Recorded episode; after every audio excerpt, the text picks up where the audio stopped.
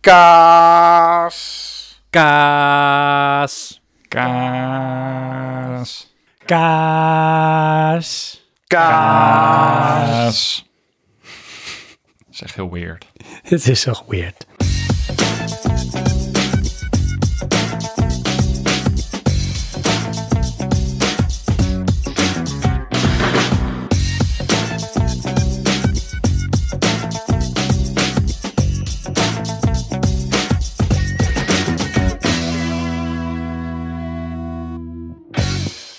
Hallo, je luistert naar aflevering 27 van Praatje Podcast.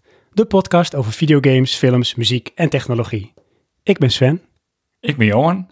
Ik ben Niels. En ik ben Mike.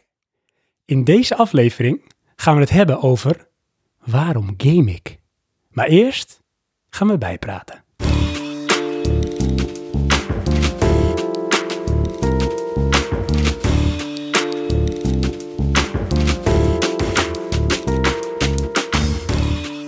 Dit het moment dat we dan nu al stoppen en dan eh, een nieuwe opname? Of is het echt, dat is wel te kort? Dit is klaar. Bedankt Ja, jongens. Wordt meestal schoongeknipt en dan eh, tot volgende keer. Ja, Ja, dan gewoon een herhaling van de andere afleveringen door elkaar. precies. En dan heb je het gewoon. Lekker. Niks. Hé, hey, maar ehm, Johan. Ja. Hey, en lieve luisteraars. Als jullie goed opgelet hebben, dan zijn we niet met z'n tweeën. Want we zijn sowieso met de luisteraars. Maar we hebben ook twee, tussen haakjes, deskundigen. Heb ik vernomen, tussen ons. Dus als die zichzelf nog even willen introduceren, voor de mensen die hun niet kennen, dan zou ik er heel blij mee zijn. Zal ik met Niels beginnen? Dat is prima. Niels, hallo. Hey Sven. Niels, vertel, wie is Niels? Wie is Niels? Eh, Niels is een van de stemmen van de Button Bashers podcast. Wordt ook vaker aangehaald in de Praatje podcast. En eh, vandaag ben ik te gast bij Praatje podcast. Dat is echt fenomenaal. Is fenomenaal, hè? Maar zijn Ja. er mensen die dan Button Badge niet kennen? Ik denk al die ehm, collega's van, eh, van Sven die ook luisteren. Eh, Dat zou kunnen, maar ze weten wel. Ik noem altijd buttonbashers en de meest exotische namen als Gillius en Leather Magic komt voorbij. En mensen Ja. hebben echt geen idee. Waar gaat het over, denken ze dan? Maar eh, jij doet dat niet alleen, hè Niels? Nee, dat doe ik met twee andere companen. Ja. Eén compaan die is ook aangeschoven, dat is Mike. Dat meen je niet. Hallo. hey, Hey, dat is Sven. voor sommige luisteraars van Praatje Podcast wel een bekende stem. Ja, dat zou kunnen. Ik heb één keer mee mogen doen in een eh, praatje actueel. Ik weet niet meer waar het over ging. Eh, ja, weet ik wel. Jawel. En jawel, ging over die hele slechte film Annihilation. oh ja. Dat heb ik verdrongen. Weet je dat ik die Ja. film ondertussen twee keer heb gekeken? Nee. Oké. Ja, Serieus? ja. Waarom? Ja, ik weet niet. Dat. Het, het doet bleef roepen. Ja. Ja, dat is die beer. Maar ehm, Mike, jij maakt dus samen met Niels en met eh, Steven maken jullie eh Button Bash podcast. Dat klopt.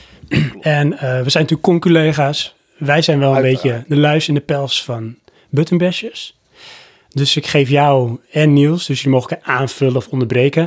Ik geef jullie een halve minuut de tijd om jullie eigen podcast even te promoten. Tijd gaat. Jeetje. Een halve minuut. Eh, Niels, zal ik het doen? Wil jij het doen? Doe jij het maar, dat is prima. Maar een halve minuut is wel kort als je het vergelijkt met onze gemiddelde opnametijd. Ja, dat is wel zo Is wel natuurlijk. Dan moet je echt meteen tot de dan- kern komen. Dat is Nog dan 20 voor de. seconden. eh, eh, Ja, oh, 20 seconden is genoeg. Het gaat gewoon alleen maar over games. Geen rijdende, eh, zelfrijdende auto's. Het gaat niet over een of andere serie waar nooit meer een seizoen 3 van komt. Eh, het gaat niet over Japan. Ah, soms ook wel. Maar het gaat vooral over games. En als je iets intikt met buttonbashers en podcast, dan vind je ons. En eh, is, het, is het een en al gezelligheid. Hartstikke idee. Dat is, eh, dat is mooi. Ja. Wil je er nog iets aan toevoegen, Niels? Dat mag, Ik wil hè? eraan toevoegen dat er ook geen Dyson in voorkomt. Oh. Ook geen hamburgers. Geen AirPods. En we hebben nog geen live-uitzending gedaan met prijzen. Dan wordt dat wel een keer tijd. Ja, misschien wel. Wij al lang. Mm. Ja, dat kunnen we nu niet meer doen, Niels. Dat, dat is. eh, Ja, kan natuurlijk niet meer. Wij hebben ooit wel een idee gehad voor iets lives. Maar dan nog liver dan dat jullie live waren, zeg maar. Oh, dat is met publiek erbij of zo? Ja, Ik ben een keer bij een live-opname geweest van eh, de Bashers podcast van Niels het Hoofd. oh ja, in Utrecht. En eh, dat was toen in Amsterdam was die opname. Oh, oké. En eh, dat vond ik echt fascinerend. Want ik luisterde toen al een tijdje naar die podcast. En dan hoor je wel de stemmen en zo. Maar ik ken wel het gezicht van, ehm, van Niels, maar van de rest van de presentatoren niet. En het is dan zo weird om daarbij te zitten. Ja. Ergens ook wel fascinerend. Ja. Dus als jullie dat een keer doen, dan zou ik graag eh, in het publiek willen zitten. Oké, Je hebt nou. toch de Buttonbashdag? Ja, maar dan gaan ze niet live opnemen. Ja, Nee, oké, maar dat is toch wel een, een soort van live event. Dat is waar. Daar kwam die van ons niet bij in de buurt. Wij zitten hier verborgen in een kamer. Heerlijk. Lekker safe. Comfortzone. Ja, dat wel.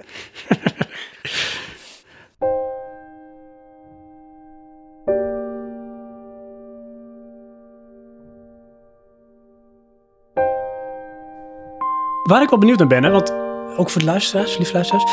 eh, wij vertellen altijd een beetje hoe we opnemen, waar we opnemen. We zitten nu weer in de eetkamer. Maar Johan, het is geen eetkamer meer, hè? Wacht even, deze kamer is echt vier keer veranderd van, van doel. Eerst was het onze instant studio. Daarna werd het de kinderspeelkamer. Daarna werd het de eetkamer. Ja, En nu is het de televisiekamer. ja. Oké, dan hebben we nog computerkamer, logeerkamer te gaan. En dan... Het zou nog kunnen. Het is ooit eens een... eerst is dit een soort bed and breakfast geweest. Zij verhuurden dit. Oké, ja. Toen was het hun kantoor. Toen is het nog een tijdje onze slaapkamer geweest, tijdens de verbouwing. Dit is dan heel relaas, ja heel want iets anders. Probeer je het weer te verkopen of zo? Want ja, dat is echt- ik weet niet wie. Misschien de aan Niels of Mike. Maar ehm, ik bedoel te zeggen, ik ben benieuwd. ehm, waar bevinden jullie je nu op dit moment? Hoe nemen jullie op? Heb je nog een bepaald ritueel? Elaboreer. Ehm, ja, waar zit ik? Ik zit op de eerste etage van mijn woning. Wel Klinkt heel luxe en heel chic natuurlijk. Eerste etage. van de zes. Ja. Ik ben met de lift gegaan. Nee, ik zit, eh, ik zit gewoon boven, zoals we dat hier in huis maar noemen. En ik zit eh, op mijn kantoor, waar ik eh, of drie of vier dagen in de week vandaan thuis werk. En eh, ja, daar zit ik. Ja, eh, er staat hier een plant. Er staat een groot glas cola, een zak M&M's. Want het kan wel eens laat worden, dit. En ehm, ja, ik kijk tegen een, eh, tegen een vliegende kerstman aan met een sneeuwpop op zijn rug. Het is echt een soort knuffelding, iets. Eh, wat was te lui om die vorig jaar weg te halen toen kerst afgelopen is. Dus die heeft eigenlijk heel het jaar Het is altijd een keer actueel dan. Ja, het is eh, zeker anderhalve maand is het actueel. Nu ben ik misschien wat vroeg. Maar ja, goed, ik geloof toch niet meer in Sinterklaas en Zwarte Piet. Dus hij kan hier gewoon blijven staan. Maar ja, dat is het. En aangezien ik een headset op heb, hang ik heerlijk achterover in mijn eh, bureaustoel. Dat heb ik volgens mij wel eens opgepikt in de opnames. Wat? Wat? Hoor je een beetje gepiep en gekraak. Kan dat?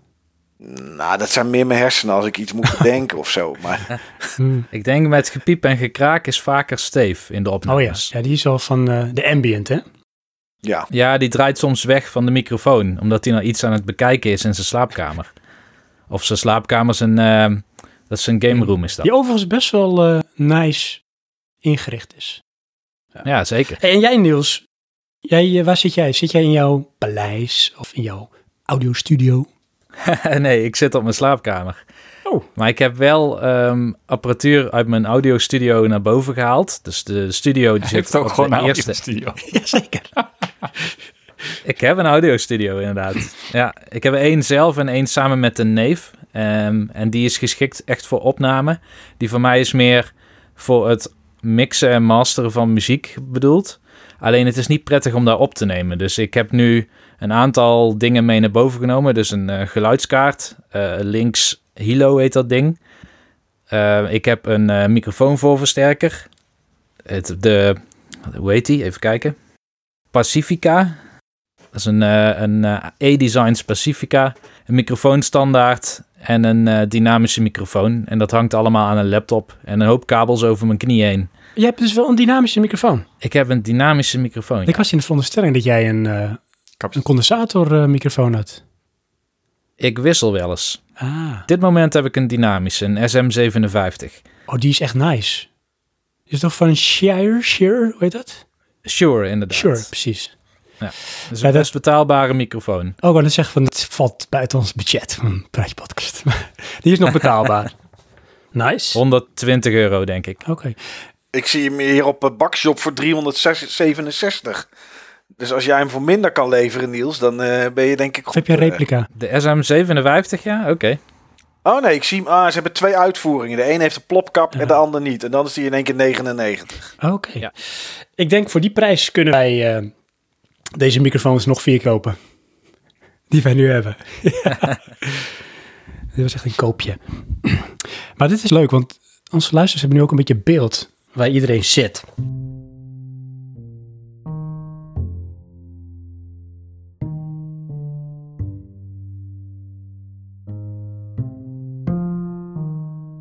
Bij Praatje Podcast hebben we altijd de rubriek even bijpraten. We hebben ook de rubriek Leuk praatje voor op een feestje. Alsjeblieft. Maar die laat ik voor nu even, nee, laat ik even buiten wegen, want ik ben bang dat we dan uit de tijd lopen. Eh, gezien de hoeveelheid gasten, want we zijn met z'n vieren, denk ik dat het leuk is als we allemaal één onderwerp aandragen waar we het heel graag over willen hebben. En Johan, jij mag bepalen wie er mag beginnen. Eh, jij. Echt waar? Ja. Oh jeetje, echt waar? Ja. Vinden jullie dat ook goed? Ja, eh, wat hebben wij te willen? Weet ik niet. Jullie zijn de gast. Gast is toch ook altijd eh, de koning? Nee, dat is klant. En ik heb echt Oh, helemaal ja. niks betaald hiervoor. Hè? Oh, jammer. Ja. Stuur de rekening. eh. You got me. Nou, daar ga ik het ergens over hebben. En ik denk dat dit een beetje valt onder de categorie praatje lifestyle. Oh god, ja. En misschien ook een beetje praatje philosophy. Want ik wil het gaan hebben over hout. Kijk, bij het opnemen kan ik niet doorspoelen. Weet je hoeveel bomen er op de wereld zijn? Nee, jij wel? Nee, ik heb er geen idee. Maar het zijn er echt veel. En dat merk je als je wel bezig bent met hout. En dan denk ik ook, weet je, waar maken mensen zich zo druk over als je een boompje omhakt? Lekker je kacheltje te doen en zo. Je voorraadje bij elkaar raapt. Dat is helemaal niet erg. 3 biljoen, Sven. 3 biljoen. Ja, Dat, dat kan toch één boom kan er wel vanaf. Maar ze kappen elk jaar een oppervlaktegrootte van twee keer Nederland. Nou, dan groeien toch ook weer bomen? Nee, dat is het ding. Goeie gebomen, er worden plantages. Oh. Ik voel me daar niet schuldig over, want ik hoor net dat er 3 biljoen bomen zijn. Maar ik ben wel een beetje in de ban van bomen en hout. En dan moet ik even uitleggen. Ik heb misschien wel ergens iets. Ik kan niet ergens verslaafd aan raken, maar ik ben wel vatbaar voor, ja, noem maar een soort ergens in opgaan. Kan een podcast zijn, of sporten, of eten. En nu is dat dus eh, hout. Ja, het is altijd weer het nieuws. Ja, altijd zoekende. Want wij wonen in een oud huis. Dat weten ondertussen de meeste mensen wel. Voor een groot deel van hout. Groot deel van hout. Dus ik heb hem nog geprobeerd aan te steken. Dat lukte niet. Nee, het is een huis uit 1930 en hij is niet zo goed geïsoleerd. Maar het leuke is, er is wel eh, de voorbereiding voor een houtkachel. En die gaan we binnenkort ook kopen. Dus volgende week wordt er een inspectie gedaan van de schoorsteen. Want het is nog een ouderwetse traditionele bakstenen schoorsteen. En dan laten we wel de duurste proef laten we doen. Dus ze gaan kijken met de camera of die nog goed is van binnen, de constructie. En ze gaan er een soort rooktest mee doen. Om te kijken of er geen vals lek is en dat hij goed trekt. En als dat goed is, dan staat ons niks meer in de weg om een, denk wel 8 kilowatt houtkachel aan te schaffen. Maar als je een houtkachel hebt, dan moet er ook hout in. En dat kun je natuurlijk op twee manieren doen. Kopen. Je kan het kopen. of stelen. Het zijn dus meerdere manieren inderdaad. Je kan het ook stelen. Dan is het meteen klaar om te stoken. Want, en dat is toch ook weer wat uitleg voor de mensen. Hout moet wel op een bepaalde manier droog zijn om te kunnen stoken. En jullie weten precies wat het vochtpercentage dan moet zijn, toch? ja, Dat is? weet ik. Nou, 13 procent. sorry? 13 procent. Mike, dat is echt spot on. Ik ben Mag hij nou een nummer kiezen? Jij mag zo'n nummer kiezen. ja. Je mag straks een hardcore nummer kiezen. Maar dat, eh, dat klopt, dat is 13 eh, procent. Hout moet niet natter zijn dan 20 procent om te stoken. Oh, dat heb ik wel onthouden, ja. Ja, dat heb ik je zeker net verteld. Ja, heb je net verteld. Ja, want ja. dan kost het namelijk te veel energie om het water te verdampen. Je krijg heel veel rookontwikkeling, je krijg heel veel roet. Met bijvoorbeeld een schoorsteenbrand als risico. Dus dat wil je niet. Mhm. Dus wat is het probleem? Ik wil all the way. Want Tuurlijk. Ik wil mijn eigen houtopslag en mijn eigen houtvoorraad. En een eigen bos. Het liefst wel. Oh, Ik heb omheen gekeken, maar in de kop van Noord-Holland zijn niet zo heel veel bossen. maar je hebt wel echt één major boom in de tuin. Dat is wel waar. Is dat een lifetime aan hout? Nee, nee, nee joh. Dat is echt, denk ik, nog geen eens een halve winter. Serieus? Nou, dat is niet waar. ben je zo'n verbrander? Daar ga ik wel vanuit. Ja, want het huis is niet zo goed geïsoleerd. Maar goed, wat je dan doet... Ik ben dus nu overal op zoek naar hout. En ik ben ook een beetje aangestoken door mijn schoonvader. Want die zit echt zwaar in het hout. Dus die kent alle ins en outs en ins en outs. Dus ik heb een aantal dingen gedaan. Ik heb de Porsche onder de hakbijlen gekocht. Mike heeft hem ook al gezien. Ik heb een fotootje gestuurd. Zeker. Dat is namelijk de Fisker X27. Is toch alles, alles moet codes hebben, hè? Dan klinkt het gewoon epischer. ja. Ja, het is niet gewoon, ja, ik wil bijl 2. Nee. Het is de Het is geen vuurwerkpakket. Nee, het is de Fiskars X27 kloofbijl. Komt uit een Scandinavisch land. Ik weet even niet meer welke. Maar daar kan je dus goed mee kloven. Wacht even, heb je niet een verhaal met waar het erts gewonnen wordt en hoe dat ding met eh, handen gemaakt wordt? Kan ik doen, maar dan wordt het echt een hele lange opname. Oké. Maar een van de voordelen van dat ding is dat ehm, het handvat is gemaakt van een soort met kunststof. Komt het? en dat is echt onbreekbaar. En voor een tussen haakjes nieuw als ik, is het als je dan gaat hout hakken niet zo erg als je een keer mislaat. Want wat is funest? Als je met je handvat het houtblok raakt, wat heb je heel grote kans omdat het van hout is, dat handvat, dat het breekt. Dit is onbreekbaar. Je kan bij wijze van spreken kloven met die, het handvat. Daar heb ik echt nog nooit van gehoord, weet je dat? Nee. Maar ja, goed, ik ben Dat ook geen eh, houthakker. Ik hoop dat de luisteraars dat ook nu denken. Ehm, dat is één ding. Maar dan moet je hout hebben. En toen kwam het als een soort geschenk uit hemel. Dat vrienden van ons, die hadden een boom in de tuin en eh, die nam te veel licht in beslag. En hij was ziek, dus hij moest om. En dat was een S. Een S, dat is heel goed hout om te branden. Dus eh, zij vroegen in de groep, we hebben een vriendengroep app, van eh, wie wil dat hout? Dus nou, ik, wil ik wel. Samen met mijn maat Mike, andere Mike. Dus spul opgehaald. En toen een paar weken geleden op een zondag lekker wezen hakken. En dat is echt helemaal... Dan kom je wel echt zeg maar in contact met de natuur. Wat te verbranden. ja.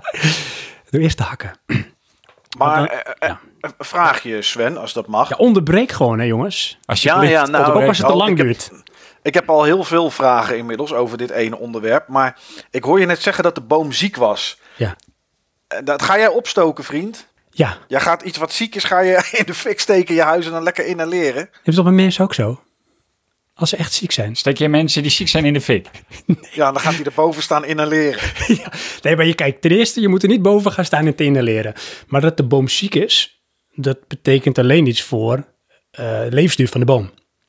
Dus het is niet zo dat er een enge ziekte in is waar jij ziek van wordt. Maar de boom die kan last krijgen van als het te veel wind is, dat die omgaat.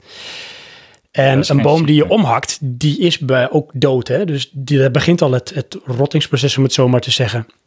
Dus als je het gehakt hebt of gekloofd, en dat doe je het liefst zo kort mogelijk nadat je het gezaagd hebt. Want dan is het nog green, vers. Kijk, makkelijker kloven of hakken. Dan moet je een opslag eh, creëren. En Dat heb ik nu gedaan tijdelijk van een pallet. En dan heb ik het opgestapeld. Er gaat een zeiltje overheen. En dan genoeg lucht die er doorheen kan. En dan moet je het ongeveer anderhalf tot twee jaar laten drogen. Dan zit het onder die 20%. Het liefst die 13% die Mike eh, net zei. En dan kun je het gaan stoken. Afhankelijk van hoe groot dat blok is en hoe nat het geworden is in de regen en hoe vers het is, is het anderhalf tot twee jaar om te drogen dus. Klopt. En het type hout. Ook nog. Ja, want nu hebben we hardhout. Eh, dat duurt langer. Ik denk ongeveer twee jaar. Maar zoals vandaag was ik bezig geweest met dennenhout. En als je daarnaar kijkt, kun je het bij wijze van spreken al kloven. Dat is zacht hout. Dus het is met een jaar droog. En als je nou onder dat hout een vuurtje stookt, Ja. stook je het dan niet droog? Nou, een beetje wel. Want het hout dat je bijvoorbeeld koopt bij, weet ik veel, de leveranciers die hout leveren, die hebben het vaak overgedroogd. Dus dan doen ze een beetje vals spelen. Dus dan wordt het met warmte, wordt het gedroogd. Maar ja, als jij er een vuurtje onder steekt, dan is hetzelfde gevo- gevoel denk als dat je een pan opzet en je legt er een kilo biefstuk eh, op elkaar in. Dan wordt die bovenste nooit gaar. Ja, nee, dat klopt. Maar laat ik zeggen, als jij een proces op gang kan brengen van warmte in een gecontroleerde omgeving, dan zou je het hout in theorie eerder droog kunnen krijgen. Daar is vast een apparaat voor en ik weet zeker dat jij die gaat vinden. Misschien wel. Maar ik zal het verhaal nog even proberen af te ronden met een ontzettende loophole. Daar ben ik goed in. Dan heb ik meteen ook zoiets van, ik wil all the way, hè. Dus dan wil ik eigenlijk liefst ook een kettingzaag en eh, ik wil een kloofmachine. Maar ik ben eerst maar begonnen met een houtopslag te maken voor onder het raam eh, van de keuken. En dat is dus richting de achtertuin. En jij hebt gezien, Johan. Ja, die is klaar. Ja, en eh, die heb ik ook al eh, gevuld met hout dat hier al lag. Dat al waarschijnlijk goed geziezend is, dus het is droog. En heb je die eh, dakpannen ook gebakken in je nieuwe houtoven? Nee, wat dat is. Nee, ik heb er ook dakpannen. Ik heb echt zo'n opslagje met dakpannen gemaakt. Ik ben echt wel een beetje trots op. Mijn vrouw zei zelfs: Heb jij dat gemaakt? Nou, dat is het grootste compliment dat je kan krijgen. Nee, die lagen nog eh, als reserve van het dak. Ah, ja. De carport ligt helemaal vol met grote stammen. Bij mijn schoonvader ligt wat hout. En mijn schoonvader heeft ook nog een adres bij hem in de straat. Want zij wonen echt in de polder. Daar ligt ook heel veel hout. En bij een maat van mij ligt ook nog hout. En met die maat, dat is Mike, dan gaan we het ook een beetje verdelen. Dus de komende tijd staat echt in het teken van eh, hakken en werken. Klinkt echt obsessief. Ja, maar het is, het is zo'n lekker gevoel. En het hout ruikt ook zo lekker. Vooral het dennenhout. Heb je er wel eens geroken? Ja, En Dennenbos. ja inderdaad. Ja, dan kun je de bomen toch ook gewoon laten staan? Oh, dan krijg je die discussie weer. Nee, dit zijn bomen die, die hebben een reden dat ze om moeten. Ze moeten in de fik. Ja, die reden heet Sven. Oké. Dat is ook de reden dat ik GroenLinks stem. Want je bent tegen bomen? Nee, die zijn pro-bomen. Oké. En hoe meer bomen, hoe meer hout voor Sven. Maar de houtkachel moet dus nog gekocht worden. Maar vind je het dan niet, Dus dat vind je het dan niet hinderlijk dat je nu aan het hakken bent en aan het zagen en dan leg je heel die, eh, die zelfgemaakte zonnetempel eh, van je voor de, voor, de, voor de keuken leg je vol met hout. En Mhm. dan moet je er anderhalf jaar naar kijken voordat je het in de fik kan steken. Ja, maar als het dan zover is, Mike, de payoff is echt huge. Nee. Nee, a- Want weet je, in de tussentijd... jaar. Ja, maar is helemaal niet erg. Dat is, man... Ja, maar dan moet je die obsessie anderhalf jaar volhouden. Nee, want ik blijf gewoon hoorden. Ja, maar Er komt steeds meer hout bij. een keertje is, dat, is die opslag toch vol? Ja, bij mij wel. Ja. Maar bij mijn schoonvader, dat is zo groot. Oh, dan ga je het daar neerleggen. En dan, en dan eh, eh, ja goed, je zegt ik stem GroenLinks, maar dan is het straks in de winter koud. En dan gaat Sven met zijn auto heen en weer rijden. Met uit, uitlaatgassen en dat soort spul om hout te halen. Oeh, een houtje halen. Ja, Tuurlijk. Nou, ik kan wel zeggen, ik, ik ga minder gas stoken.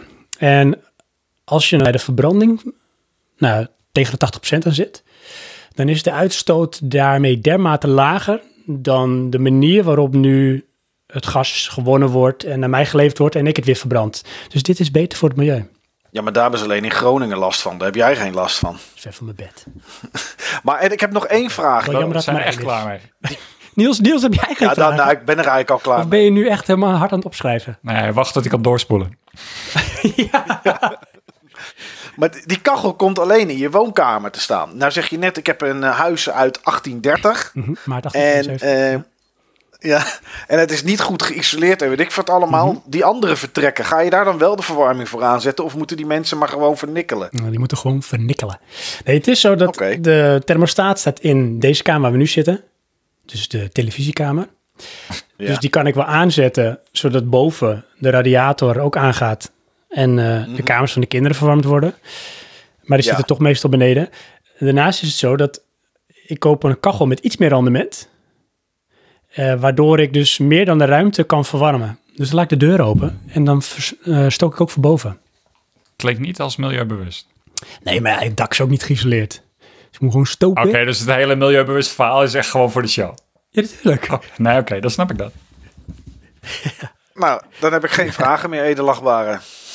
Nou, dat is fantastisch. Niels, heb jij nog vragen? Ja, is zo'n ecocultuur niks voor jou?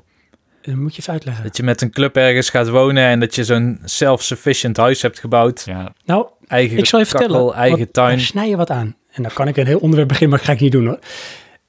Dat idee van helemaal off the grid of zelfvoorzienend, dat spreekt mij ontzettend aan. Alleen ik heb zelf Ja. als persoonlijkheid wel een groot mankement. En dat ik niet zoveel mensen om me heen kan hebben.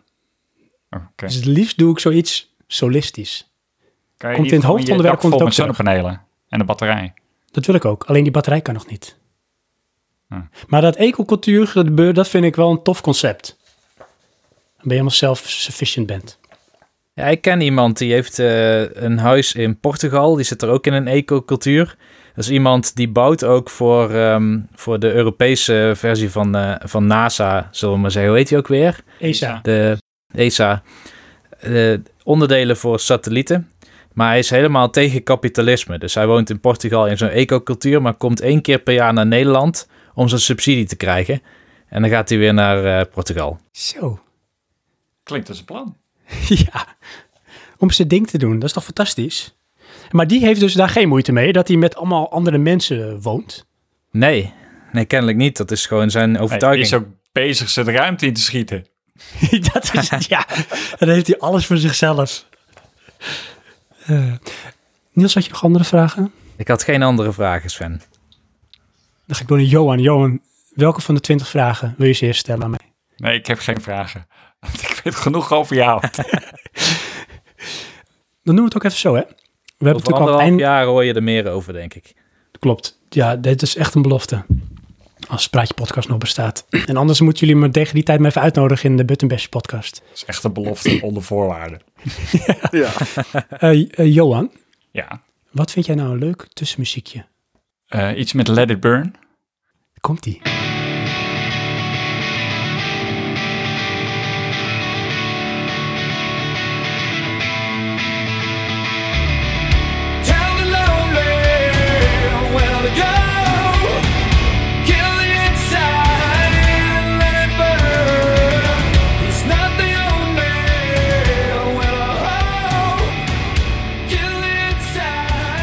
Johan, je mag weer zeggen wie next is. Waarom was je dat met mij neer? Jij bent de ho- host. Daarom juist. Delegeren heet dat. Ehm, ja, dat doen we met Mike. Mike. Ik heb begrepen dat Mike het over hout gaat hebben, dus ik zit op puntje van mijn stoel. ja, nou daar ga ik het niet over hebben. Oh. Maar ik heb aan jou wel aangegeven waar ik het wel over ging hebben, Sven. Dat klopt. Ik heb gezegd dat ik het over sporten ging hebben.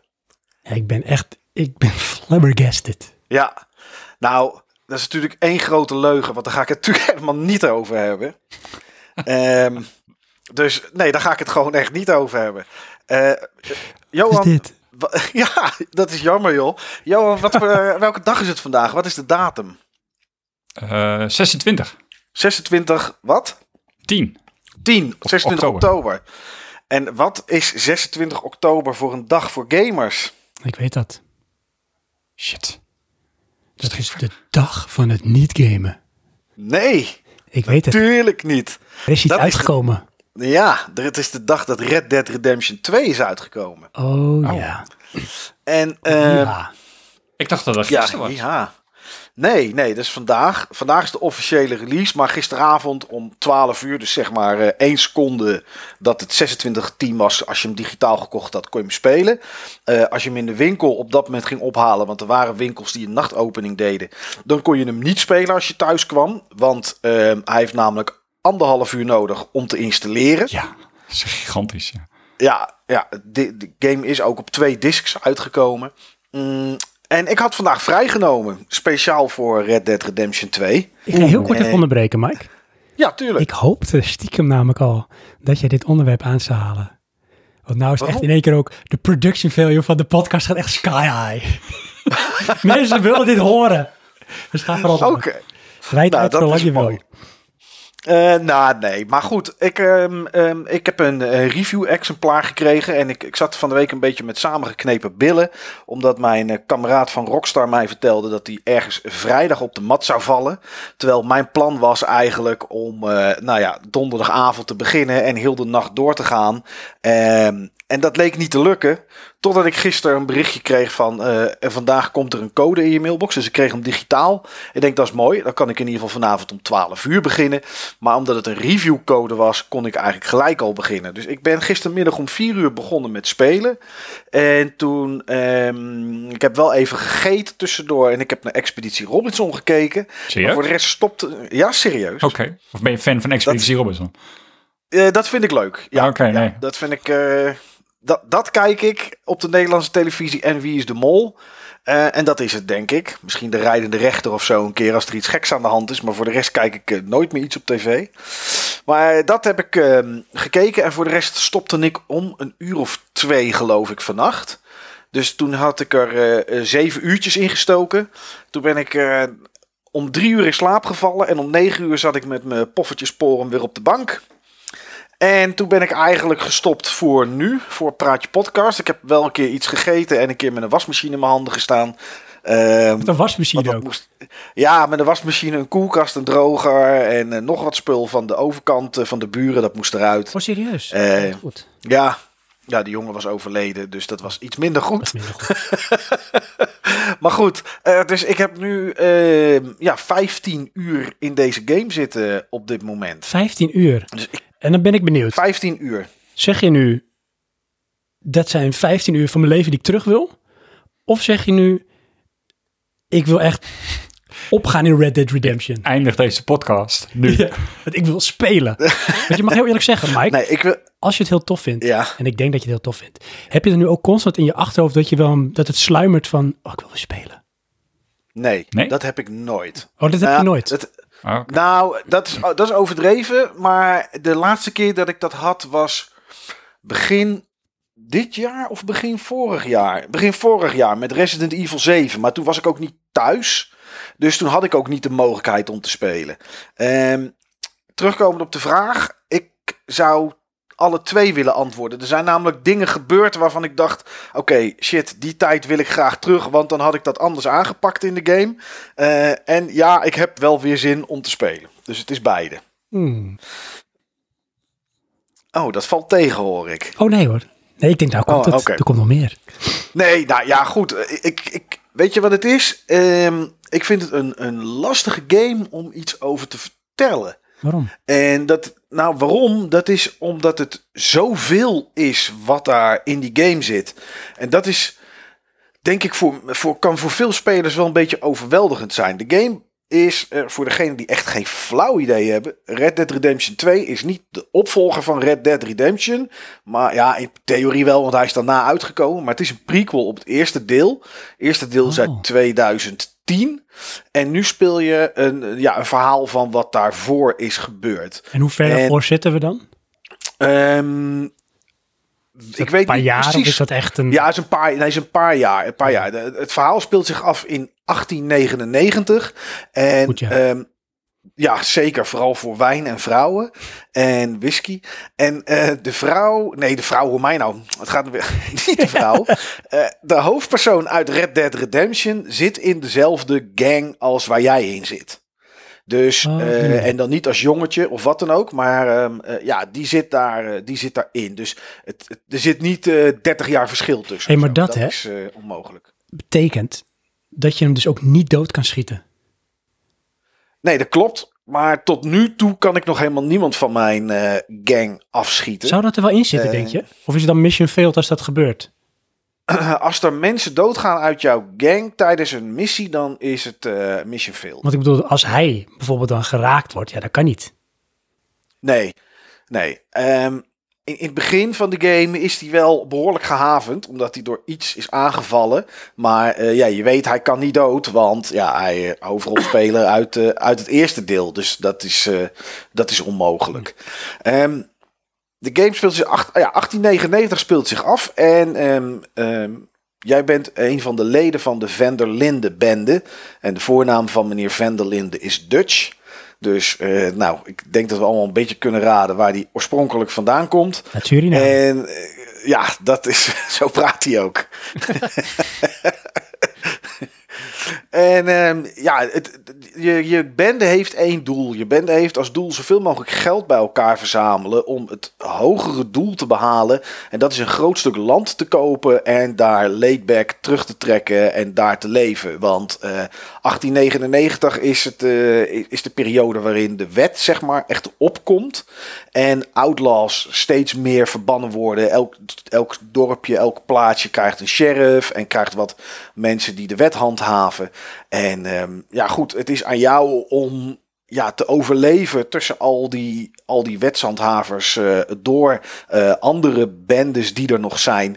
En ja, op die manier naar je doel toe te werken, zeg maar. Dat is eh, waar het over gaat. En het dingetje waar, waar, waar mensen denk ik wel lastig mee kunnen krijgen, maar ja, daar moet je echt even doorheen, is dat de eerste tien uur redelijk langzaam zijn. Hmm. Het is sowieso Geen paard of geen. Eh, ja, die heb je wel, maar het, het land is echt gigantisch groot. Oh ja. Het is echt heel erg groot. En van de ene naar de andere kant rijden, dat, dat ga- kan op zich snel gaan als je je paard aanspoort. Maar ja, in het begin is je, paard, is je band met je paard nog niet zo groot. Dus heb je niet zo heel veel stamina op je paard. Dus die kan snel moe worden. En ehm, ja, er zijn ook stukken waar je niet harder kan, omdat je iemand anders volgt. En daar krijg je dan gesprekken. Dus het, ja, weet je, mensen die de trailers hebben gezien, hebben een hoop actie en schieten en ontploffingen gezien. Maar ehm, ja, dat valt op zich nog wel mee eh, op dit moment in de game. En qua orde van grootte moet je dan denken aan bijvoorbeeld een Fallout 4. Ja, vind ik heel moeilijk. Ik heb niet opgezocht hoeveel kilometers de, ma- de map is. En er zal vast wel iemand zijn die van eh, links beneden naar rechts boven loopt en dat soort dingen. Maar ehm, ik heb niet het gevoel dat ik al meer dan de helft van de map op dit moment kan bestrijken. Je kan overal naartoe hoor, maar dat heeft nog niet zoveel nut. Want ik heb ja, daar geen missies of, eh, of, of, of landmarks of wat dan ook die interessant zijn. Maar het komt best wel voor dat ik een minuut of vier, vijf gewoon van, de, eh, van het midden naar de bovenkant van de map aan het rijden ben. En wat voor genre zou je deze game plaatsen? Is het adventure of is het RPG of is het een mix van alles? Nou ja, eigenlijk is het een beetje eh, adventure en ook best wel wat RPG-elementen. Ehm, dat mag ik van Rockstar niet zeggen. Daar hebben ze Want- een broertje dood aan. Nou nee, maar ehm, ehm, toen ik daar was voor een preview, toen zei ik van ja, er zitten best wel elementen in die een beetje op RPG lijken. En toen zei ze ja, dat klopt, maar dat zeggen we niet. Want als je namelijk RPG zegt, dan denken mensen aan turn-based gevechten, aan heel veel menus, Hmm. met heel veel. En nou ja, en dat zit er dus niet in. Maar ja, je moet, je moet wel werken voor je bestaan. En dat is eh, iets waar ik in het begin heel erg tegenop keek. Dat ik dacht van, oké, eh, je hebt eh, een voorbeeld. Je, je hebt je wapen. Je wapen, eh, er zijn er heel veel. Er zijn er stuk of dertig verschillende wapens. Je hebt je wapen en dat wapen eh, gebruik je om te schieten. Dat gebruik je om eh, mensen onder druk mee te zetten of om af te schrikken. Dat kan je allemaal zelf bepalen waarvoor je het eh, gebruikt. Maar je wapen kan je ook upgraden. Nou, upgraden gaat met geld, dat kost je dollars. En een, je loop verlengen bij de wapensmid kost bijvoorbeeld 15 dollar. Nou, nou klinkt dat in een hedendaagse game niet zo heel erg veel. Maar in 1899 was dat wel een hoop geld. Dus dat is niet iets dat je heel snel bij elkaar hebt. Ehm, dan kan je eh, je grip kan je veranderen, je kan het uiterlijk veranderen, je kan er echt jouw wapen van maken. Je kan het gelukkig niet zo eruit laten zien als in Call of Duty, dat er een of andere, een of andere paarse skin op zit. Precies, nou dat, dat kan niet. Maar je kan er een, je kan, ja, eh, er een inscriptie in doen, je kan er graveren, je kan, nou, je kan er van alles aan doen om het jouw wapen te maken. Het mooie is, je ziet je wapen ook continu hangen, dus je ziet echt dat is jouw wapen. Nou, dat kan je allemaal kopen, is heel simpel. Maar je wapen op een gegeven moment wordt vies. Nou, eh, lekker boeiend. We lopen allemaal wel eens twee dagen met een onderbroek rond. Tuurlijk. En daar gaan we echt niet dood van. Maar ehm, als je je wapen, als het vies is, dan presteert het minder. Nou, dan zou je denken, nou ja, oké, schiet ik één kogel extra, prima. Maar hij gaat steeds minder presteren. En op een gegeven moment gaat hij stuk. En dan is die weg. Dan is die gebroken, is die kapot.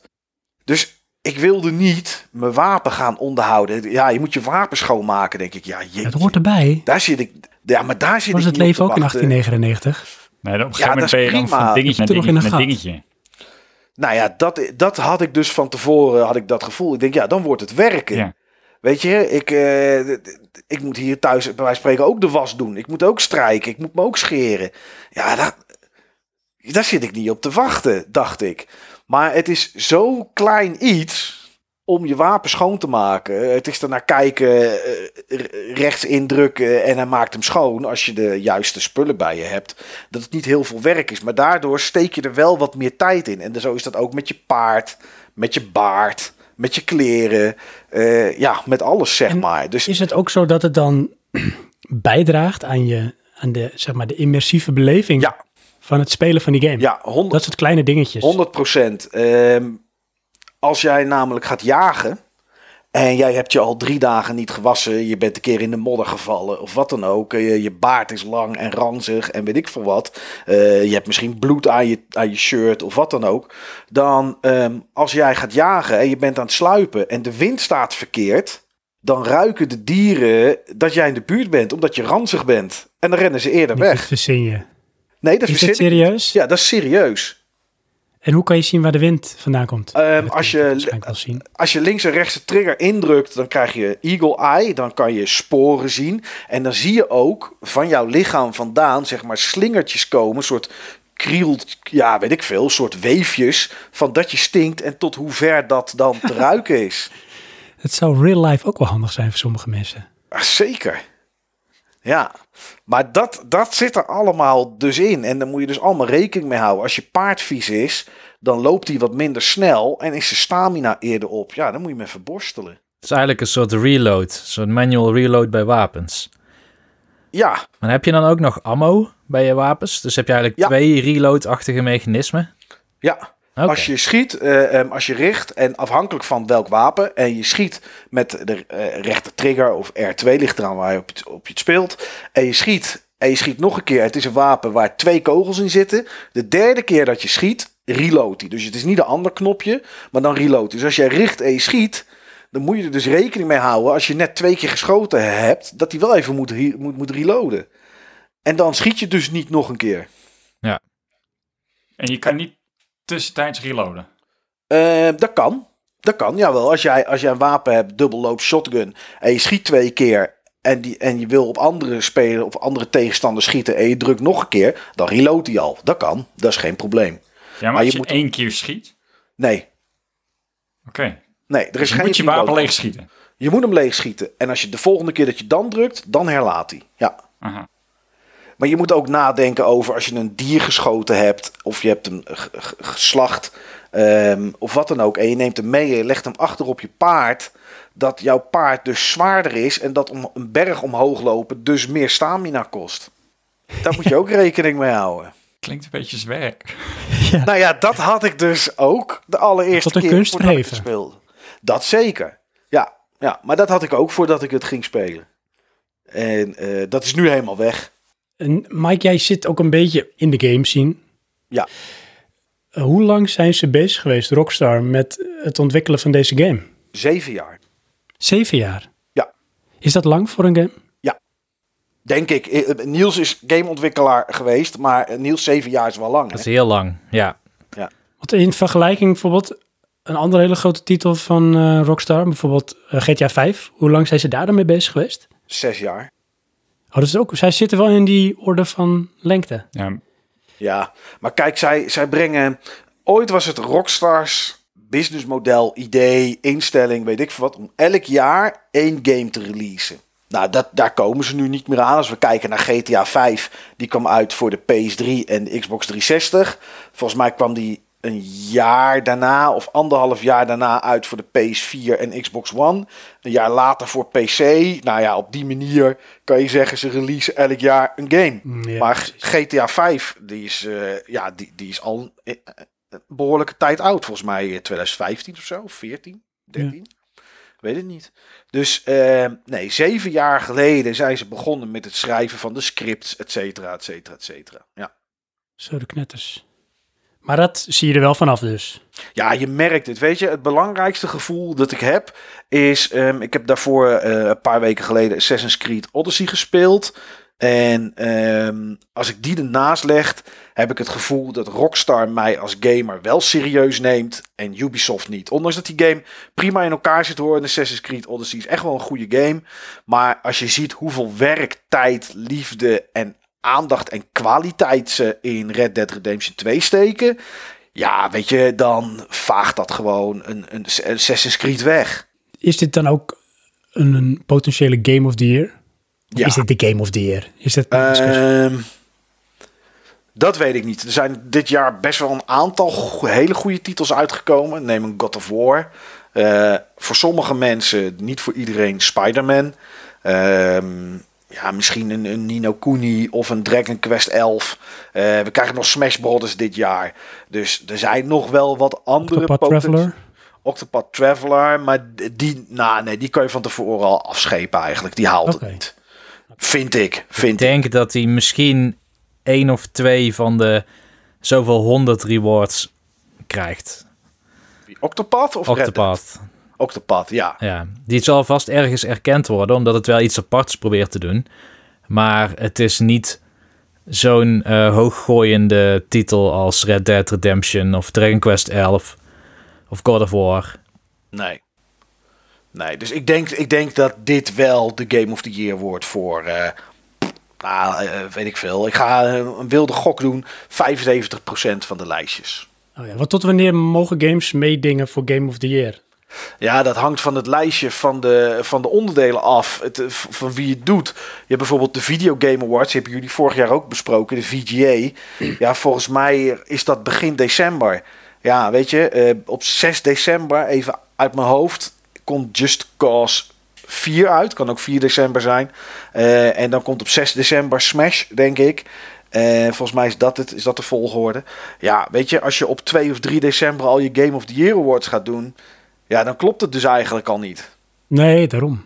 Want dan Maar mis aan je de andere kant is het toch ook raar als je zo kort op een release een game al kan bestempelen als Game of the Year. Ehm, ja, nou ja, kan je kijk, tijd Red, overheen gaan of is dat niet nou? kijk Red, Red Dead niet. Die heeft tijd zat. Ja, nee, precies. Maar zoals een, Smash of eh, Just Cause. Ja, dan moet je, weet je, ik, dan moet je, ja, ik, ik weet niet wat zij als criterium nemen. Bij de VGA kan je geloof ik stemmen als eerste, als, als, als, als mensen zijn, als publiek. En daarna is het volgens mij een jury die kiest, of het is andersom, ik weet niet. Ehm, Ja, er zit een verhouding tussen volgens mij hoeveel er meetelt voor... eh, Ja, precies. Nou ja, er zijn zoveel lijsten. Je hebt de Golden Joystick Awards. eh, nou, je hebt van alles.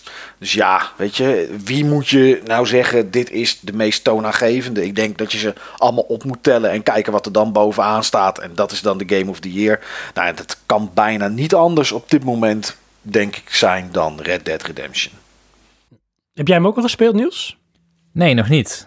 Nee, ik wacht Ben nog je wel van eventjes. plan?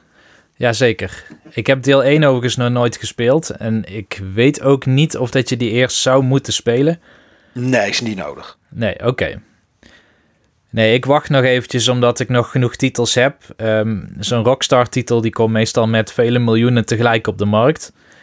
Dus ik wacht tot er een euro of 20 afgaat. 9 van de Ja. 10 keer kan je dan heel lang wachten, hè? Want volgens mij als je nu GTA 5 wil kopen, betaal je in de winkel ook nog steeds 60 euro. Nee, die Ja, is digitaal inmiddels... is eh, hij nu wel goedkoper. Echt waar, ja? Oké. Ja, in de winkels ook. Eh, ik heb hem een keer gekocht in het begin, toen hij net uit was. Toen heb ik Ja. hem weer verkocht bij Game Mania, want toen eh, kon je die zo goed als ruilen voor een nieuwe game. En die heb ik daarna weer teruggekocht voor, ik dacht, 25 euro. Oh, oké. Dat Oh, tweedehands, zeg maar dan. Ja, Nee, ja. dat was wel eerstehands, Oh, maar was- dan niet oh. bij Game Mania, maar bij Intertoys. Oké. Oké, nou ja, Rockstar heeft, tenminste dat wordt mij in ieder geval vanuit Rockstar altijd verteld, eh, twee policies. Eh, hoeveel prijsvragen er ook ter wereld zijn. Ze geven nooit games weg. En games gaan nooit vanuit hun eh, kant in ieder geval in de aanbieding. Dat zijn... Het is een soort Apple policy. Dus Rockstar is een beetje de Apple van de videogameontwikkelaars. Ja, alleen dan Ja. wel met goede producten. Dat is. Wacht even, Mike, je viel even weg. Oh, ik herhaal het met liefde hoor. Alleen dan wel met goede producten.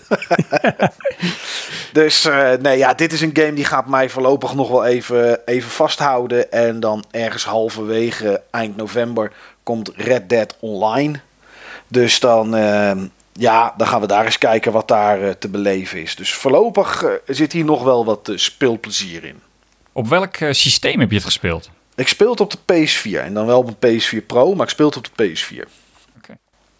Ik heb toevallig eh, gisteren, hoe noem je dat, eh, performance vergelijking tussen Ja. alle vier de systemen gekeken. En toen dacht ik bij mezelf van, ja, die game is uit. Waarom heb ik die nog niet gekocht? Ja, dat weet ik ook niet, Johan. Waarom Nee. heb je nog niet gekocht? Dat is maar goed. Ehm, Waar zou je hem op kopen? Je hem op PC spelen of op de PlayStation? PlayStation. Nou, la- laat ik zo zeggen, op console. Hij Ja, is ook niet op. PC. Nee, Oh, hij is niet op PC? Nee. nee. Hij is op eh, de Xboxes en de PlayStations. Dat, tenminste, dat was het vergelijk. Oh ja. En ehm, de Xbox komt die even wat beter uit de verf. In die, dat vergelijk dan. Hè. Hmm. Eh, maar algemeen genomen maakt niet zo heel veel uit, denk ik. Tenminste, het beeld wat ik ervan had. Maar je moet Nee. eens kijken hoor. Ik vond het echt heel mooi. het is, ja, het is, het, is, het is ook heel mooi. Het is een mooie echt, game. eh, mijn vrouw zat van, is dit een film? ik zei, ja. nee, dit is de game. En en dan kijk je naar een soort van gelijkbeeldje, weet je wel. Dus dat, heel apart. Er zit een hoop liefde in en dat, dat merk je. Eh, heb je nog een, een laatste nabrander? Nee, Want dan zou ik je willen vragen. Als je deze game op dit moment zou moeten scoren met paardenhoeven. Hoeveel paardenhoeven krijgt deze game? ehm, dan krijgt deze game vijf, nee, 4,9 paardenhoeven van de 5. Zo de knetters. Ja, Jij moet erom lachen, Niels. Ja, ik moet er wel om lachen. denkt, wat doe je met vijf paardenhoeven? Ja, ik zit ook Dat te ook, maar ik vroeg me dan af, wat was God of War dan ook alweer? Was die dan 4,5? ja. Oké. Pijlen. Ja. Of zoons. God of War was eh, vier- 4,5 ijsprojectielen van de 5. Ja. Hmm, Johan die knikt instemmend. Eh, Mike, ja. als jij nou zegt van... Ja, maar dit is echt een tof tussenmuziekje. Hoe zou die dan klinken? Ja, kijk, iets, het is, als ik zeg een tof tussenmuziekje, is het niet een muziekje dat aansluit bij deze game. Dat maakt niet uit. Verre van, want de game is eigenlijk heel relaxed, omdat je heel veel aan het lopen bent, aan het praten. Maar ehm, ja, Ghosts van Fear Factor op Enzyme Records 89, Wie kent hem niet? dat is Nacht iets minder relaxed. Dat is iets minder relaxed, maar dat is wel op dit moment van mij een zeer favoriet muziek.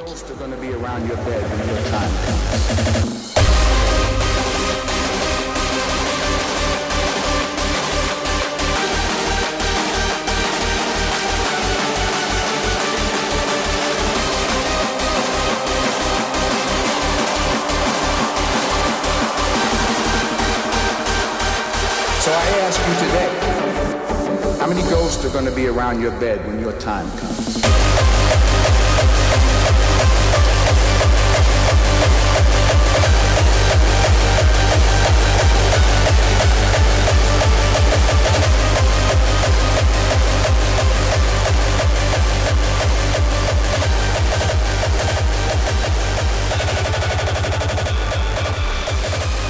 Mike, Ja, jij mag kiezen.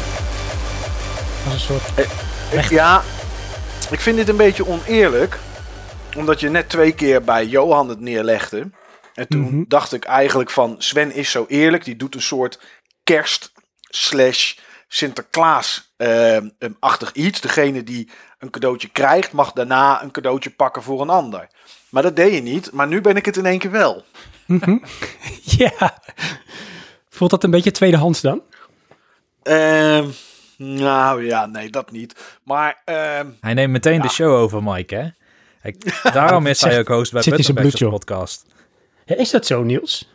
Of heeft hij, heeft hij dat naar zich toegetrokken of hebben jullie dat hem gegeven? Nee, hij heeft het niet naar zich toegetrokken. We hebben volgens wel. mij een aflevering of misschien wel 30 of zo dat we afwisselden.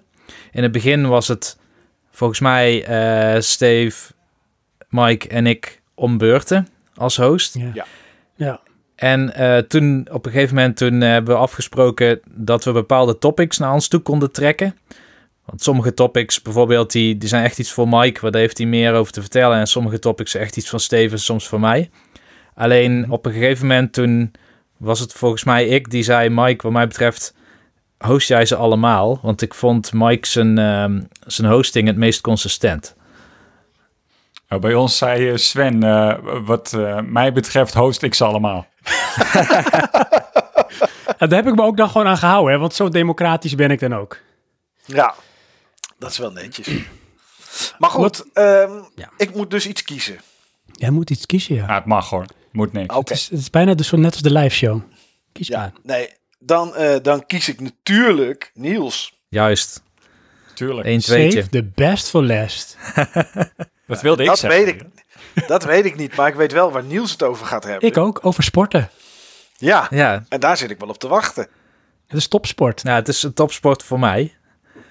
Maar ik wilde het hebben over koffie. Want eh, ik kan eindelijk een keer dit onderwerp aansnijden. Maar ik zei het al, bij de Button Bashers podcast hebben we het alleen over games. En heel soms bijvoorbeeld een bepaalde reis. En wanneer het meandert, dan hebben we het over tijgers die hilarisch zijn en in een plant zitten op het werk van Steve. Ja. Maar koffie was niet... echt, is dat zo strikt hebben jullie? Jullie doen dat niet? Nou, eigenlijk was het Steve in het begin die een keer een opmerking had gemaakt, direct na een opname, dat ik te lang over een bordspel had gepraat. Nou, dat je überhaupt over een bordspel had gepraat. Ja, Dit is echt super weird om te horen, dit. Shame. Shame. Ja, Shame. dat was nog voor de, voor de plusje tijgers en zo. Maar, Ja. nou ja, toen hebben we besloten om het dichter op de kern van de podcast te houden. Dat waren die retro en de moderne games. En eh, de verzamelscene en de verhalen daar rondom. Mhm. Uh, maar vroeg of laat uh, raakte Steve ook aan de bordspellen en toen werd het acceptabeler. En we proberen wel om bij de kern van de podcast te blijven, maar we staan wel toe dat je wat meandert inmiddels. Okay. Maar het is niet Hier zo dat ik... dus... Ja. Sorry, ja, ga door. Het is niet zo dat ik zeg, hé, hey, ik ga het eventjes over koffie hebben. Want dan, uh, dan hebben we heel weinig interactie. Maar ik hoorde okay. soms jullie koffie drinken tijdens de podcast. Dus ik denk dat ik hier... Nu, het is ijs op. Slokje. Ik heb ook nog maar één slok hier. Ja.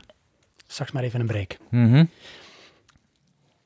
Maar hier dus, uh, Niels, en dan geef ik je alle ruimte. Hier is vooral de bedoeling dat je niet on topic blijft. Dus dat weet ik. Ik luister ook wel eens. Oké, okay, nou ja, koffie. Um, koffie is denk ik mijn uh, grootste hobby na gamen inmiddels. Dus het heeft ook muziek ingehaald.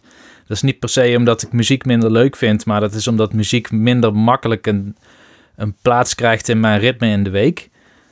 Koffie begin Klinkt ik de dag alsof mee. je een koffieplantage bent begonnen. ja, op 1200 meter hoogte. Ja, nee. Maar sorry, ga verder. Ik, ik hou, ik heb wel voor mezelf besloten waar ik de lijn trek. En dat is bij de koffieplantages inderdaad. Nee, dat is niet alleen bij koffieplantage, ook bij branden. Ik zit heel erg in die hobby. Maar er zijn ook dingen die ik aan professionals over wil laten. En branden is zo'n ding. Uh, okay. Branden is ook... Ik, ik sprak laatst... Ik zat in een koffiebar in uh, Sertogenbos. En daar, daar was ik slow koffie aan het zetten. Dus ik was aan het opschenken. Met een, uh, met een filtermethode. En er was iemand en die wilde mij even laten weten... dat hij zelf in Tanzania geweest was. En dat hij daar een koffiecultuur had meegemaakt... die veel puurder was dan die van ons. Namelijk... Koffie werd geroosterd in een koekenpan, meteen vermalen en dan tijdens het eten genuttigd. En ik dacht, ja, dat is niet koffie zoals ik die graag drink. Want bij ons is het bijna een soort wetenschap geworden. Je hebt ook bladeren die gaan over koffie, bijvoorbeeld Roast Magazine. En daar lees je in wat, welke, ja, hoe, op welke temperatuur je bijvoorbeeld het beste kan branden. En de intervallen tussen branden, dus soms moet je wat vaker branden. En wat dat dan doet ook voor het smaakprofiel. Dus in een koekenpan koffiebonen roosteren, daar heb ik geen romantisch beeld bij, eerlijk gezegd. Zou ik ook maar je weet ook niet hoe het smaakt. nou, ik heb gisteren echt verschrikkelijke koffie op. Uh, het was van een collega die... Zijn vriendin was in Uruguay geweest. En die had daar mokka koffie gekocht uit Brazilië. Nou, mokka koffie... Nee, maar dat is sowieso ook niet echt mijn smaak. Kijk, je hebt de verschillende types koffie, variëteiten. Dus je hebt mokka en um, uh, geisha. Um, je hebt natuurlijk Arabica, Robusta. Uh, verschillende soorten koffie die soms uh, hun naam ontlenen van een streek waar het vandaan komt. Of soms een bepaalde selectie, zeg maar, in, in, in breeding die ze hebben gedaan om dat soort koffie voor elkaar te krijgen. Maar Maar het zijn toch eigenlijk maar twee klasses? In de zin van, je hebt toch maar twee soorten koffieplanten. je hebt, twee, familie. je hebt inderdaad twee families, maar je hebt een bepaald soort inbreeding, waardoor je bepaalde smaken voor elkaar krijgt of planten op een andere hoogte kan laten groeien. ja, precies. Ja. Maar ja, dat, dat gaat te veel on topic voor wat ik eigenlijk wilde bespreken. Want ik wilde het meer hebben over het genieten van koffie en niet zozeer de theorie erachter. Maar ik kan dus extreem van koffie genieten. Ehm, mijn ochtend begint ook altijd met een halve liter. Dus die zet ik voor mezelf. Ja, dat is wel eens meer geweest dan een halve liter. Dus Dat is niet niks. Nee, maar ik zet ook koffie heel licht. Hè? Dus dat is dan van die slow koffie. Die, eh, van die opschenkkoffie met vrij licht gebrande bonen. Dus mijn koffie is vrij doorzichtig. En je zou bijna denken dat het thee is als je het ziet staan. Een soort En hoe is de smaak daarvan dan? De smaak is ehm, niet bitter. En dat is de hele truc om te voorkomen dat je mond droog trekt en dat het bitter is aan het eind. Ehm, de sterkte is minder krachtig dan een theezakje wat je te lang hebt laten zitten. Laten we zeggen, als je groene thee goed zet. Je hebt het ook volgens mij een keer over thee gehad. Ehm, Was wel. En Van die poederthee. van die poederthee. Maar als je, kijk, bij thee heb je ook bepaalde temperaturen waardoor de smaak beter wordt opgenomen in het water. Ehm, en daar heb je dan theorieën over van je moet het eh, zoveel seconden laten zitten op 90 graden water of zo. Eh, maar dan krijg je een bepaalde vrij intense smaak. Maar die smaak die blijft niet hangen in je mond. Die gaat vrij snel weg. En er blijft geen bittere smaak achter. En dat probeer ik dus ook met koffie te doen. En die koffie die smaakt dan... ehm, er worden vaak taste notes bijgegeven. Bijvoorbeeld dit smaakt naar citrus. Of dit smaakt naar ehm, honing. En ik moet zeggen dat ik die soms een beetje ver gezocht vind. Eh, die zijn er soms, soms zijn ze meer smaakmakend dan taste notes. En beïnvloedt het misschien wat je proeft op het moment dat je de koffie Oh ja. drinkt. Maar ik moet wel zeggen dat mijn koffie meestal zoeter en frisser is dan donker en bitter. Wat je normaal van koffie zou verwachten. Wat is het dan zo dat je het een beetje als een soort wetenschap à la bijvoorbeeld een finoloog over wijn praat en proeft en denkt, Mhm. dat je dat met koffie hebt en doet? En is daar ook een naam van? Zijn er mensen die daar echt zeg maar een soort expert in zijn? Oh, dat heet dan een koffie nerd? Nee, ik weet niet hoe dat heet. Ja, kijk, het, Dan word je toch een beetje barista-achtig iets. ja, het, het beroep heet barista inderdaad. De professionele... Klinkt toch veel cooler als koffie-nerd. Ja, Dat is wel waar. Ja. Dus, sorry, maar ga verder. Ga vooral door. ehm, nu nog een slokje koffie. ik, mijn koffie is net op dus. Dus dat is jammer. Ehm, maar ik heb ook sinds kort een abonnement op een branderij. En dat, Oké, dan krijg je daar je koffie. daar krijg. Tenminste, daar betaal je dan voor, maar... Ja, dus ik heb een abonnement bij eh The Barn. Dat is een branderij in Berlijn. Ik kies die branderij omdat zij heel licht kunnen branden. Dus als ik hun koffie zet, dan wordt die vrijwel altijd licht van smaak. Wel vol van smaak, maar doorzichtig, zoals een thee.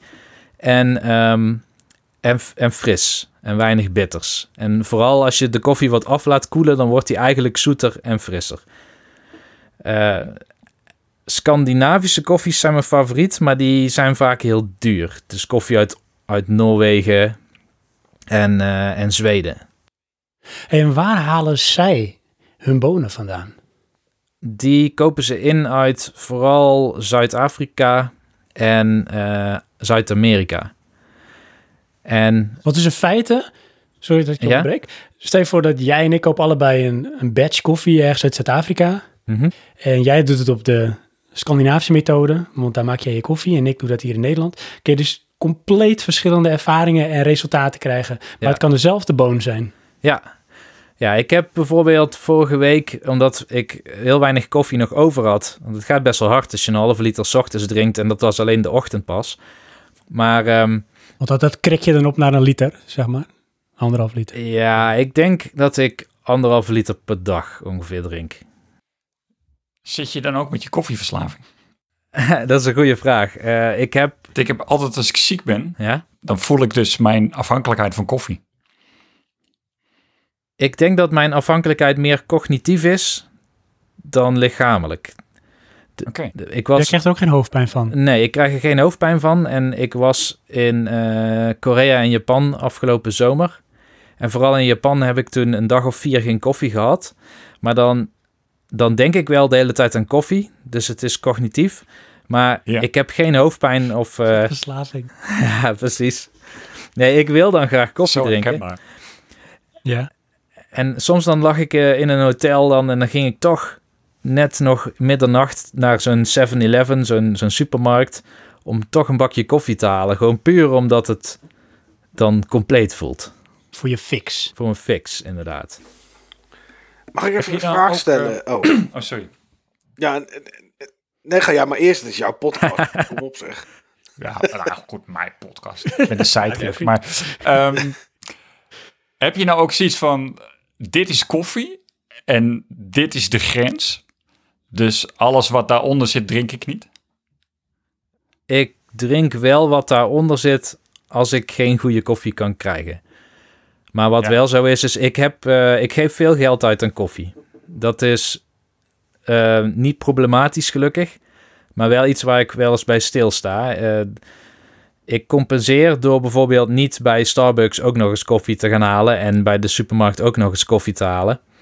En ik drink zo weinig mogelijk koffie op het werk uit de automaten die daar staan, zodat ik meer kan genieten van die van mezelf. Dat. Ja, ja, ja, ja. We hebben nu zelfs een tijdelijke automaat, omdat de automaat kapot is die er normaal staat. En die tijdelijke automaat die werkt met van dat oploskoffie van vroeger.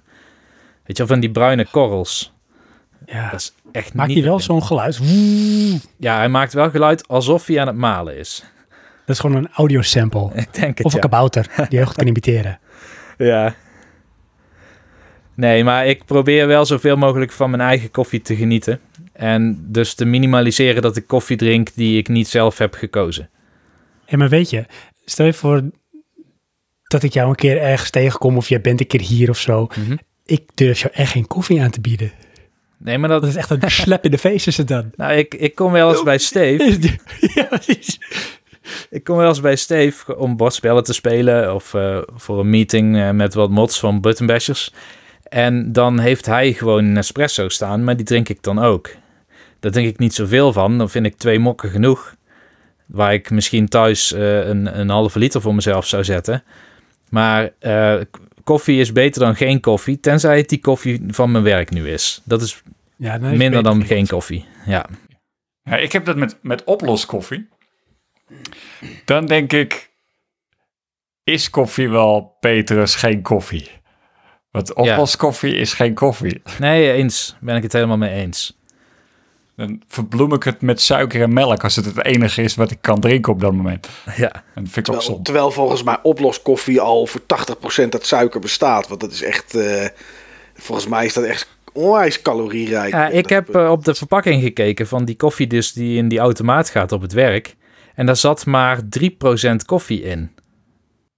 Oh ja, dat zijn de leukste, Zeg, weird. Waar is weet je wel. de rest van de 97%? Ja, de rest is ander spul wat lekker absorbeert in water. Ik heb een keer eh, in een vliegtuig een documentaire gezien over koffie. En dan hadden ze het over eh, vijf factoren die koffie maken. Mhm. En ehm één daarvan is dus aroma. En dat is oploskoffie. Dat is dus het ware aroma. Dat is de enige factor die erin zit. Mhm. De rest is daar al helemaal uit. eh. En ik had sinds die documentaire echt zoiets van... Ja, meer dan dat is het niet. Nee. Het probeert koffie te imiteren. Maar Niels, even, even mijn nieuwsgierigheid. Jij zei er net van Scandinavische koffie is, eh, is eigenlijk eh, mijn favoriet. Maar die is wel heel duur. Wa- Wat is dan heel duur? Heel duur is ongeveer 15 euro per zakje van 250 gram zonder verzendkosten. En hoeveel koffie zet jij met een zakje van 250 gram? Wat, is dat een liter? Is dat anderhalf? Is dat drie dagen? Ja, ik, Hoeveel is dat? ik eh, zet altijd 6 gram ehm, ja, maling met 100 milliliter water. Dus ik haal zo'n Ja. 10 mokken uit zo'n zakje. Oké, oké. Dus dat is 1, 1, 1,50 euro per mok. Ja, zoiets. Nou, als je dan toch niet naar de Starbucks gaat, is dat absoluut goedkoper. Ja, dat, zo denk ik daar dan ook over. Dat is mijn rationaal. En maal jij ook je eigen bonen? Ja. Of laat je dat al gemaald brengen? Eh, nee, ik, ik maal het zelf. En dat is eigenlijk ook een van de belangrijkste aspecten bij koffie. Dat je het zelf Ja, want kan malen. ik heb malers gezien waarvan ik dacht van nou, volgens mij hebben ze de komma verkeerd geplaatst. Of is er iets misgegaan? Want zo duur kan een koffiemaler toch niet zijn. Mhm. Koffiemalers die tig keer zo duur zijn als mijn volautomaat. Ja, je hebt malers, maar je hebt bijvoorbeeld ehm Maalkeunig, die, die hebben de EK-serie. En ik heb zelf ook een Maalkeunig, maar dan een wat kleiner model ervan. Ja, die heb je in de duizenden euro's. Maar dat, Maar wat doet dat dan? dat is heavy duty, hè? dus die moet Malen. de hele dag kunnen draaien. Ja, Malen, oké. ja. Dat is een maling aan. Ja, Maar waar zit dan de finesse of waarom is dat zo cruciaal voor het eindresultaat? Ehm, nou, wat je eigenlijk wilt, zeg maar de slechtste manier van koffie malen, en wat ik misschien nog wel slechter vind dan gewoon gemalen koffie dan maar kopen, is zo'n ehm, zo'n potje, zeg maar, waarvan die messen in zitten die heel hard gaan draaien. En wat je dan krijgt is een hele onregelmatige maling.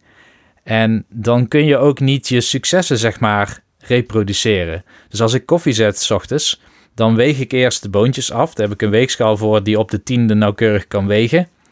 En ik kook het water. Nou, dan weet ik inmiddels van hoe heet het is. Dus hoef ik geen thermometer meer in te zetten.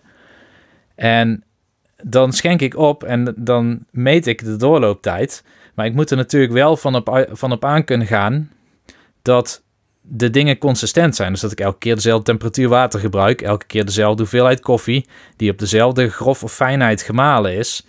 En daarvoor heb je een hele goede molen nodig. Die kan garanderen dat die korrels ongeveer even groot worden. En bepalend voor de grootte van die korrels zijn eigenlijk het vermogen van die motor die in die maler zit en de grootte van de draaischijven die erin zitten. Dus hele goedkope molentjes die hebben hele kleine schijven. Ja. En maakt dan het materiaal ook nog uit? Keramisch of staal of Ehm, ja, plutonium? in theorie misschien wel. Dus bijvoorbeeld staal zou warmte langer vasthouden dan keramisch. Ehm, en het ene slijt misschien wat sneller dan het andere. Maar Want ik heb wel eens gehoord dat, dat stalen maalschijven de smaak kunnen beïnvloeden. Dat het zuurder kan worden. Of is dat een broodje aap verhaal?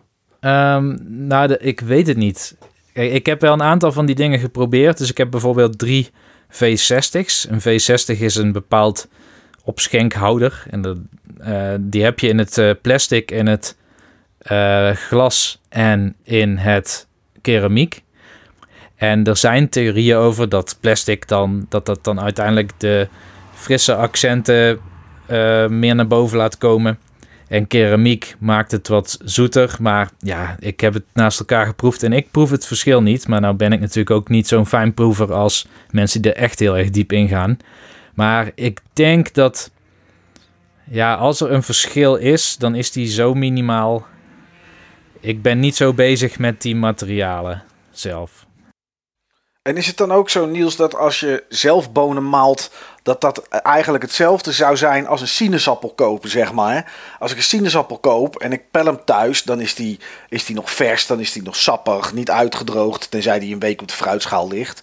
Maar, is dat, maar als ik die bij wijze van spreken gepeld van tevoren zou kopen, ja, dan krijg ik eh, een verschrompeld stukje fruit. Is dat met bonen dan ook zo, hè? Dat als die van tevoren in een fabriek gemalen worden en ze zitten een week lang in een, in een, in een stoffig zakje, dat, dan, dat ze dan minder vers zijn of dat ze muffig worden? Of werkt dat niet op die manier? Ja, dat is wel, dat werkt op die manier. Dus bonen kun je meestal een week of drie bewaren met vrij minimale eh, degradatie van smaak. Tenminste, dat is mijn persoonlijke ervaring. Ehm, er zijn ook theorieën over dat je misschien bonen eerst een week moet laten liggen. Eh, omdat als ze net zijn gebrand, dat heb je soms wel. Als je direct van een branderij een zak bonen krijgt, dan, dan zijn ze heel erg glinsterend of glimmend. Want dan eh, zit er nog olie omheen. Er komen ze maar oliën vrij op het moment dat ze gebrand worden. En die trekken weer in die boon. Maar als je ze de zak net openmaakt nadat het gebrand is op dezelfde dag of zo, dan zie je die oliën nog. Dus ja, daar zit wel verschil in. En je proeft wel degelijk verschil tussen koffie van deze week of van een maand geleden. Wat een Heb je dan ook eh gevacumeerde bonen en eh, onder druk gezette bonen? Ehm, In verpakking. Nee, ja, Maar dat heb je wel met koffie. Maar dat is Ja. dan eh filterkoffie is dat. ja, klopt. Dat heb je wel met koffie. En je hebt bij bonen wel altijd tegenwoordig in ieder geval hersluitbare zakken. Heel vaak zit er zo'n ziplock systeem in. En een ventiel waardoor je de zuurstof eruit kan persen. Ehm, en Is dat daarvoor? ja, dat is daarvoor. Ik heb er altijd van even lekker ruiken. Knijp ik zo in de Heerlijk. Ja, maar dat is, Maar je moet eigenlijk gewoon net zo lang knijpen tot de lucht eruit is. Dat is wel wat veel mensen doen inderdaad. Want je kan bonen ook koud bewaren, dus je kan het in de diepvries stoppen. En er zijn voor- en tegenstanders van. Maar als je heel veel zuurstof nog in die zak hebt, dan zitten er ook eh, ja, waterstofdeeltjes in en het kan weer gaan oxideren. Dus bij voorkeur maak je hem zo vacuüm mogelijk. Ik hoor wel een hoop eh, vergelijkingen van dingen die ik met, eh, met ex-geliefdes heb gedaan. Joh. Vacuüm verpakken, in de vriezer, lucht eruit drukken. Dat zijn wel... Goed ruiken. Ja, even ruiken, lucht er weer uit. blijft het hoppa. lekkerder, hè? Ja, ja, blijft het verser inderdaad. Ja, nou ja, eh, Het is echt exacte wetenschap dit, hè? Ik ben onder de indruk. Wat heel leuk is, eh, ik werk in Utrecht en in Utrecht heb je tegenwoordig een koffiestempelroute. Dus je hebt een kaartje en die kun je bij een van de koffiezaakjes halen. Dat zijn of zaken die, die schenken, zoals bijvoorbeeld uh, Koffie Leuten en Koffie en ik. Eh, maar er, zijn, zitten ook een paar branderijen tussen. Ik kom heel graag in The Village. Dat is een soort café voor overdag. Dus dat is gewoon eh, muziek en koffie. Ehm, en eh Ahoy, dat is een nieuwe branderij uit Denemarken die een soort zaakje eraan heeft geopend.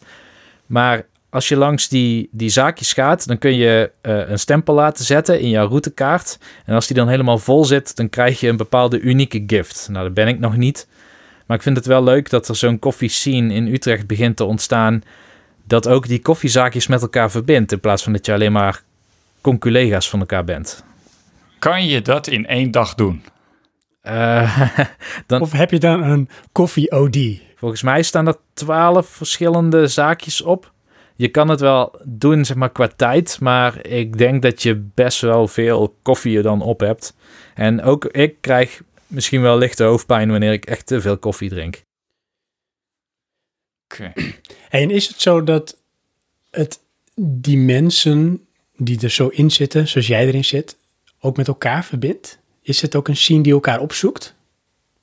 Ehm, dat vind ik En het moeilijk. dan ook echt over koffie hebt? Of Ja, wel een beetje. Want die ene die begon al een verhaal te vertellen over vers gebakken koffie in een koekpan. Ja, dat is waar. Uit eh, Uruguay. Ja. Nou, ik heb wel een eh, WhatsApp-groep van mensen die eh, samen koffie importeren. En we, we kijken ook voor elkaar wanneer we interessante koffie tegenkomen eh, om het voor elkaar te kopen, bijvoorbeeld. Ehm, je hebt bijvoorbeeld in Amsterdam heb je de Scandinavian Embassy. En daar verkopen ze dus Scandinavische koffies. Maar ik kom niet zo heel vaak in Amsterdam of ik moet bij Guerrilla Games langs gaan. Maar als ik daar langs ga, dan ga ik altijd even langs de Scandinavian Embassy. En dan koop ik een stuk of tien zakjes. En dan zeg ik in de WhatsApp groep, ik heb tien zakjes, eh, dit, dit, dit en dit. Heeft iemand interesse? En dat doen zij ook voor ons. zakje.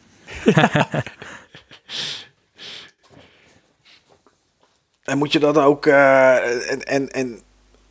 Dus die mensen die daarin zitten, spreken ook allemaal dan die taal, zeg maar. Dat is allemaal eh, echt, echt liefhebbers. Ja, maar die mensen die heb ik ook, na twee ervan, die zie ik vrij regelmatig. De meeste mensen weet ik wel wie het zijn, ook in het echt. Het is niet een soort. Secret Santa. Nee, oké. het, is, het is niet dat boontje 13 tegen boontje 24 zegt: mag ik een zakje van jou kopen? Nee, dat niet inderdaad. Oké.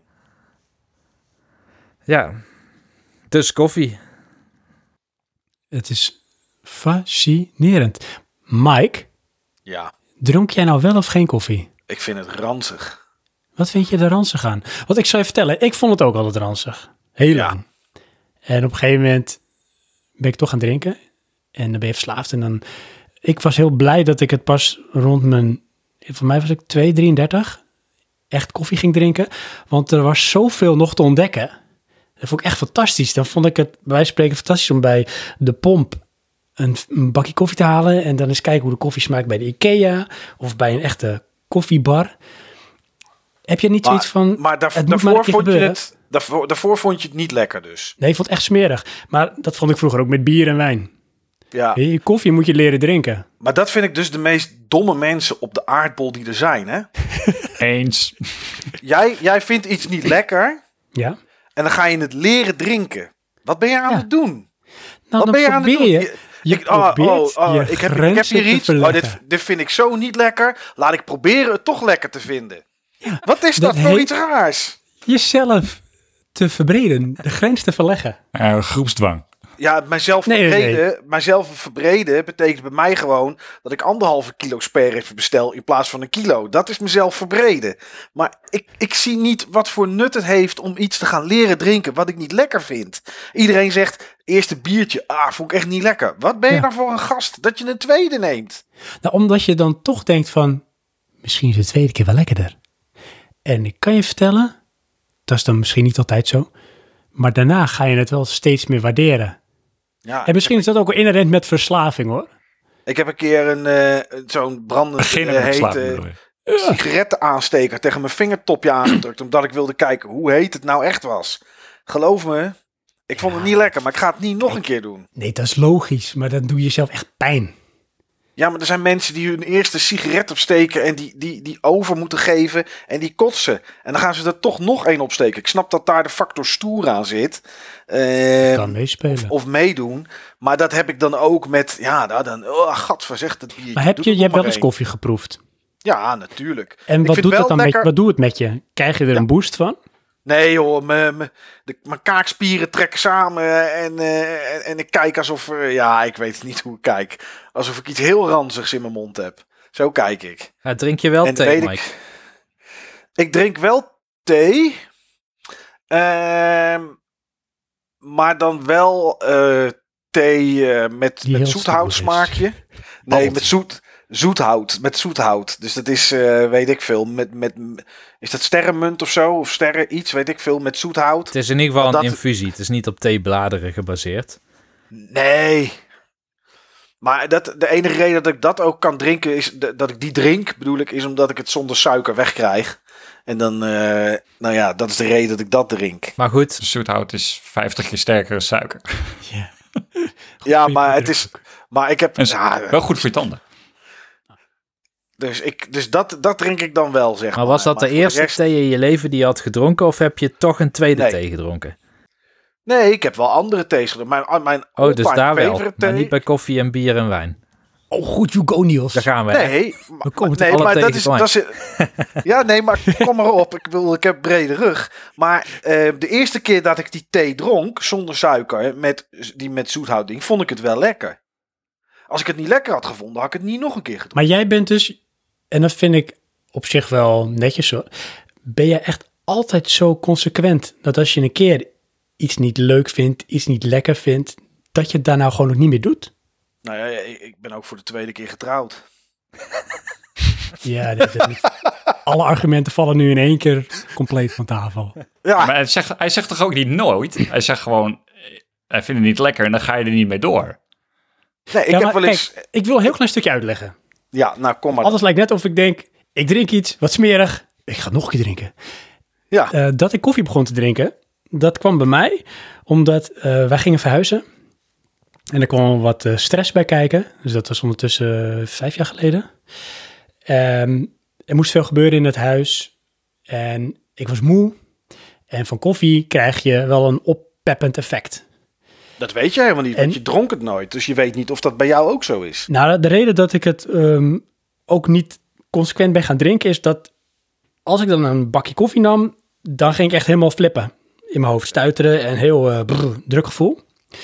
Maar nu had ik zoiets van, nou, dat kan ik wel gebruiken, want ik zit er doorheen.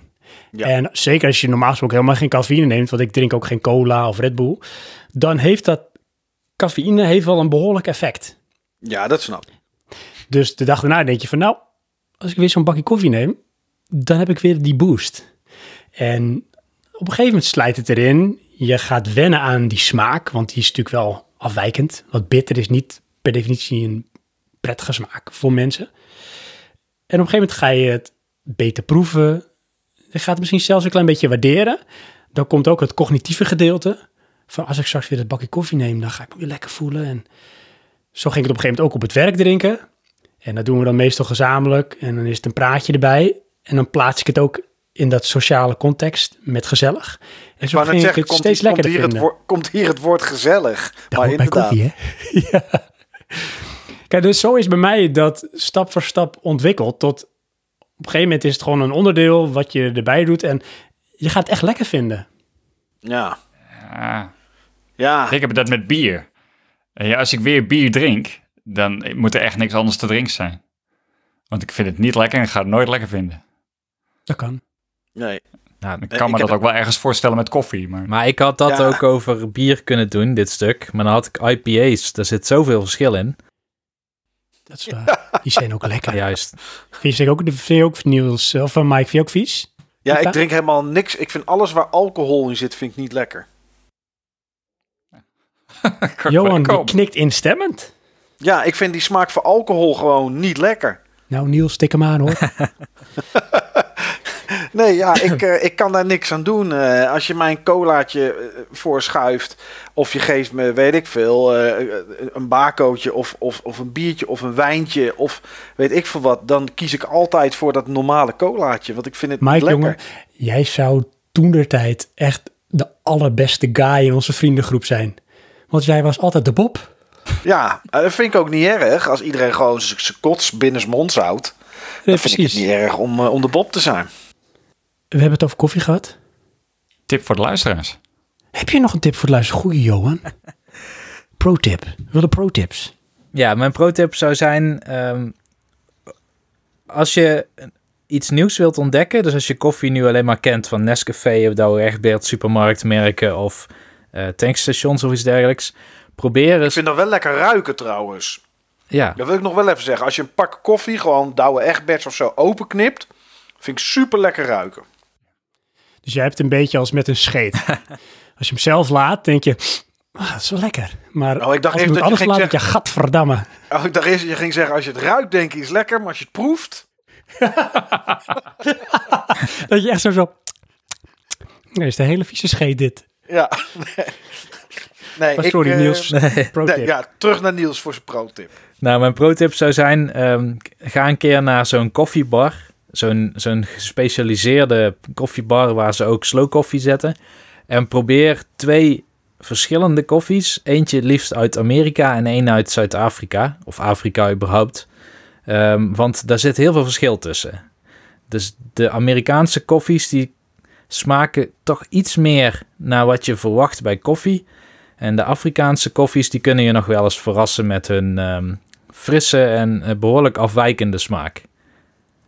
Dus dat zou mijn tip zijn. Ik vind het een hele goede tip. Ik ga dat ook een keer doen, Niels. Mooi.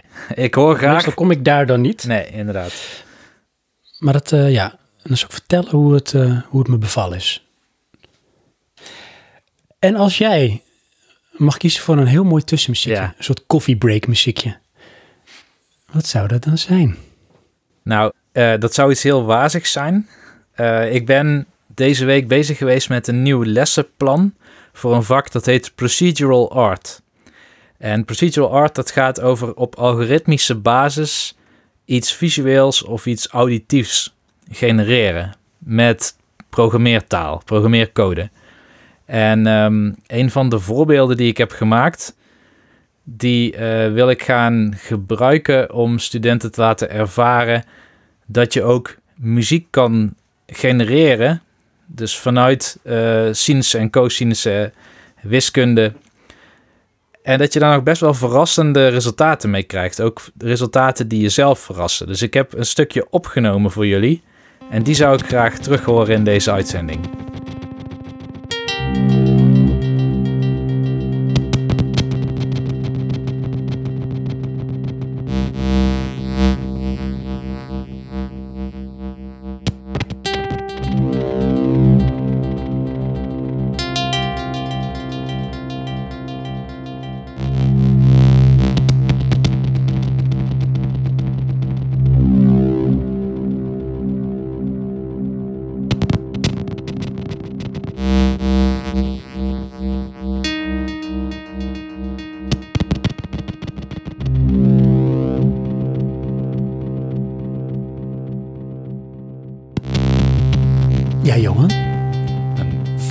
Off.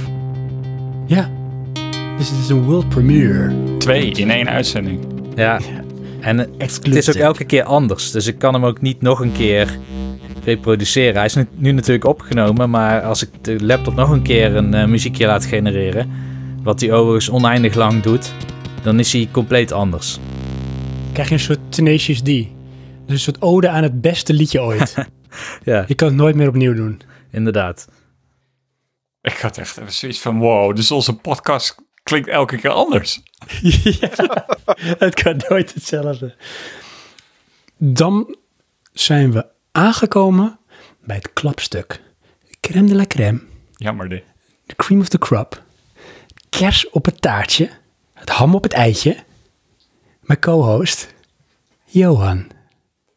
Go. Ja. Nou, ik weet niet hoe ik dit eh, kan invullen, die aankondiging. Eh, waar ik het even over wil hebben, eh, heel egoïstisch, mijn vakantie. En maar er is niks egoïstisch aan, dat willen we heel graag weten. Dat zijn- Sterker nog, we hebben er wel eens afleveringen over Het opgenomen. zijn vaak de populairste Ja, is- afleveringen ook. Oh, nou, ik verwacht dat dit wat korter is. Ehm, waar ben ik geweest? Naar Texel. Nee, lijkt er wel op. Oh, King's Landing. Van Game of Thrones. Zal ik hem even ertussen doen, zo? De achtergrond. Ja, is goed. Dan hebben we gelijk eh, het muziekje wat erbij hoort. Kijken jullie Game of Thrones, jongens? jazeker. Nee, Ja, zeker. nooit gezien. En Nee? Nee. Nooit ges- Ah, Niels, jij al als, als liefhebber van gamen en zo, die Ja, het ergste is nog je moeten absorberen. een klasgenoot die werkt mee aan die tv-serie. Die maakt de concept art voor de televisieserie van HBO. Dus ik zie wel op zijn Facebook elke keer conceptschetsen langskomen voor hoe eh, draken dan gaan overvliegen. Maar ik heb nog nooit gekeken naar het eindresultaat. Nee, maar dat het trekt je ook helemaal niet? Of gewoon... Het idee wel. eh, en ik ben ook wel een keer aan The Song of Fire and Ice, het boek, begonnen. Alleen ik raakte heel snel de draad kwijt, omdat er heel veel karakters in zaten. En het boek veronderstelde dat ik ze allemaal had onthouden. Ja, oké. Maar dat is in de serie ook zo. Je hebt twee afleveringen, dan pas ben je weer bij. Ja, Met alle verhaallijnen. Eh, hoe dan ook. Ik ben op twee van de locaties waar opnamen gemaakt zijn geweest in Kroatië. Oh, Eentje Split. Dat is een klein, relatief klein dorpje, stad.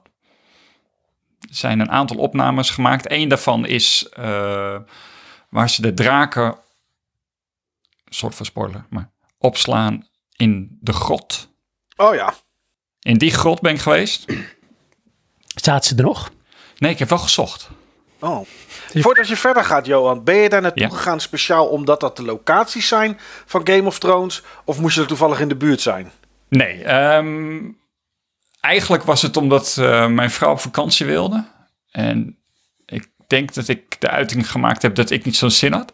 En toen heeft ze dat aangekleed met Game of Thrones.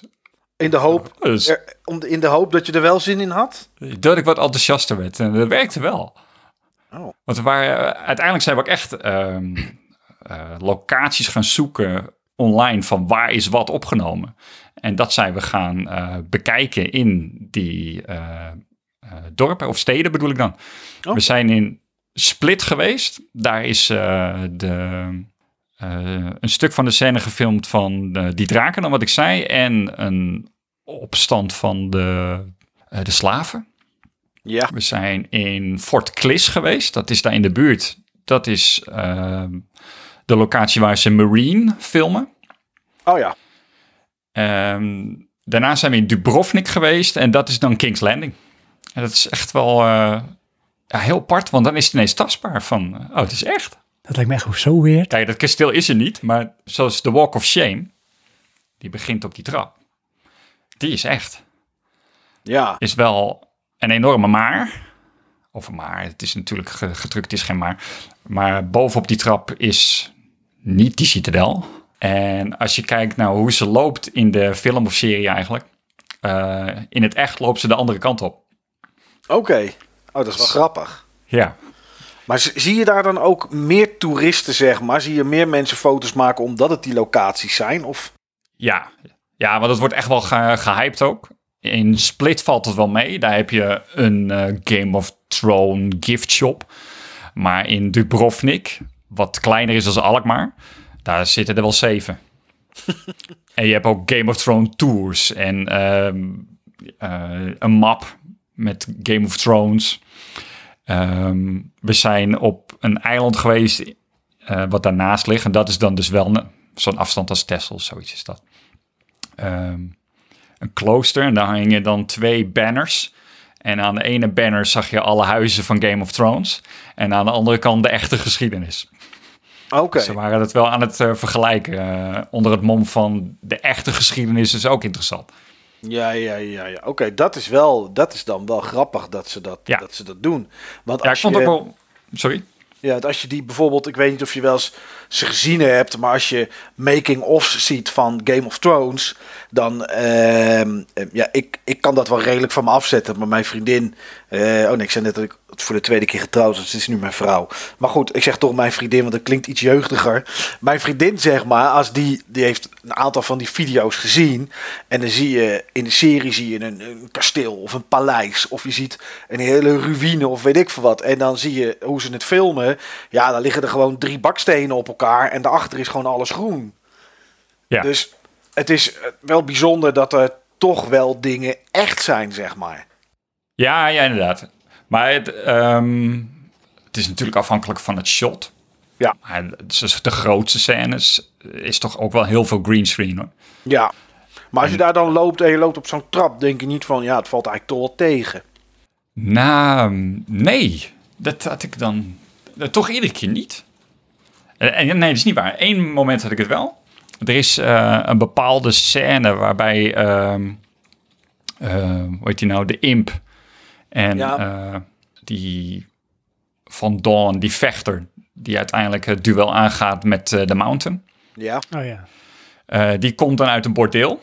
En Het Dat shot. tegen dat er geen hoeren waren. Nee, dat hebben we net niet. nee, die locatie hadden we dus gevonden.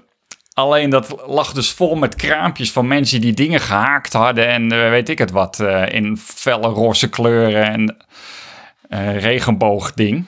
Oh. Ja, dat haalde echt het hele moment weg. eh. Ja, dat snap. Maar dat waren ook Game of Thrones dingetjes, omdat ze wisten, dit is die locatie. Dus wij gaan allerlei Game of Thrones dingen haken. Nou, ik heb er niet naar gekeken, want dan gaan ze zo'n gesprek met je aan. dat Oh ja, niet. en dat je korting kan krijgen. Ja, het is nu heel goedkoop. Nou, Ja, dank je. Wil je echt geen sjaal? Nee. nee, 54 keer vragen nog steeds niet. Nee Dus. hinderlijk is dat op vakantie, maar goed. Ja. Maar goed, eh, al met al, ehm, ik kan het wel aanraden. Kroatië, mooi land. Eh, goed klimaat. Het is Italiaans eten, voor een groot deel. Dat is lekker. Ja, kan natuurlijk kiezen, maar in mijn hoofd is dat wel een beetje ook hun keuken. Hmm. Eh, het is niet goedkoop.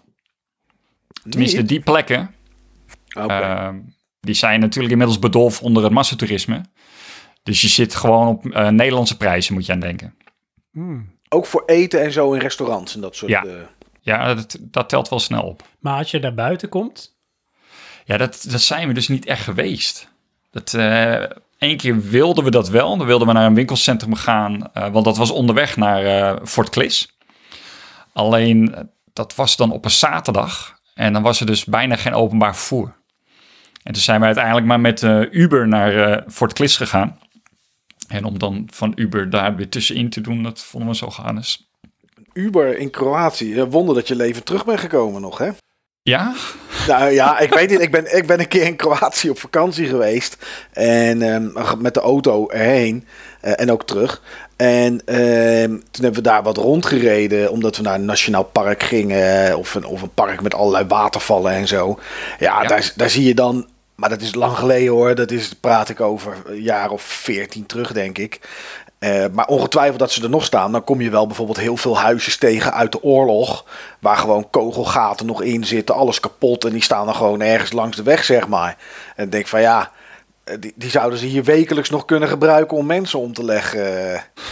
Zo, zo, ziet het, zo ziet het Ja, dat eruit. is nog steeds wel zo hoor.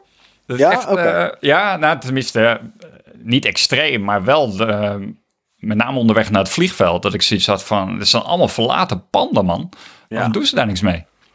Ja, Maar ja, het is hetzelfde met al die, al, al die half, half afgebouwde huisjes. Ik heb ooit eens een keer, Ja. ik denk dat het in Griekenland was of in Turkije, heb je eens een keer met zo'n met zo'n ober of met een keel, die, in ieder geval met een lokale, lokale bevolkingsmeneer heb ik gesproken over waarom er zoveel van die huizen altijd maar half af zijn. En die zei ook, ja, de grond is hier heel goedkoop. Dus dan kopen ze grond en dan beginnen ze met bouwen en is op een gegeven moment geld op. Ja, en dan laten ze die huisjes gewoon tien jaar lang staan. Totdat ze weer eens een keer geld hebben voor een, voor een bakje bakstenen en een, een beetje mortel. En dan bouwen ze weer wat verder. En dan kan het best zijn dat het 40 jaar duurt voordat zo'n huisje af is. Maar ja, dat boeit helemaal niet, want het kost er gewoon voor de rest geen drol. Dus ja, Ja, nou, dat zie je, tenminste bij Klis eh, viel me dat op, ja. Allemaal van die dingen in aanbouw waar niks gebeurde. nee. Ja, kan natuurlijk ook moment zijn, dus sta je niet te veel bij stil. Nee, maar waarschijnlijk als je over drie jaar komt, dan staat het er nog net zo bij. Ja. Dus, maar dat was mij eh, even bijpraten. Tip voor je volgende vakantie. Kroatië. Kroatië. Je bent met het vliegtuig gegaan? Ja, vliegen heen. En eh, we landen in de buurt van Split. Ehm, dan met een eh, ja, ophaaldienst van het hotel.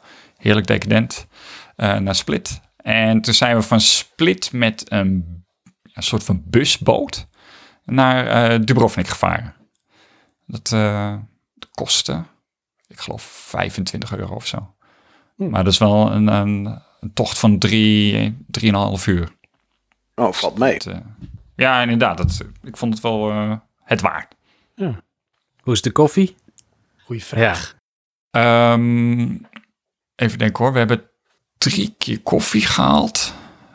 Waarvan, dat was wel apart. Bij het ontbijt kregen we redelijk goede koffie. En toen zijn we naar een, een of ander ja, koffiebarretje gegaan. Daar verkochten ze eigenlijk alleen maar koffie. Mhm. En die was echt te smerig om te drinken. Maar dat was ik ook zo stom. Van, ehm, ja, de vroeg ze wat voor glas wil je? En toen zei ik nou zo'n middelgrote. Maar dan krijg je dus Americano. Ja, ja. En dat is dan echt ja, water met een kleurtje. Mhm. Dat was eigenlijk dus mijn verkeerde bestelling. Daar kwam het eh, denk ik dan op neer. Maar normaal, ik heb het ook in Portugal gehad. En dan zeggen ze Americano. Dan zeg ik nee, nee, nee, doe dan maar die ander. Oh ja, dat wil ik niet. De link staan met water. Toch?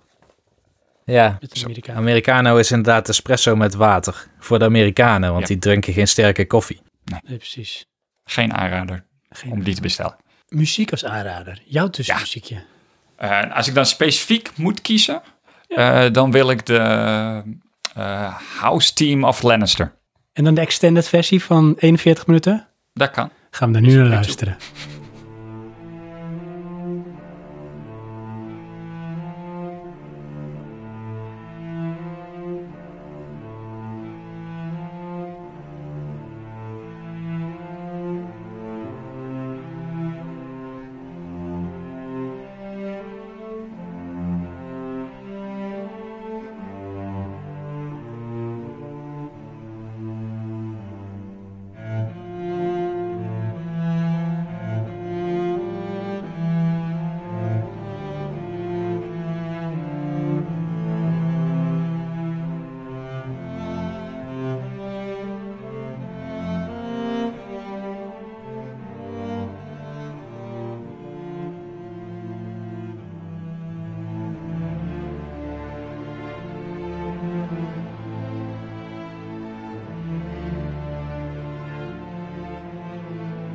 Gaan nu richting het hoofdonderwerp. Het gaat echt gebeuren. Want we hebben lekker bijgepraat. Luisteraars, hangen jullie nog aan onze lippen? Want het is ondertussen een uur en 45 minuten aan pure kwaliteit. Podcastkwaliteit. Met twee deskundigen. Want het is tijd, noem het een gedachte-experiment. We gaan echt tot de kern. We willen erachter komen waarom we gamen.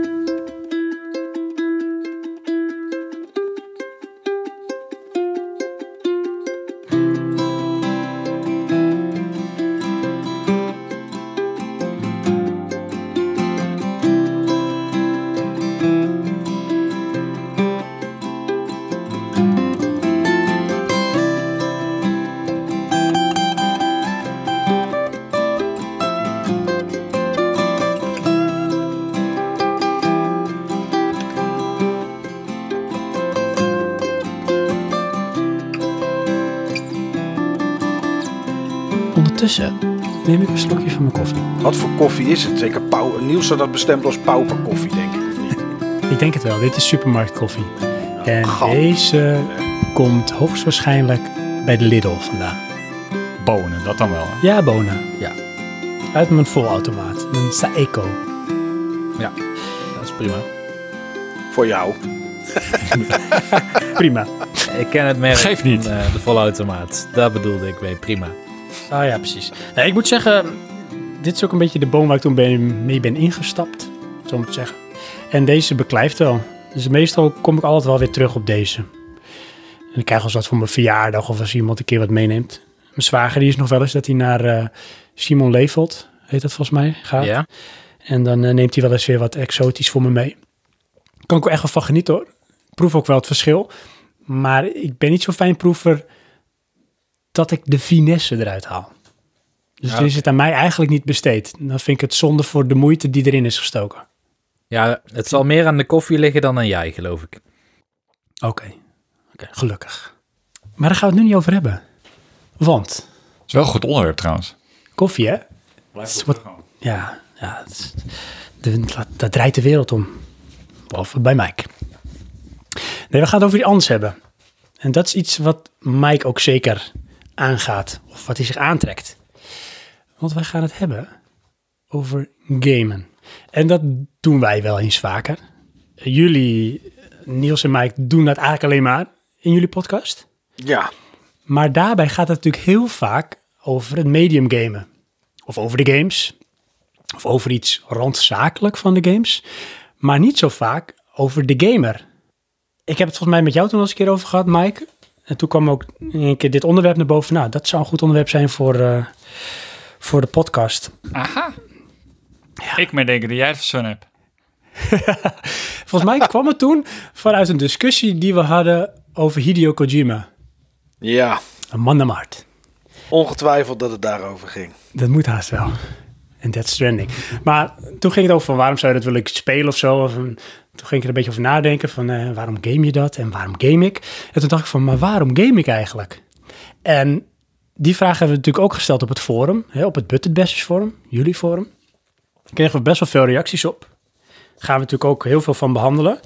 Maar wat je wel ziet is dat vaak eh, blijft dat steken bij van, want eh, weet ik veel, ik vind het leuk om iets te beleven. Of ik vind zo'n type game tof.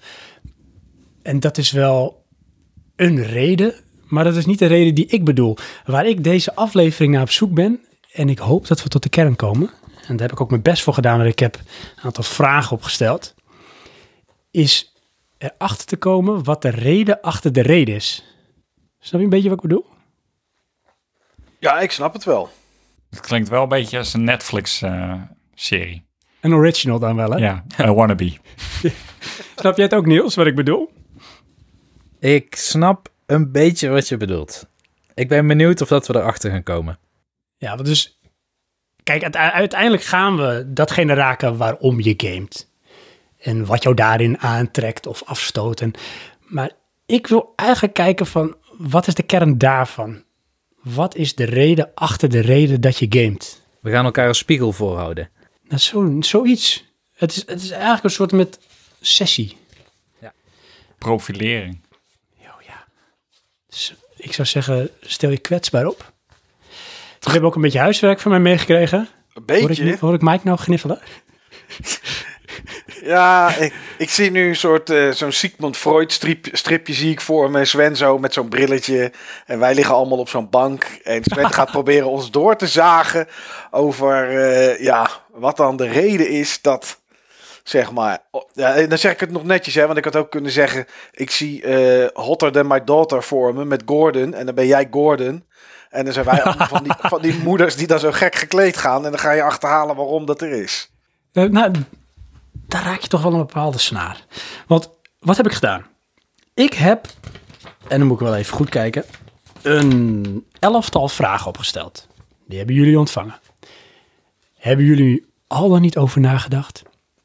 Ik weet niet of ik ze allemaal ga behandelen of vragen, maar ik ga zeker bij de eerste beginnen. Want om nou, denk ik dan, te begrijpen waarom je gamet, wil ik meer begrijpen over de persoon om wie het gaat die gamet. En ik zie Johan echt kijken van, wat is dit? Hij heeft er weer een hoor. Ja, dus ik, ik ga gewoon, ik ga met jou beginnen, Mike. Ja.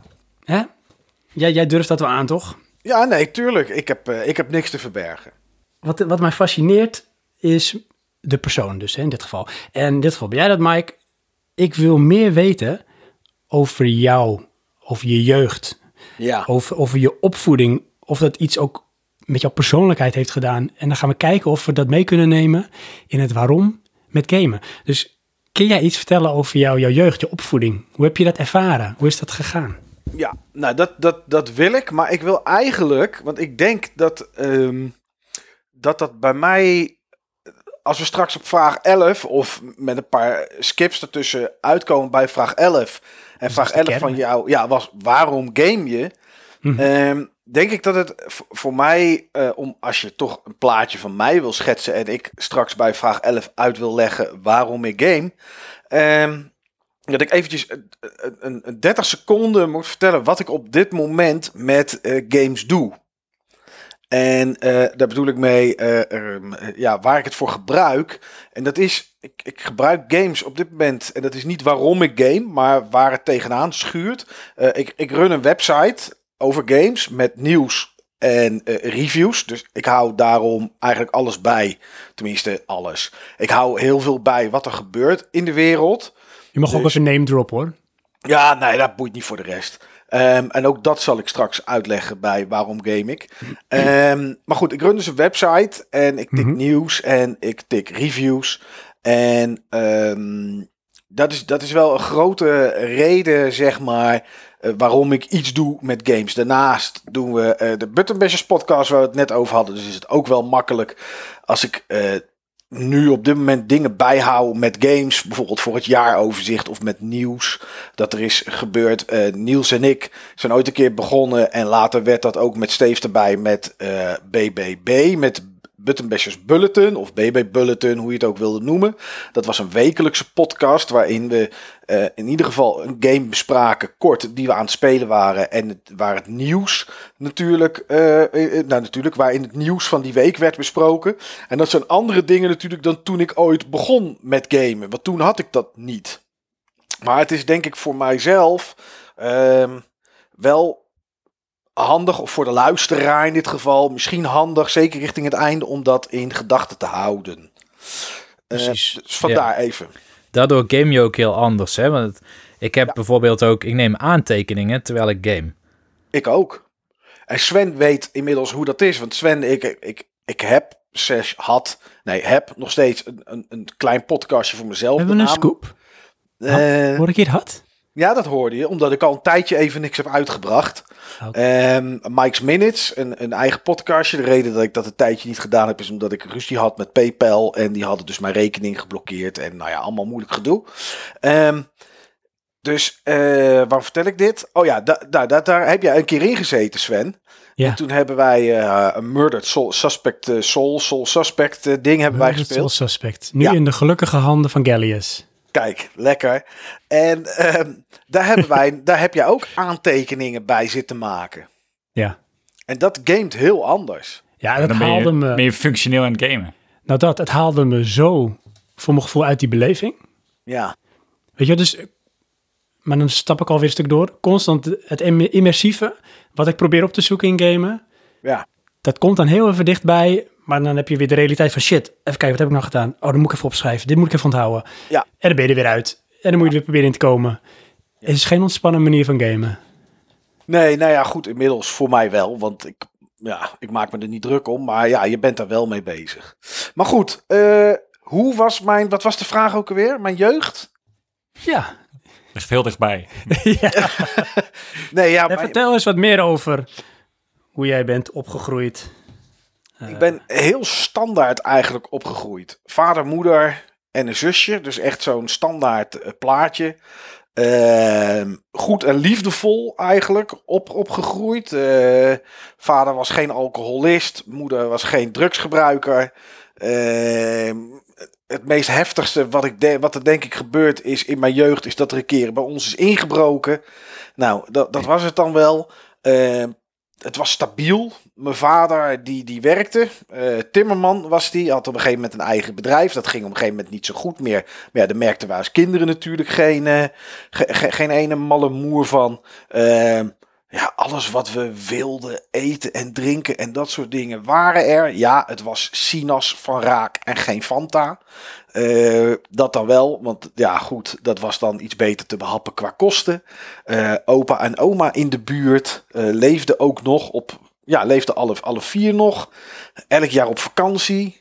Moeder eigenlijk altijd thuis, later wel gaan werken. Ja, het enige wat ik me kan bedenken dat het niet fijn was in mijn jeugd, was dat als er weer een nieuwe rage was, ik het niet altijd kon en mocht kopen. Dat was zeg maar, eh, dat was dan eh, ja, de, het grootste, mijn grootste struikelblok eigenlijk. En techniek en computers bijvoorbeeld? Was dat ook eh, iets wat, wat, wat je vader deed of, of wat je moeder of je zusje Nee. deed? Nee, mijn vader vond het allemaal niks. Die vond het ook op een verjaardag altijd leuk om even de stroom eruit te draaien. Verjaardagen bij ons zagen er zo uit dat alles, ook al was het mijn verjaardag, alles en iedereen zat in de huiskamer. Maar ik zat in mijn kamertje. Als de bel ging, deed ik open, pakte ik het cadeautje aan, liepen de mensen door naar de huiskamer. En ik ging snel mijn kamertje in achter mijn computertje zitten. Eh, dus mijn vader had daar niets mee. Eh, we hadden wel een videorecorder. Nou, dat was dan het meest technische dat in de huiskamer stond. Maar ik had al wel vrij vroeg denk ik, misschien was ik ja, een jaar of vijf, zes of zo, had ik al wel een tv'tje op mijn kamer. Een hele lelijke oranje met, van die, met acht van die grote knoppen bovenop om je kanaal te selecteren. Bij elk kanaal zat zo'n draaischijf, want dan moest je natuurlijk nog met de hand opzoeken. En ondanks dat de buitenkant knaloranje was, was het beeld zwart-wit. En ehm, ja, dat, daar, ik, ik kan me Pipi Langkous herinneren op dat ding, zeg maar. Ik was ziek en dan lag ik in mijn bed Pipi Langkous te kijken. Dus dat was, ja, zeg maar hoe dat bij ons thuis met techniek. Ja, mijn vader had een boormachine. op stroom, want hij was timmerman. Dus ja, dat had hij dan wel. Maar de introductie van computerspellen. Of computers. Ja, ik... ehm, ik Kan je dat daar- herinneren? Nou, ik ga nu een beetje in tegen alles wat ik ooit verteld heb in de Buttonbashers podcast. Oh, dat maakt niet uit, joh. Nee, dat weet ik. Maar ehm, voor mijn gevoel was het altijd de allereerste keer dat ik gamede een Atari 2600 bij een oom van mij.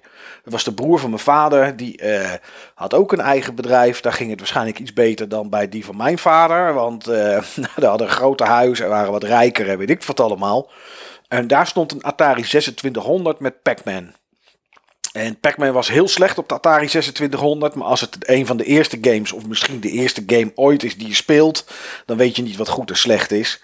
Ehm, maar een andere oom van mij had ook een Commodore 64. Dat was denk ik toch later. En ik ging vroeger ook wel met mijn oma naar de arcadehal in Scheveningen. Maar dat was denk ik ook na die Atari 2600. En mijn opa, die had destijds een Philips Videopack eh, G7000.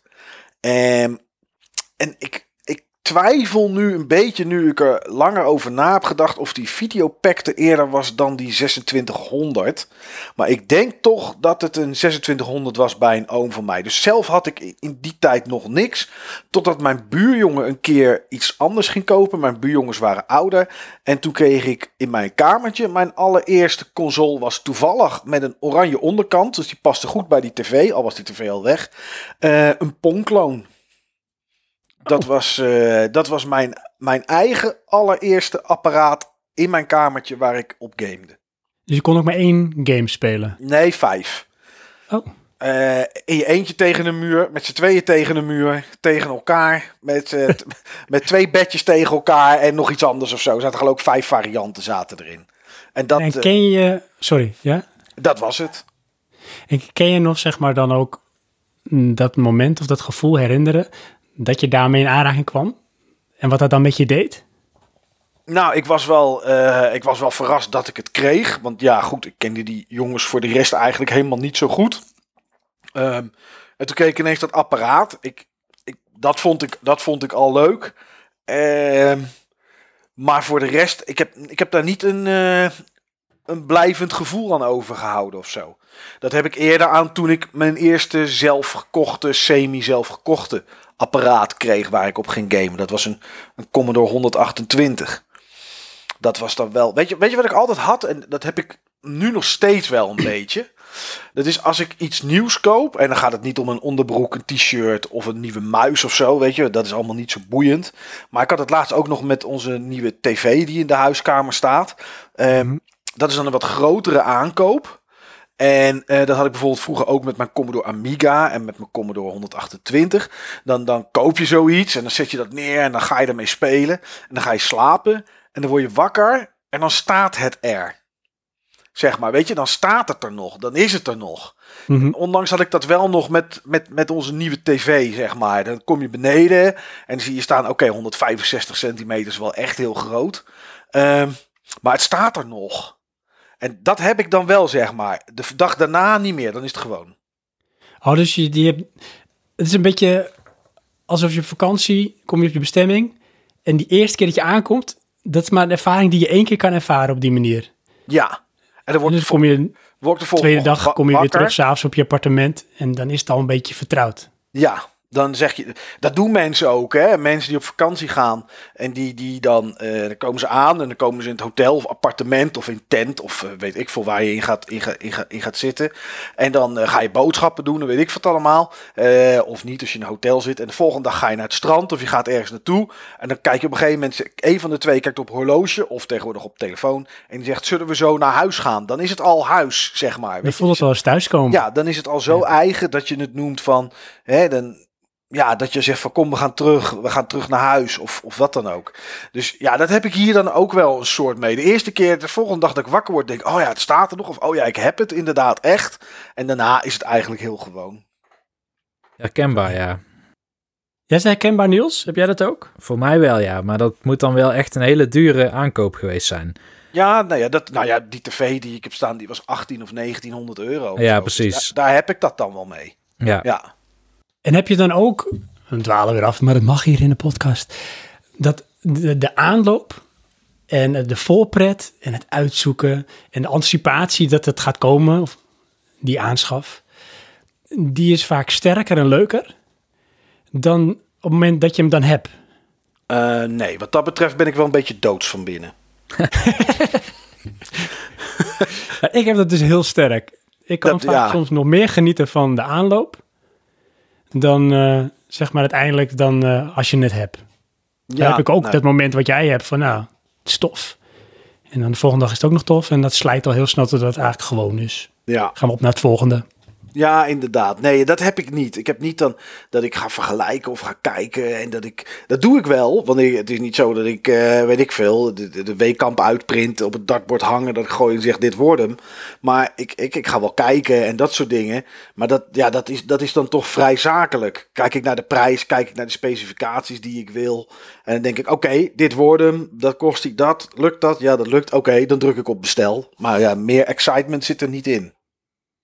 Ik zou bij mij eerder van anxiety spreken bij het aankopen.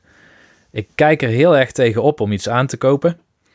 Eh, vooral omdat het dan om veel geld gaat en dan twijfel ik steeds, heb ik dit wel echt nodig? Is het wel echt precies wat ik, wat ik nodig heb of wat mijn behoefte is? En dat is meteen over nadat ik het heb gekocht. Gelukkig dan maar. Dus dan heb je tot nu toe altijd de goede aanschaf gedaan? Of is dat gewoon iets wat je gewoon hebt bij een aanschaf? Ik heb dat bij een aanschaf. Ik heb bijvoorbeeld eh, twee weken terug voor mijn, of twee weken geleden moet ik zeggen, volgens mij is het terug Brabants. Maar heb ik een, eh, een eh, Nintendo Switch voor mijn broer en zijn vrouw gekocht. Gewoon als eh, verjaardagscadeau, want ze hadden ook een kleine gekregen, dus ik wilde een keer wat groter cadeau geven.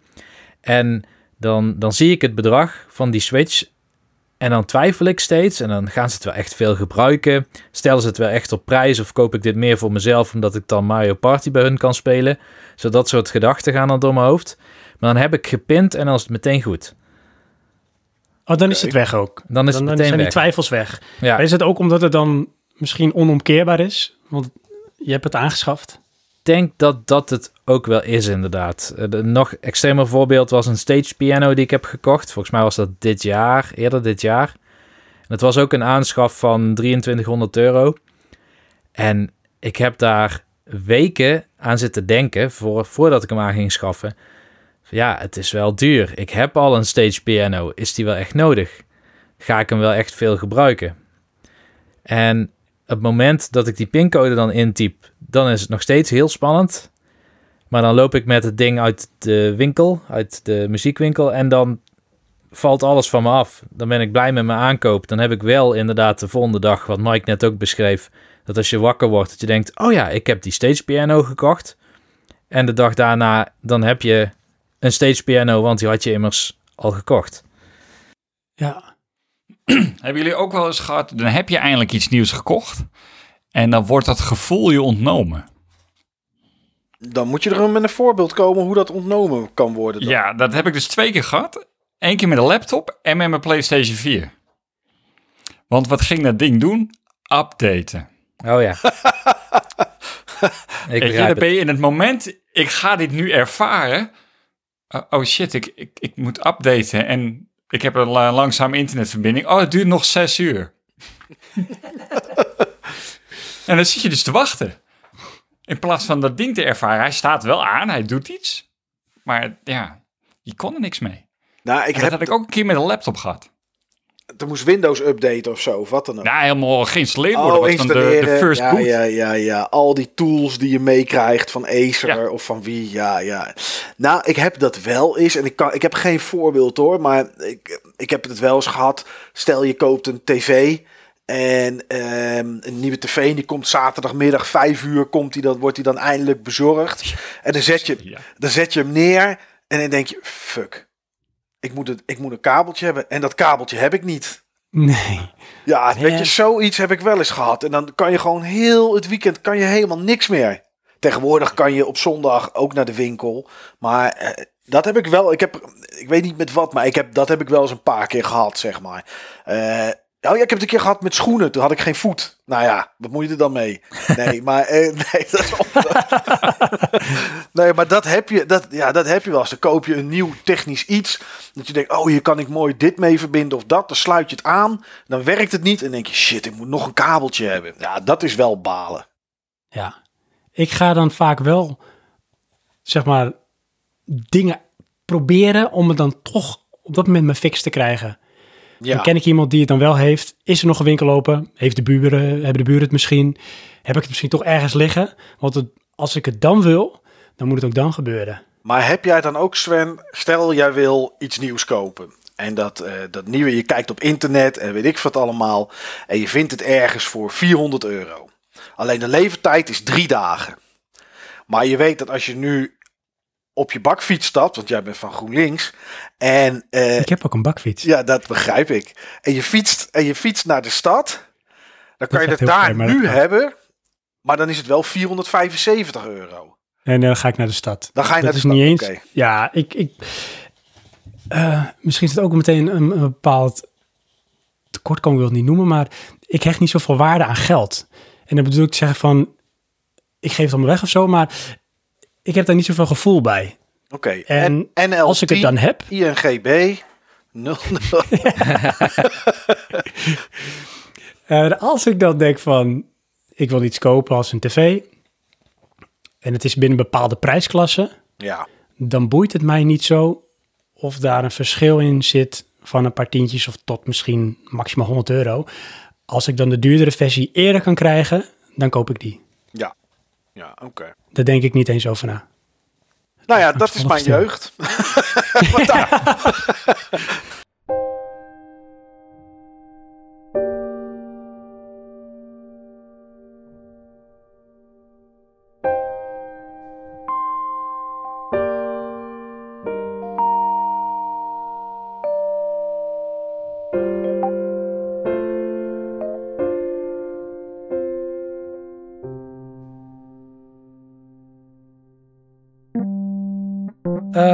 Ja. ja, voor jou eigenlijk soortgelijk iets. Want ik, ik hoor al bepaalde, misschien zijn het karaktereigenschappen of trekjes. Ik herken wel daar iets in bij jou, ook als ik jou wel eens beluister in de podcast. Mhm. hoe jij over dingen praat of tegen dingen aankijkt. Dan ben ik benieuwd, als je een tipje van de sluier op zou willen lichten over hoe jij beetje je opvoeding hebt ervaren, of daar iets herkenbaars in te vinden is. Oké. Ehm, mijn opvoeding lijkt wel een beetje op die van Mike zojuist. Dus ik ben geboren in een gezin, twee ouders, eh, maar dan met een broer in plaats van een zus. En we woonden boven een winkel en die winkel die, eh, was van mijn ouders. Is nog steeds van mijn ouders trouwens, want beide werken nog. Ehm, alleen omdat zij zoveel in die winkel waren, eh, hadden we overdag althans niet heel erg veel contact met onze ouders. Dus we hadden vaak oppassen of een oma van beide kanten over de vloer die ons dan moest vermaken. En dat was voor ons prima.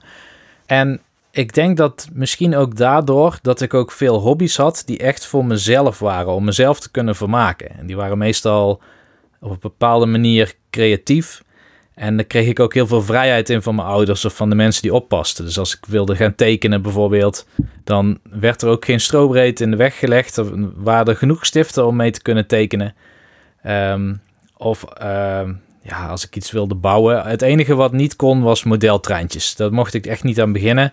Want mijn ouders dachten dat is zo'n hobby van dan kopen we nu voor, wat is het, paar honderd gulden of zo van die treintjes met rails. En die zet hij één keer op en dan, eh, dan, dan breekt hij hem weer af of zo. En dan speelt hij nooit meer mee.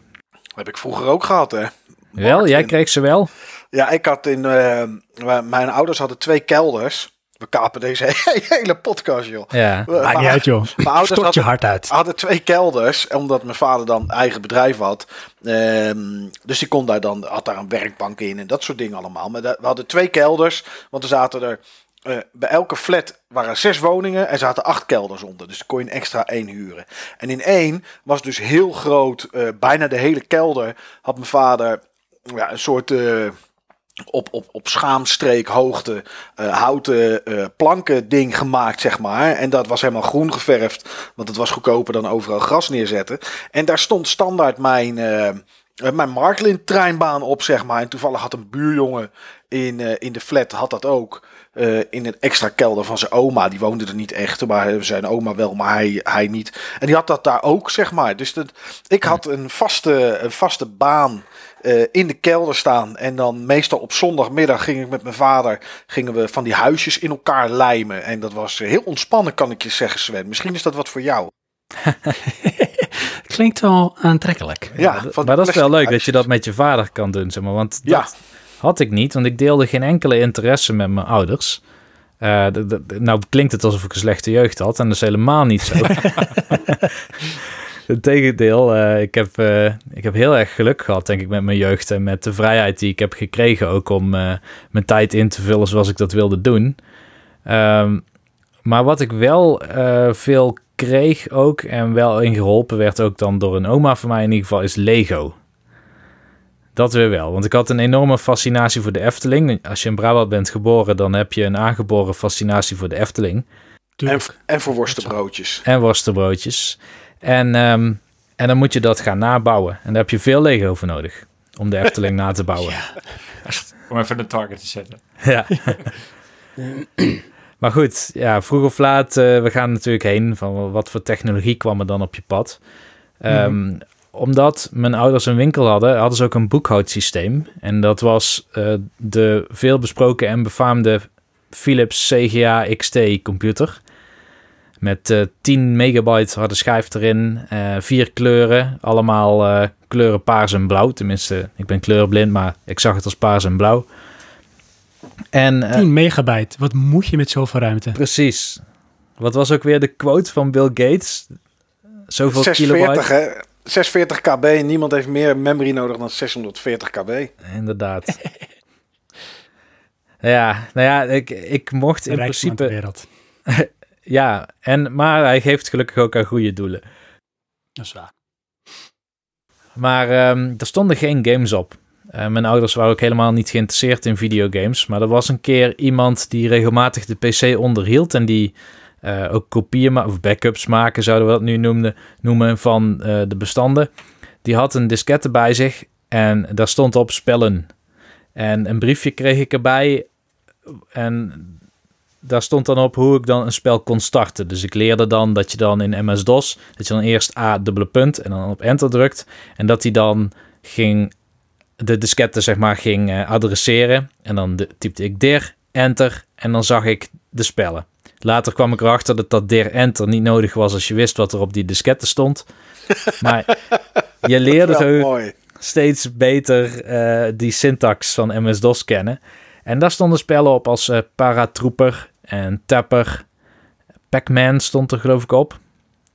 En, en Eén Alley disc Cat. ook, hè? Ja, er stonden acht spellen op of zo. Dat is toch ongekend.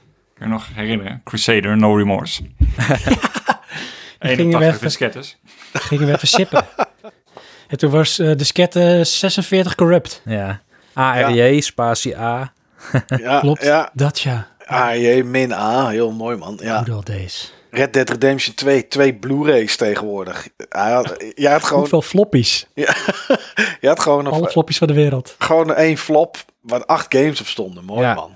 En wat wel interessant was, ik had nog nooit eerder van videogames gehoord of gezien. Ik kende ook niemand in mijn familie of in vriendenkringen. Ja, ik was zo klein, dan heb je eigenlijk nog niet echt een vriendenkring. Misschien eh, de andere peuters in de peuterspeelzaal. Maar niemand die ik kende, die had iets met computergames. Ik had ze ook nog nooit op televisie gezien of waar dan ook. Dus voor mij was dat echt een compleet nieuwe ervaring. En die ervaring heb ik heel lang via die ene diskette moeten herbeleven. Omdat ik ook niet wist dat er een wereld buiten die games was die ik had. Die diskette is niet op een gegeven moment stuk gegaan. Eh, ik heb geen idee of dat die nog zou werken, maar ik heb hem niet meer, helaas. Maar al die tijd dat je hem gebruikte, deed hij het. Die, ja, die bleef het doen. Het was wel een keer toen een oom van me langskwam, was het een impuls om te leren programmeren. Dus hij had eh, Basic opgestart, QBasic. En eh, hij liet daar zien hoe je met een paar regels code die leek op MS-DOS, ehm, hoe je dan een paar lijnen trok met verschillende kleurtjes. En dat is voor mij wel een impuls geweest om te leren programmeren. Dus op, eigenlijk op hele jonge leeftijd eh, verdiepte ik me wel. Ik, ik haalde boeken bij de bibliotheek in, ehm, in Basic als programmeertaal. Want ik dacht, dit zijn een paar lijnen, maar een paar lijnen meer. En je hebt een dubbeldekker vliegtuig. Een paar lijnen meer en we hebben de Efteling. Ja. Dat is die endgame. Zo optimistisch als Johan, zo was ik dus ook. Maar dat is dus een beetje, in een nutshell, eh, jouw, jouw opvoeding. Ja. Maar die, ehm, die opstarten, hè, of, of dat leren van die game op te starten, Mhm. dat heeft een bepaald gevoel, neem ik aan, als herinnering. Ja. Is dat uniek? En hoe, bedoel je dat? Hè? Voor jou als persoon? Nou, Of- in of de zin, gevoel nee, gewoon, ja, dus sowieso voor jou als persoon.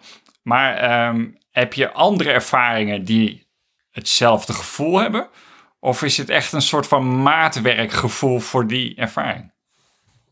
Ik heb niet andere dingen die dat gevoel hebben, denk ik. Wat ik, als ik goed terugdenk aan die tijd, en het is de eerste keer dat ik denk aan het laden van games in lange, lange tijd. Maar ehm, vooral als je zo'n disket hebt met zoveel verschillende spelletjes, je typt een commando in en je moet gewoon een tijd lang naar een zwart scherm staren voordat je überhaupt weet wat je hebt gestart. En dat is echt dat een unieke. nog? Ja, nou ja, ken ik dat nog? Ehm, tegenwoordig niet meer, omdat ik gericht spellen koop. En ik weet precies wat ik in mijn console stop. Ja. Of wat ik uit mijn Steamlist eh opstart. Maar toen was het dus nog, je typt een titel in, je hebt geen idee wat je daarna krijgt. Maar na een tijdje wachten, dan verschijnt er een compleet nieuwe game op je scherm.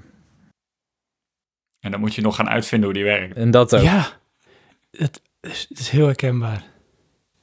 Ja, dit herken ik ook wel hoor. En ik, ik zat er van de week zat ik er aan terug te denken. Ik had thuis met mijn eh, vriendin, vrouw, had ik, een, eh, had ik een soort discussie over ons gebruik van de telefoon. Van je mobiele telefoon. Dus niet dat huisding met een draaischijf, maar gewoon je mobiel. Je, je, je tweede hart kun je tegenwoordig bijna zeggen. En Ja. ehm, nou ja, goed, weten, daar, gaan we, hebben we het nu niet over. Maar dat ding zit natuurlijk sowieso bij- bijna bij 90% van de mensen aan hun hand vastgeplakt. En eh, elk moment dat je maar even niks doet, dan heb je natuurlijk, eh, dan pak je dat ding. En ik, ik, ik, ergerde aan me, me- ik ergerde me aan mezelf, zo moet ik het zeggen. Ja, ik ergerde me aan mezelf dat als een eh, als ik op de bank zit en ik ga gamen en ik start een game op, dan gaat dat even laden. Dat in die periode pak ik al mijn telefoon. En toen dacht ik terug aan mijn Commodore 64 tijd, waarin ik gekopieerde bandjes met spelletjes kreeg. Daarvoor tikt dat ook dit van Niels aan. Dan, ja, deed je load, tikte je in op je Commodore 64, je drukte op play. En op het moment dat hij het begin van een game pakte, dan werd het beeld blauw. En dan zat je gewoon twee, drie minuten zat je te kijken naar het beeld. En dan zag je soms wel een naampje staan met wat hij gevonden had. Maar dat zei heel vaak, zei dat inderdaad niks. En, en dan was het klaar. En je wachtte ook gewoon. Je bleef gewoon naar het scherm kijken. Ja, je kon moeilijk op WhatsApp kijken, Facebook of Instagram. Want dat was er natuurlijk allemaal niet. En dat was toch wel ontspannen. Maar daarna tikte je in run. Ja, dan, dan zag je allerlei kleurtjes over je scherm vliegen. Want dan werd het gedecrunched. Want het was dan eh, ingepakt, zeg maar, met het inladen. Om het korter te, te laten zijn. Daarna moest het, eh, moest het de- decrunchen. Moest het zeg maar soort van uitpakken. En dan kreeg je een intro. En dan drukte hij weer verder. En op een gegeven moment zag je dan wat het was. En dan was je soms 10 minuten verder om erachter te komen. Dat het zo'n verschrikkelijke flight simulator was waar je niks aan vond. Ja. En Heerlijk. dan zet Vond je dat dan erg, hè? Of was dat gewoon part of the game? Nou ja, je schreef in die tijd schreef je natuurlijk de nummertjes op van je cassettedek. Je spoelde het bandje terug, je drukte op reset, dat er vier nulletjes stonden. Ja, je schreef dan op wat voor spelletje het was. En dan, dan onthield je wel van, oké, dit vind ik niks aan. En ja, goed, dan ging je door naar het volgende spelletje. En dan, ehm, en ja, dus vond je dat erg? Nee, ik vond het niet erg als ik tien minuten of een kwartier vergooid had met iets, ehm, iets op te starten dat ik eigenlijk helemaal niet leuk vond. Want ja, dan kon de game die daarna op het bandje stond eigenlijk alleen maar beter zijn. Maar dat was je echt wel. Wacht op de beloning. Ja, Maar dat gevoel, dat kan ik me ook nog inderdaad zo goed eh, voor de geest halen. En wat jij zegt, Mike, ook van, dat was best wel spannend, want je ging niet ondertussen op je WhatsApp kijken. nee, je bleef naar Maar je ik scherm had- staren. Ik had ook toen wel dat ik bepaalde dingen ging doen. Dus bij ons stond eh, de computer op zolder.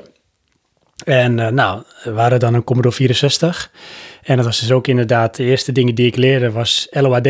En daarna was het run. Ja, Maar zeker met het laden, nou dat duurde wel eens een tijdje.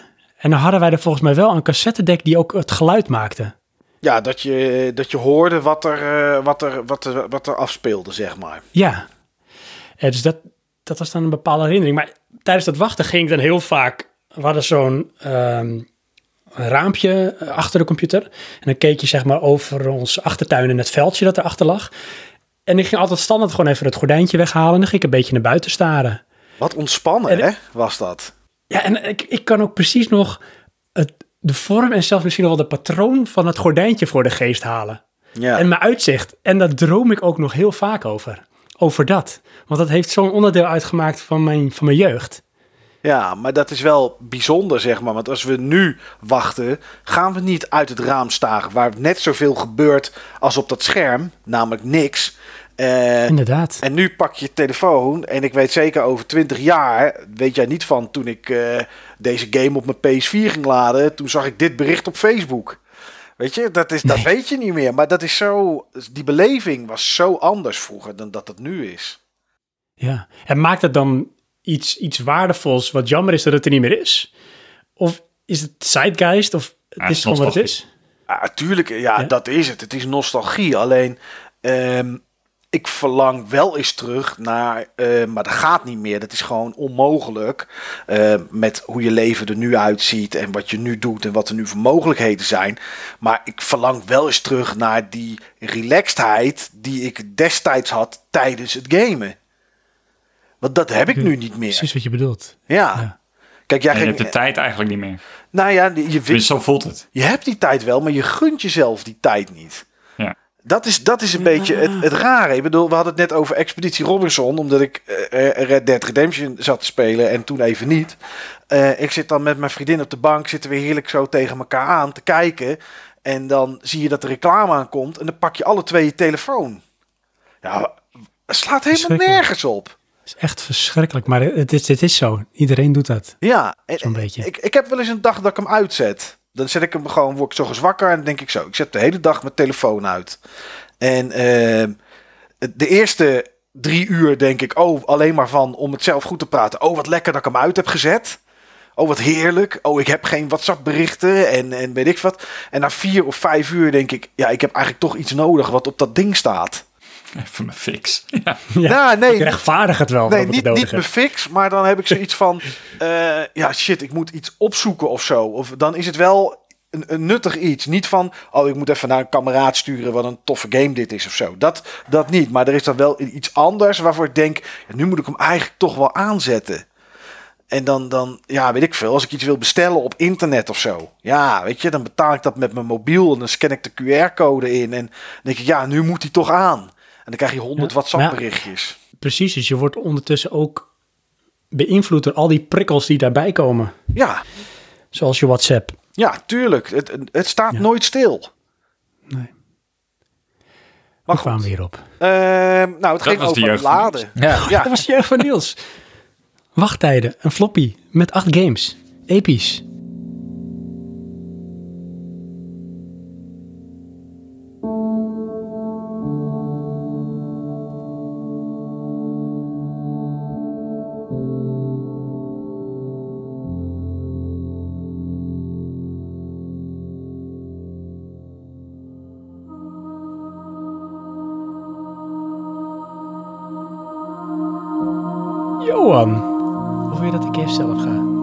Ga wel eens zelf.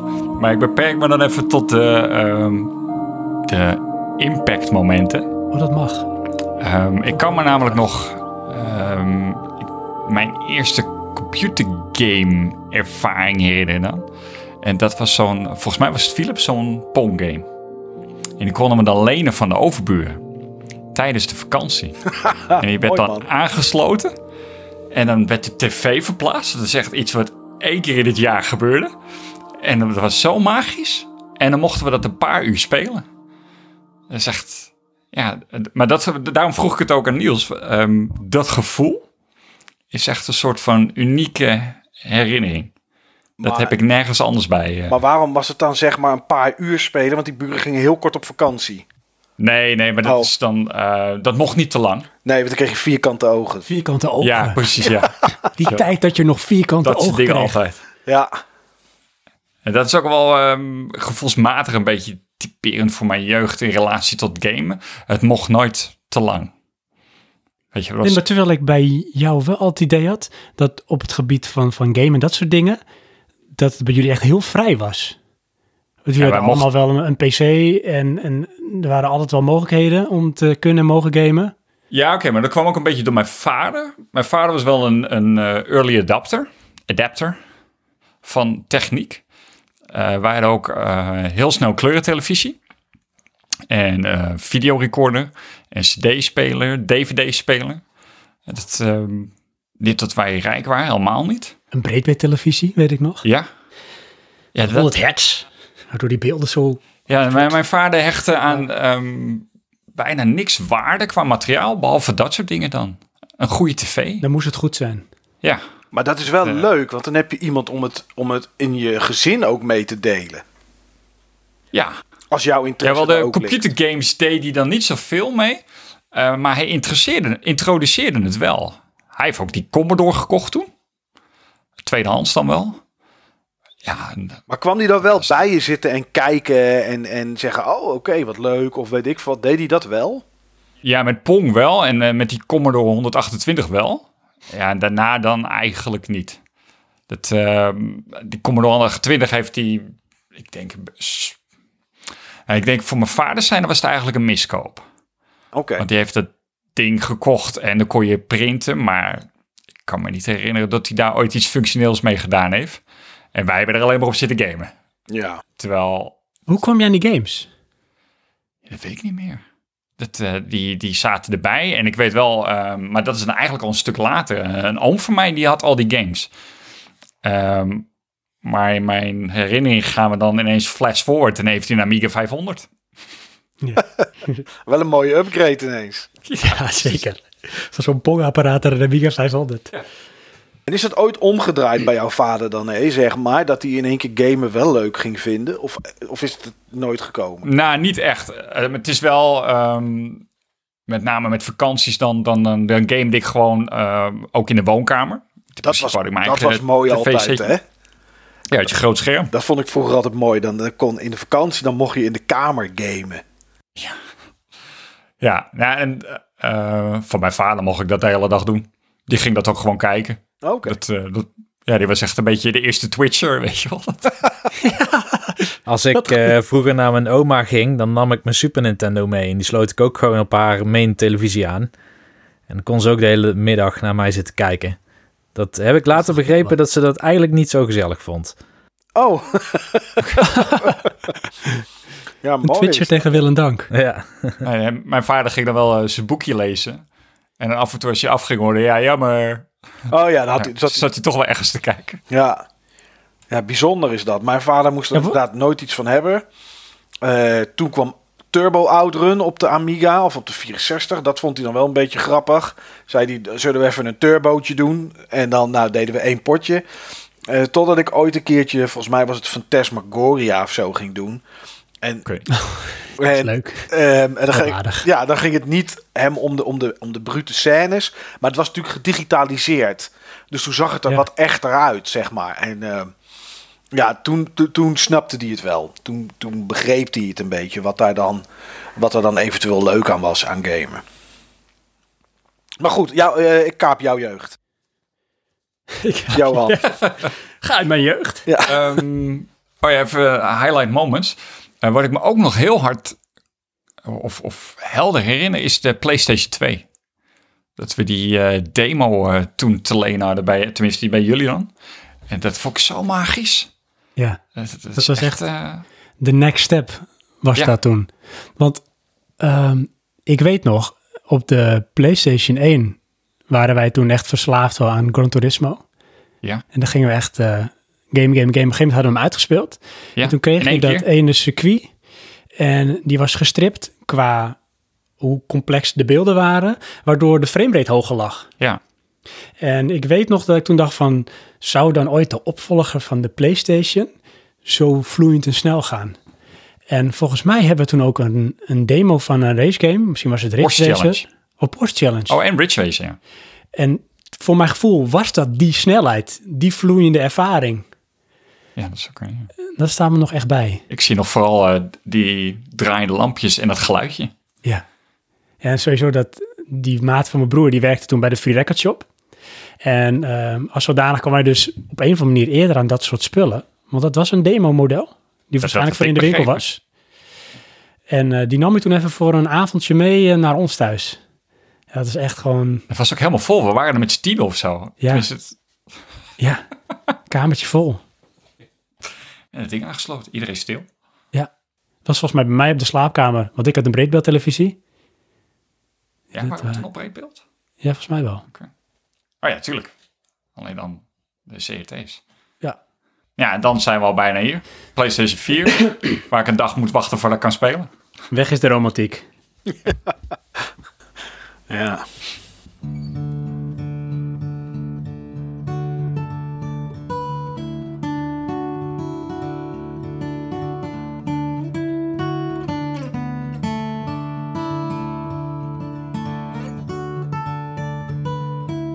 Ik neem een slokje van mijn water. Nou, je bereidt je goed voor, voor jouw eh, invulling. Voor mijn relaas van, even kijken, 30 kantjes. Mijn jeugd. Begon. Zit je ondertussen ook aan koffie, Niels? Eh, ik heb de koffie alweer op. Kijk eens even. Dus het was een slow koffie die je snel hebt opgedronken. Ja, ik moest hem ook heel snel zetten, want vijf minuten is niet zoveel tijd om koffie te zetten. Als je het op jouw methode dan doet. Dat is waar. En slow.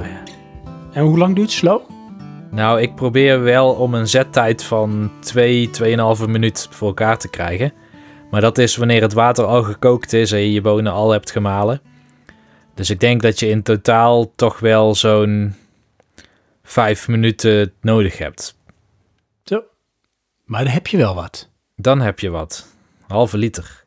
Halve liter van pure unicorn goodness. Juist. Ik zal het ook even voor mijn jeugd hebben. En mijn jeugd was verschrikkelijk leuk. Eigenlijk is het weer een beetje een herhaling van zetten. Want ook mijn jeugd heb ik als zeer prettig ervaren. En eh, nou, Johan die kan het denk ik wel beamen dat bij ons thuis was het eigenlijk wel redelijk vrij. Ik ben wel vrij opgevoed. Was bijna altijd bij jullie thuis. Ja, en ik voel me gevolgd bij jullie. Dat is toch ook raar? Maar op een of andere manier, mijn ouders die waren eigenlijk altijd heel erg van... Nou, doe vooral wat je leuk vindt, zolang het maar een beetje normaal is. En dan kon eigenlijk al het alles wel.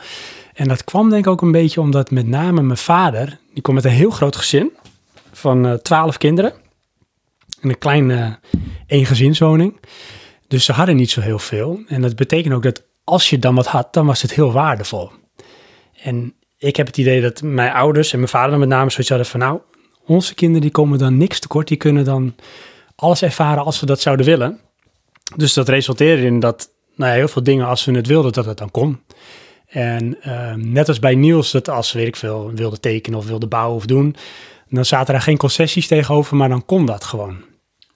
Sorry, want Ja. ik wil toch even ingrijpen, want ik krijg een nieuwe herinnering. Ja. Eh, wij hadden mini-tricks, Minitricks, zijn het ook treintjes? treintjes. Hele kleintjes. Ja, en dan ook weer in de zomervakantie gingen we dat bouwen. Bouwen, moest je die dan ook bouwen? Nou, nee, we hadden platen, die waren al, die had mijn vader dan een keer gemaakt. Maar die moest je dan ook nog aan elkaar bouwen. En dan konden we ook nog wel eens een, een, eigen stukje spoor maken. En dan ja, sloot je dat aan. Dan ging je met treintje. Dus volgens mij heb ik die ook wel eens gezien. Ja, volgens mij hebben we die zooi nog. Dat weet ik wel zeker. Dat gaat je moeder niet weggooien. Maar goed, ehm, het betekent ook dat ik kon experimenteren met van alles. En dan niet met drugs of dingen, maar gewoon nou, van alles proberen en doen. En als kind, en dat heb ik nog wel een beetje, had ik best wel een levendige fantasie. Dus ik kon bij wijze van spreken achter in de tuin met autootjes een hele wereld bedenken. En daar gebeurde van alles. En daar kon ik dan ook helemaal in opgaan. Alleen terugkijkend, wat ik wel eh, merk, is dat ik toen ook heel graag op mezelf was. Dus gewoon het liefst alleen speelde, of hoogstens met één of misschien twee vriendjes, maar meer niet, want dat vond ik dan te druk. Of ik raakte overprikkeld, dus dan liever niet. Dus ik deed eh, graag dingen alleen. En toen, op een gegeven moment, kwam daar de eh, Commodore 64. Want mijn vader, die werkte en nu nog bij Defensie. En eh, toen de tijd was Defensie cutting edge. Tegenwoordig, ik werk nu ook bij Defensie, hebben we een inhaalslag te maken van jaren, want het is alleen maar bezuinigd. Maar eh, met name de jaren 80 waren denk ik wel een beetje de hoogtijdagen. Eh er kon alles. Als er technologie was, had Defensie het al. Dus bijvoorbeeld computers. Mijn vader was volgens mij een van de eerste die met zo'n Commodore 64 thuis kwam. En dat was waarschijnlijk een of andere PC privéproject of whatever. Maar hij kwam in één keer met dat ding thuis. Maar eh, mijn vader die vond dat allemaal wel reet interessant. Ook weer waarschijnlijk van, vroeger had hij dat allemaal niet. En eh, hij vond het leuk, maar vooral leuk van voor ons. Dus dan kwam hij met zoiets thuis. Nou, toen met Commodore 64. En ehm, zijn broer werkte ook eh, bij Defensie. Die was nog meer thuis in de software en eh, ook de spelletjes. Dus hij had allemaal diskettes mee. En hij leerde mij toen, en hoe oud zou ik zijn geweest? Vijf of zes jaar. LOAD en RUN. En er ging echt een magische wereld voor me open. En ik zie mijzelf, als ik er nu aan denk, ook eh, aan dat keukentafeltje zitten. Was een, een eh, kleine tafel in de keuken. En daar stond die computer dan op. En dan weet ik nog, dan werd ik 's morgens wakker. Ik kon toen al niet uitslapen, nu nog steeds niet. Dus waarschijnlijk om een uur of zeven naar beneden gedribbeld. Waarschijnlijk nog even mijn vader gevraagd van, mag ik op de computer? En dat mocht, uiteraard. Ding aan, eh, LOAD. Nou, en dan bijvoorbeeld Bruce Lee spelen. Of eh, iets van Roland Red Race. Magisch. Er was zelfs een game, dan kon je alleen maar bepaalde objectjes ergens in het scherm slepen en dat ging dan bewegen.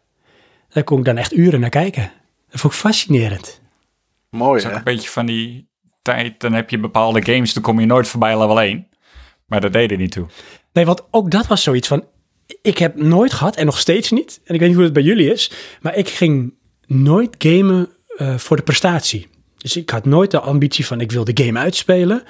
Ik denk zelfs dat ik op de Commodore 64 nog nooit een game heb uitgespeeld. Maar het ging mij puur om de immersie, het gevoel en noem even de ontspanning van het gamen. Nou, ik wilde wel, ik wilde wel verder komen. En dat is, dat is wel eh, jaren, jaren later wel een soort van trauma geworden. Dat eh, als ik kijk naar de Commodore 64 met een game als Who Dares Wins. Ik weet niet of je die game iets zegt, maar dit, of de luisteraars met hetzelfde als Commando eigenlijk. Je loopt van beneden naar boven door het scherm. Dat gaat dan scrollen. En je moet allerlei legermannetjes moet je kapot eh, schieten. Een soort Rambo-achtig iets. En dan kom je daar echt jaren, jaren later achter door een, door een video op YouTube. Dat er eigenlijk maar drie levels waren. Maar ik heb, ik heb die game nooit uitgespeeld vroeger.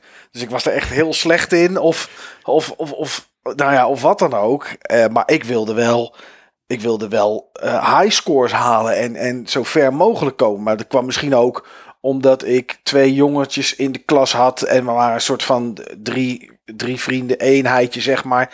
Die allemaal een Commodore 64 hadden.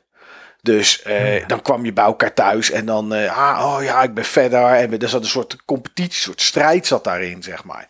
Oh, wat grappig. Nee, dat had ik echt totaal niet. En dat was bij ons waarschijnlijk omdat ik een van de eerste was met zo'n computer. Ja, Maar ik weet nog, mijn broer en ik gingen dan samen Bruce Lee spelen. het game, man, broers. Tegelijk spelen.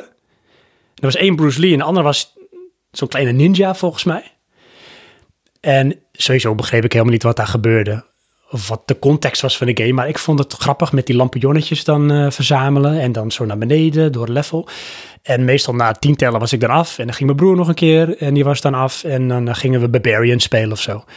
Koppen eraf hakken. Koppen eraf hakken, ja. Episch. Ik denk niet dat mijn ouders dat wisten. Maar volgens mij was die game ook niet langer dan 20 minuten spelen of zo. Nee, maar dat was heel veel uit die tijd. Als je nu naar Let's Plays kijkt, en het zijn dan geen mensen die extreem goed zijn, maar die gewoon de game doorspelen.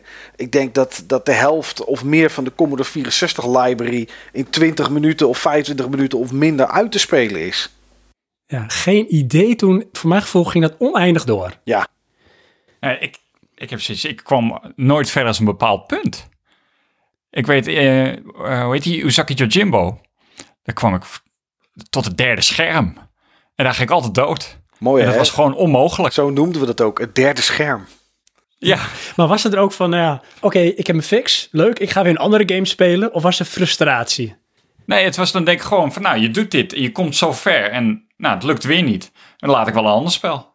Ja. Maar ook niet van, ik moet anders gaan spelen of zo. Dat, dat, dat eh, kwartje viel niet, denk ik dan. Grappig, wat waarschijnlijk ook... En bij mij was het van... Er waren niet zoveel mensen om me heen later dan mijn buurjongen Anton, die dan gamede. Dat ik, ik begreep dan misschien ook niet zo goed de context van, van levels en high scoren en, en verder kunnen om uit te spelen. Ik had niet eens een idee dat je dus games kon uitspelen. Nee. Het was gewoon het spelen. Ik heb wel één keer, ehm, dat was wel, kom maar, ja, intern karate 2. Dan kreeg je na een bepaald gevecht, kreeg je die stuiterende bal. Ja, ja, ja. Ja, ja. Die heb ik dus een keer klink, gehaald. klink, klink, klink. IK, IK Plus was dat. Toch? Of was het International Karate 2? Ja, Die was dan op de 128? op de 128. Ja, daar was ook I- IK Plus, weet ik. eh, en dan, dat was met die drie veentjes in het scherm. En, dan- Oh, ja, ja, ook ja, een dat- kleur toch? ja, ja, ja. Kleur. Ja, de een was rood, de ander wit en de derde was blauw geloof ik of zo. En dan moest je ze Ja. kapot. Ja. En dan kreeg je op een gegeven moment die ballen die je er zo met een schild moest je die dan tegenhouden. Zo beneden, boven. Ja. Ja, ja, Ja, mooi man. En dan met die, Klink. die heb ik dus een keer gehaald, dat er geen ballen meer Arcade kwamen. joystick. En ik echt vet hoge score. En dan was echt zoiets van, oh. Ja, daarna ging ik gelijk dood. Ja, dat is toch fantastisch? Ik denk dat ik meer zoiets had als Sven, want ik zette een spel meestal nog uit voordat ik überhaupt dood was of zou kunnen gaan. Bijvoorbeeld de eerste Mario die ik, die ik speelde de- op de NES.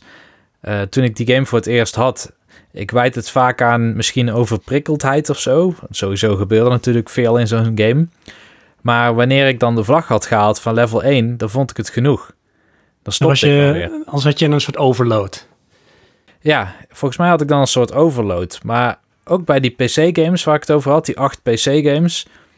ehm, zoiets als Paratrooper, dat is een spel waar je wel bij afgaat. Want je bent zo'n kanon en je schiet eh, vliegtuigjes en bommenwerpers en zo uit de lucht. En volgens mij eh, had ik al escape ingedrukt voordat ik af was. Gewoon puur omdat ik dacht, dit is genoeg.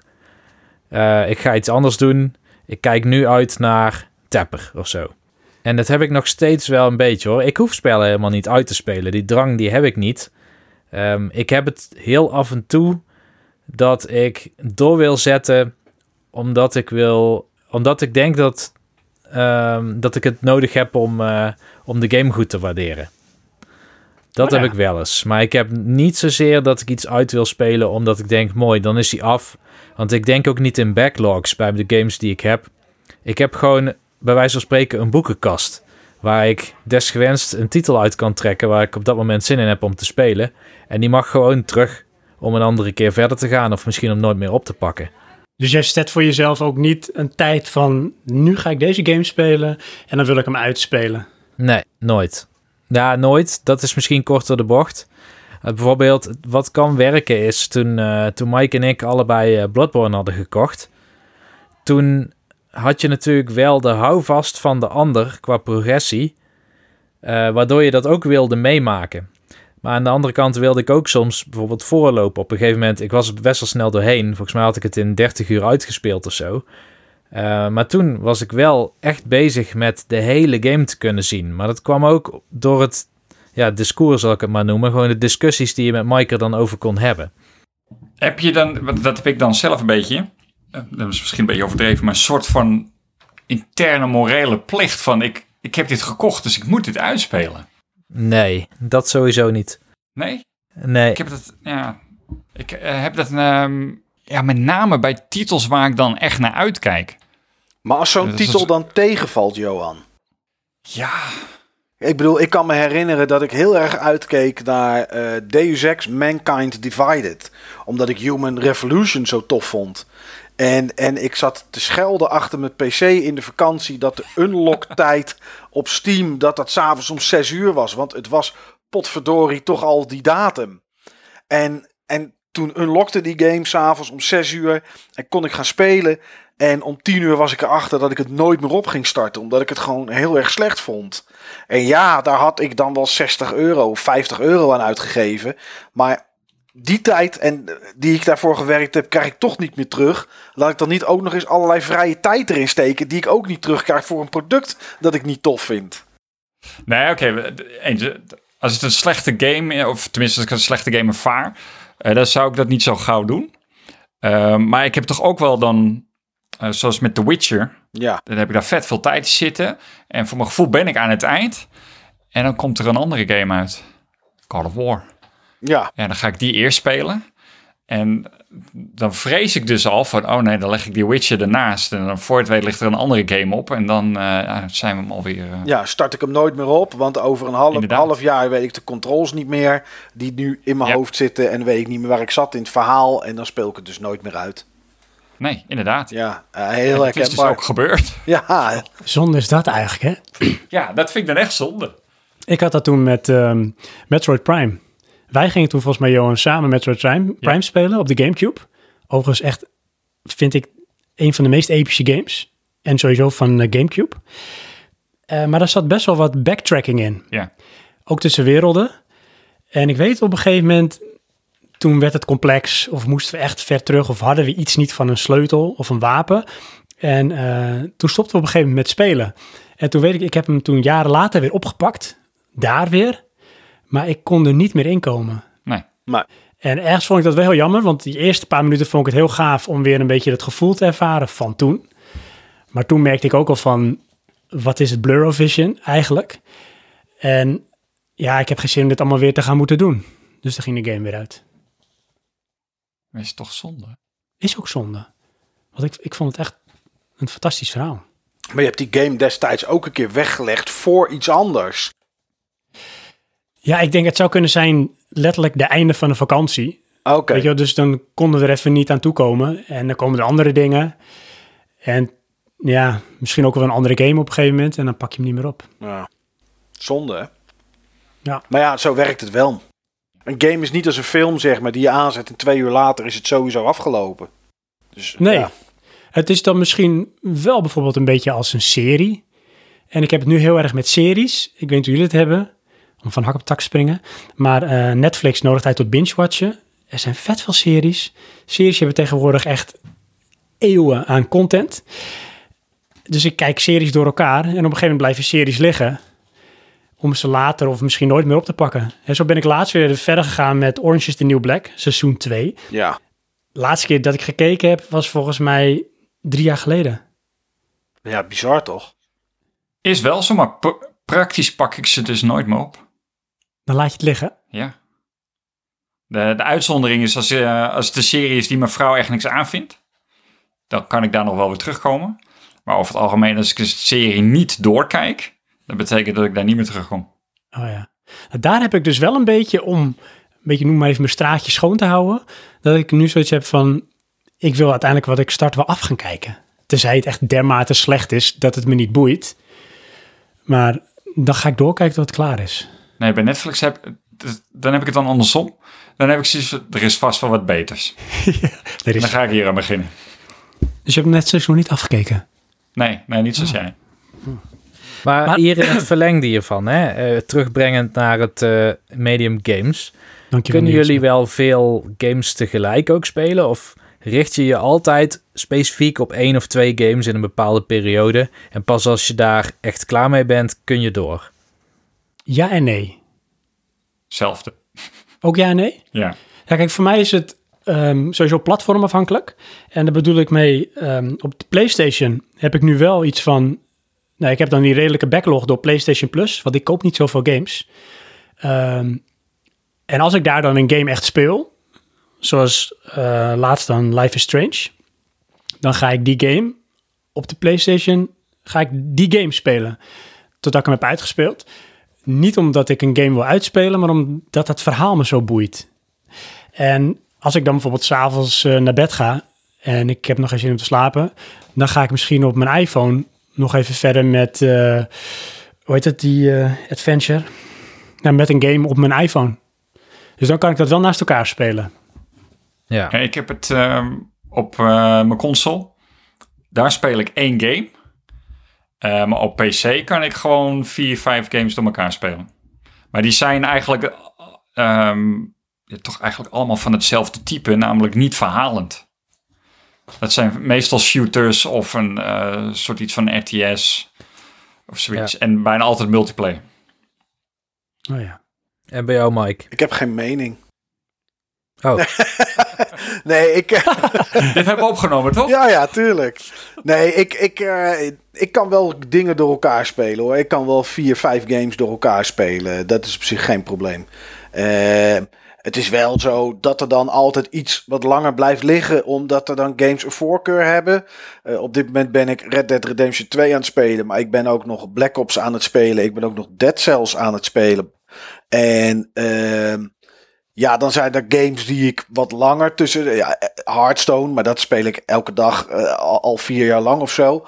Ehm, dus dat telt niet echt, echt meer mee. Maar ik, dat doe ik wel. Ik speel wel van alles door elkaar. En dan heeft Red Dead Redemption een verhaal. Black Ops niet. Dead Cells ook niet. Hearthstone ook niet. Maar ik zou er nog wel een andere game tussendoor kunnen spelen met ook een verhaal. Dat maakt mij niet zo heel veel, eh, niet zo heel veel uit eigenlijk. En is Nee. dat dan ook voor jou at random, wanneer je denkt van, eh, nou, nu ga ik deze game spelen? Of zit daar wel een bepaald patroon in? Ehm, ja, patroon wil ik niet zeggen, maar daar is wel een reden waarom ik die game speel op dat moment, ja. Nou ja. Dat is er ja, dat is bij mij ook voor wel. reden? Nou, die reden die komt straks wel bij eh, vraag 11. Oké. Maar Bij jou is het ook Niels? Ja, bij mij eh, zit die reden misschien al iets dichter bij vraag 3 of zo. Ja, want dat, zullen we daar even een beetje naartoe stappen? ja. Want eh, we hebben allemaal nu een beetje een soort... het gaat echt gebeuren. We hebben allemaal een beetje nu de, de, de, de origin, hè, om zo maar even te noemen. Eh, de eerste introductie tot, tot gamen, tot games. Als we een paar stapjes verder zetten, dan spring ik even bijvoorbeeld naar ehm, de NES-SNES-periode. Zijn we allemaal wat ouder? Zijn we ons misschien wat meer bewust van het concept gamen? Ga je er ook misschien op een andere manier mee om? Dat weer doortrekkend. Is de reden eh, dat je gamet door de tijd heen veranderd? En jij had er al een beetje naar gehind, Mike. Dus dan, dan gaan we daar zo direct naartoe. ja, Dan stel ik me bijvoorbeeld eerst even aan Johan. Is de reden als je kijkt hoe je bijvoorbeeld ooit echt als klein jongetje begon, later opgroeiend naar de NES, SNES, eh, Nintendo 64, is de reden dat je gamede door die tijd heen, is die geëvalueerd, is die veranderd? Of is de reden altijd precies hetzelfde geweest? De reden denk ik niet. Alleen de intensiteit ervan. In de zin van, ik het, het leukste aan gamen vind ik als ik, me, als ik er helemaal ingezogen word en me erin waan. Op een bepaalde manier. En dat is dan wel heel erg gameafhankelijk. En vroeger was dat veel intenser. In de zin van, als ik vroeger een game speelde, maakt niet eens uit zoveel welke, dat is, dan, dan was dat hetgene wat ik zag. Terwijl als ik nu een game speel, ben ik wel degelijk bewust van mijn omgeving. Dus als de mensen lopen of wat dan ook, dan... Dat, Ja. eh, dat is dan eigenlijk oppervlakkiger. Dus jij, jij gaat er minder in op. Ja, ja het is ook echt manier. uitzonderlijker om er helemaal in op te gaan. En herkennen jullie dat ook? Eh, nou, de reden bij mij is wel veranderd door de jaren heen. Maar niet dat ik er minder in opga of meer in opga. Eh, de, de reden bij mij dat het veranderd is, is dat in het begin was het nieuw. En dat is het niet meer. In het begin was het spannend en was het ontdekken. En wat, wat was er allemaal mogelijk? En wat voor soort games zijn er eigenlijk allemaal? De eerste keer dat ik van ehm, Maniac Mansion wat al heel bizar was, dat je poppetjes kon besturen en commandootjes kon geven door woorden die eronder stonden, overstapte naar bijvoorbeeld eh, Impossible Mission op de Commodore 64, waarbij je moest springen en moest puzzelstukjes moest verzamelen en wat dan ook. Eh, eh, en waar ik voor het eerst een stem uit de computer hoorde komen. Ja. Wat, die, die eerste woorden, hè, je hoorde iets van...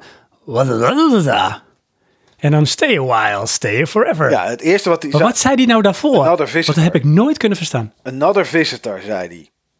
Oh, dat heb ik Another no- visitor. Ja. Ik hoorde echt iets fonetisch. En... Ja, eh, wat- wat hij zei. Ja, een soort, eh, soort Yakuza-achtige. Ja. Maar En wat ik nog herinnerde was flikflaks.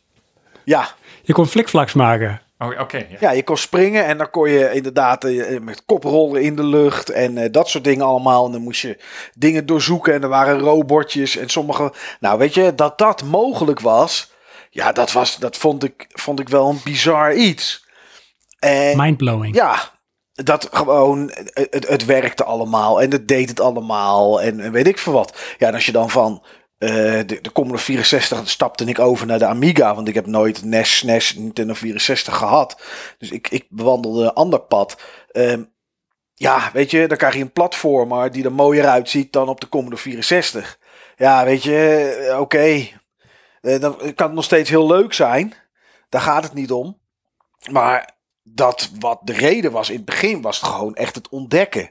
En, en, en ja, weet je, dat, dat, dat is dan later, is dat er vanaf. Dat wordt dan misschien minder. Ja, dat wordt heel erg, heel erg minder. Want ik, ik weet wel dat elke generatie bracht wel iets van dat soort anticipatie met zich mee. En had ik het geluk dat Johan was eigenlijk de early adopter hierin. Jij was meestal degene die heel snel de next-gen console had. En elke console had daar toch wel weer zoiets van het ontdekken in zich. En dat werd misschien minder omdat ik dan zelf opgroeide. Maar als voorbeeld te noemen, eh, ik was toen heel erg onder de indruk van ehm, Mario 64. Die hadden we toen volgens mij eerst gehuurd bij Videoland. Van dat dit kon en dit was zo nieuw en anders. Maar ik had het ook weer met ehm Metal Gear Solid op de PlayStation. Dat jij daar toen mee kwam. Dat ik dacht van, dit is, dit is net een film. Dit, dat dit kan, dit is echt fantastisch. Dit is zo immersive.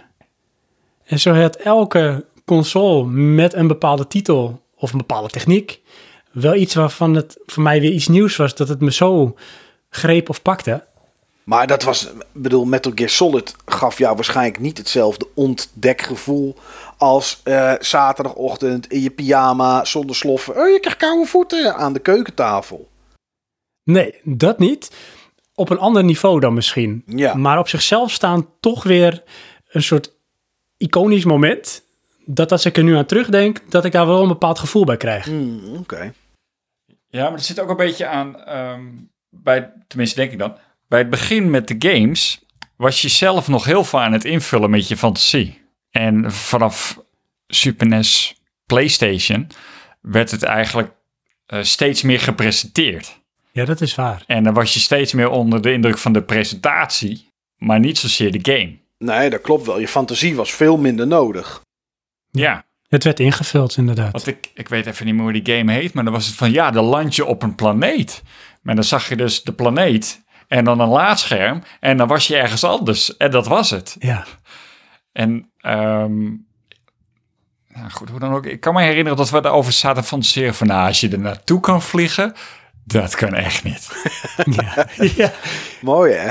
Nou, daar zijn we inmiddels. Ja. Ja. En hoe is dat voor jou, Niels? Als je kijkt naar, naar de reden door de jaren heen dat je gamet.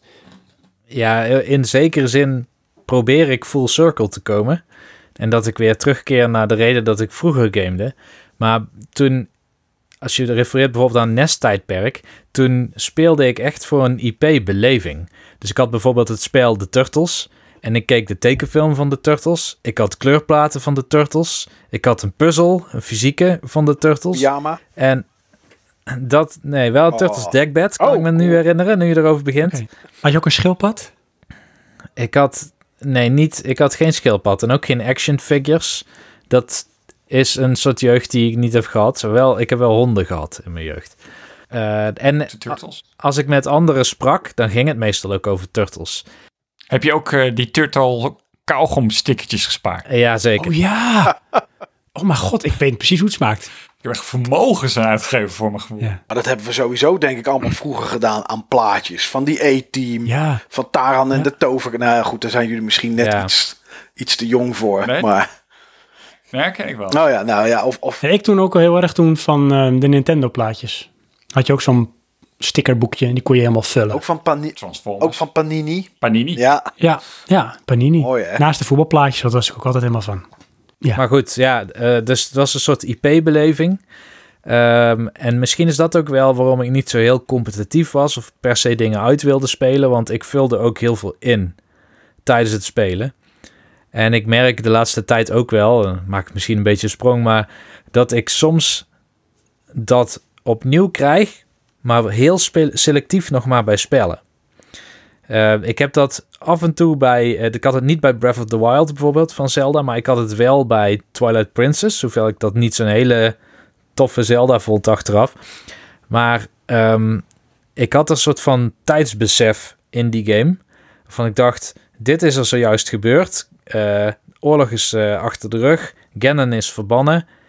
Ik eh, moet naar eh, Hyrule Castle, want er is iemand ontvoerd. En ik had een soort van gevoel voor tijd en plaats dat bewoog los van wat ik aan het doen was in het spel.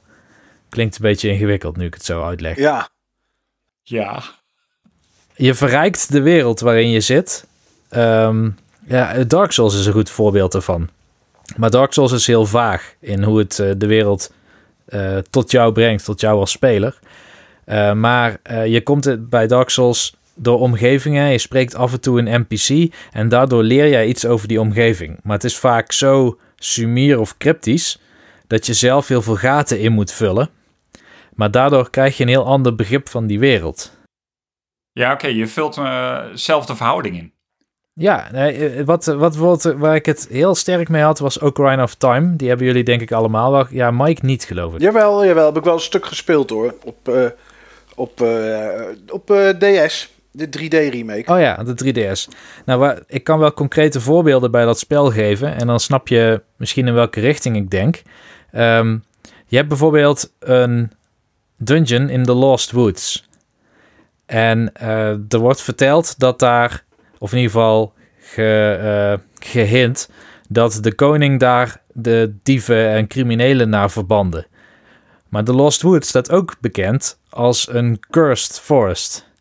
En dan denk ik, wat ben je eigenlijk een gemene koning als je willens en wetens mensen verband naar een dungeon in een cursed forest. Dus dat gaat veel, ehm, veel eh, ja, moet ik het zeggen, eh, spannender worden dan wat het eigenlijk is. Het gaat, Ja, dat- dus je, je vult daarin misschien in, of het wordt meer meta, Ja, maar je verrijkt daardoor wel. precies. nou ja, het gaat dan... Ik, ik snap wel wat je ermee bedoelt. Ja, de hints, zeg maar, of het sumiere gedeelte geeft dan genoeg ruimte om het in jouw fantasie levendiger te maken. Ja. En daardoor word je meer onderdeel van het dat kan. spel. Ja, Het, is, het is knap, denk ik, als je het zelf kan. Want je kan het voor jezelf op die manier verrijken. Maar als, als een game je daartoe aanzet, dan is het wel een goede game. In die zin, want dan ga je nog meer op in die wereld. Ja, zo beleef ik het wel. Maar heb je dat tegenwoordig ook nog? Want Sven zegt het is wel knap als een game dat kan. En ik wil jouw woorden niet onderuit halen, Sven. Maar ik heb het gevoel dat bij Ocarina of Time... eh, dat het meer iets is omdat er te weinig ruimte was... om het verhaal goed te vertellen of visueel te maken. Eh, dat weet ik niet, of dat dat zo was. Kijk, eh, vaak heeft een game veel meer eh, verhaal, zeg maar, dan wat er feitelijk in wordt verteld. Ja. Games worden vaak geschreven op basis van een story bible. En dat kunnen soms hele boeken zijn. En, eh, terwijl in het spel wordt misschien, eh, worden misschien eh, 200 regels gesproken of zo. En dat was het hele verhaal wat je meekreeg. Maar een game als Ocarina of Time heeft een hele mooie consistentie, zeg maar, in hoe die wereld is vormgegeven. En dat staat ook wel toe dat je dit soort eh, meta-invulling kan geven. Oké. En die wereld, die kan denk ik ook niet bestaan zonder dat iemand daar best een aardig idee van heeft gehad. En is het dan ook zo dat, zeg maar, even in het algemeen genomen, de betere games daar ook veel aandacht aan hebben besteed? Om te zorgen dat die wereld echt leeft, dat er invulling aan is gegeven. Dat misschien niet zozeer visueel dan in uiting hoeft of kan worden eh, gebracht. Maar wat wel in de storytelling of, of in de snippets die je her en der kan oppakken, eh, dat invult. Dat vind ik moeilijk te zeggen. Ja, het betere game is sowieso een kwestie van smaak. Maar bepaalde games die heel goed zijn, daar heb ik dat gevoel in ieder geval niet bij. Bijvoorbeeld een Uncharted. Die is zo letterlijk in wat je beleeft, dat er ook weinig aan je verbeelding overgelaten Dus wordt. popcorn vermaak. Je moet het wel opzoeken, denk ik. Beetje als eh, alle boeken lezen in Skyrim. Ja, Echt de lore opslurpen. Ja, nou ja, dat is wel iets. eh, Fallout, al die, eh, of Fallout 3 en 4, al die terminals lezen. Met, die, met de e-mails bij Fallout 4 tussen medewerkers onderling. Die dan berichten naar elkaar gestuurd hebben. Eh, over, in Fallout 4 heb je op een gegeven moment een, een, comic, een comicwinkel. Die is uiteraard leeg.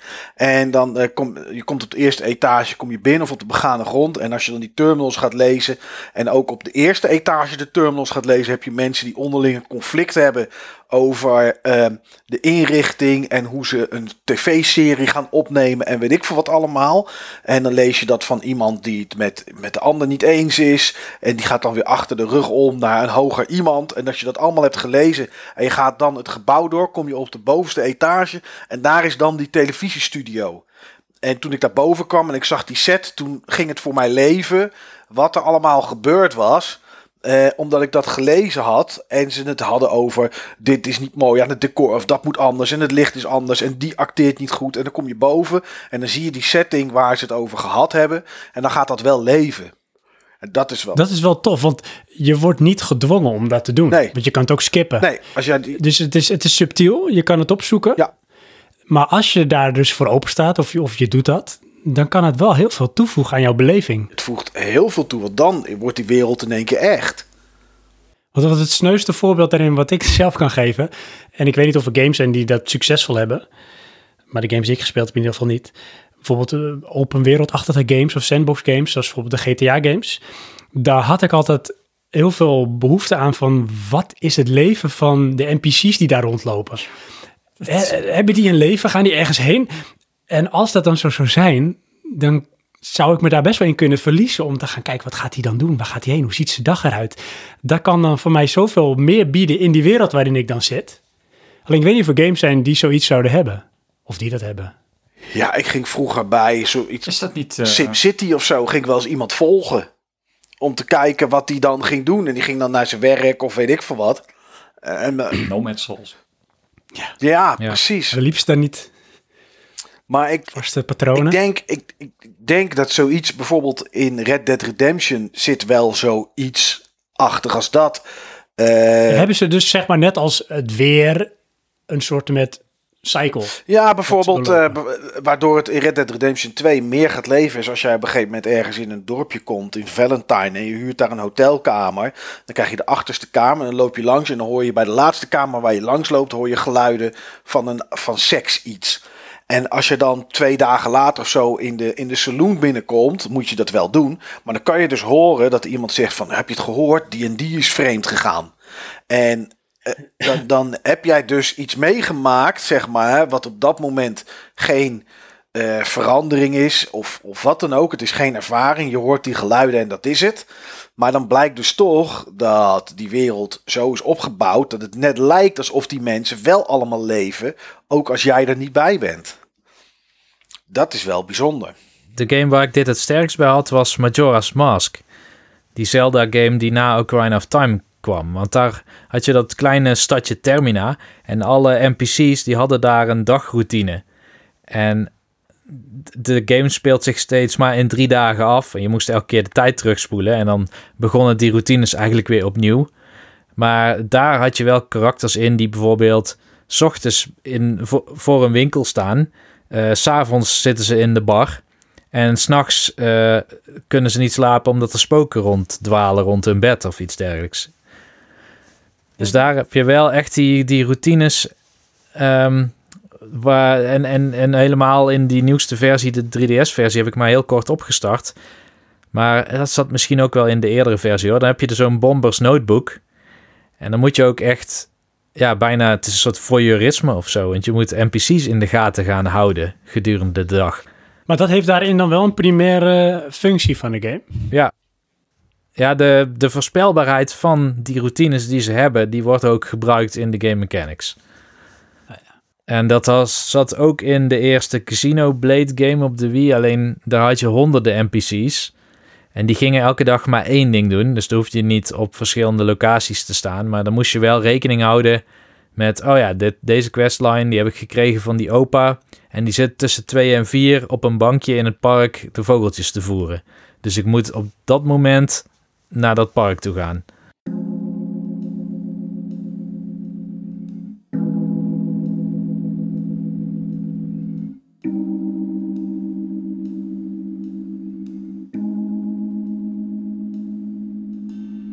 Ik wil even weer een stapje maken, jongens. Oké, Ja, of wil jij iets heel nodig, nodig zeggen, Jan, met de wereld Nee. delen? durf niet meer. Dat mag, hè?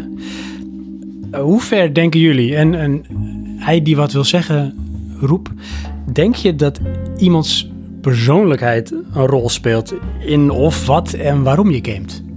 Ja. Ja, Nou, volgende vraag. Leg uit.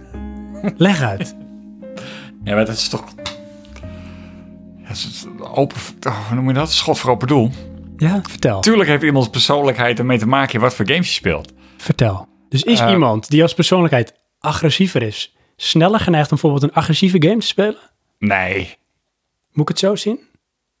Nee, maar ik denk... ehm, Dus laat ik het andersom zeggen. Als je alle gamers in een hokje kan plaatsen qua persoonlijkheid, komt daar onder de lijn dan altijd dezelfde soort games of genres uit? oei. Dat vind ik wel een hele moeilijke. Ja. Er zijn wel studies, hè. En, eh, je hebt het boek 21st Century Game Design.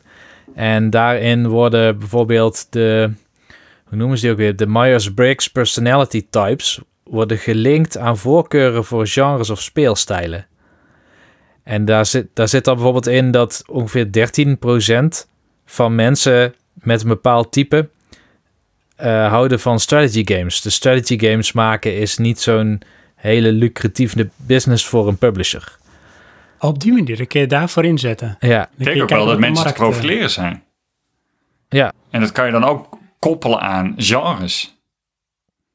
Nou, wat ik heb toevallig pas geleden een eh, kleine discussie gehad met een eh, een collega van mij. En het ging over hoe snel kun je antwoord geven tijdens een brainstorm of een moeilijke vergadering. En ik ben iemand die liever even nadenkt voordat ik een mening of een antwoord geef. Met als risico dat je wordt overschreeuwd door een collega die heel graag of snel in ieder geval mening kan geven.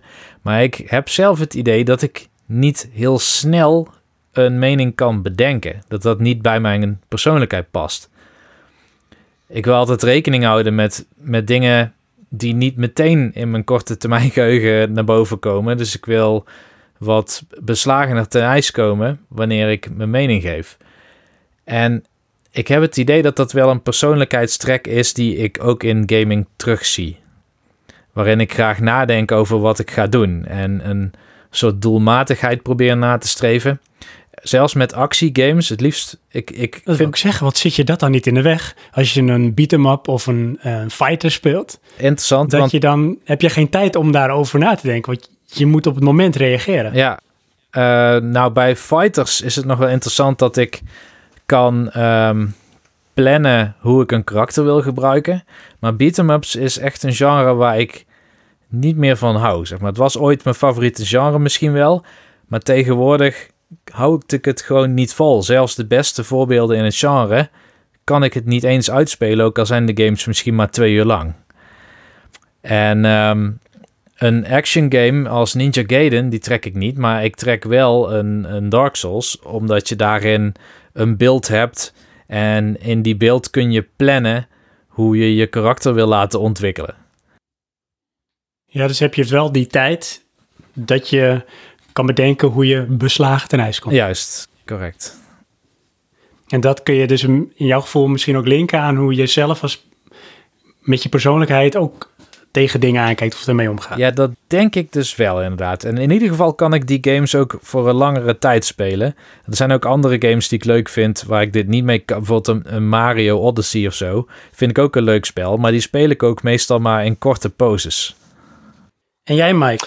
Nee, ik vind dit heel, Geen ik vind mening? dit heel, ik vind dit heel moeilijk. Ik ben ehm, eh, twee goede kameraden van mij gamen en die ken ik qua persoonlijkheden ken ik die vrij goed.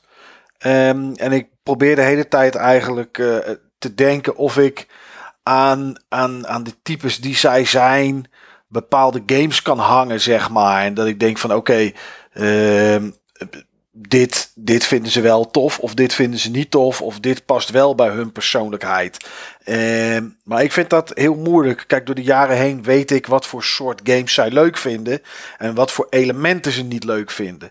En die elementen waarvan ik denk die vinden ze niet leuk, kan ik dan ook wel koppelen aan dingen in het echte leven die ze doen of die ze niet leuk vinden.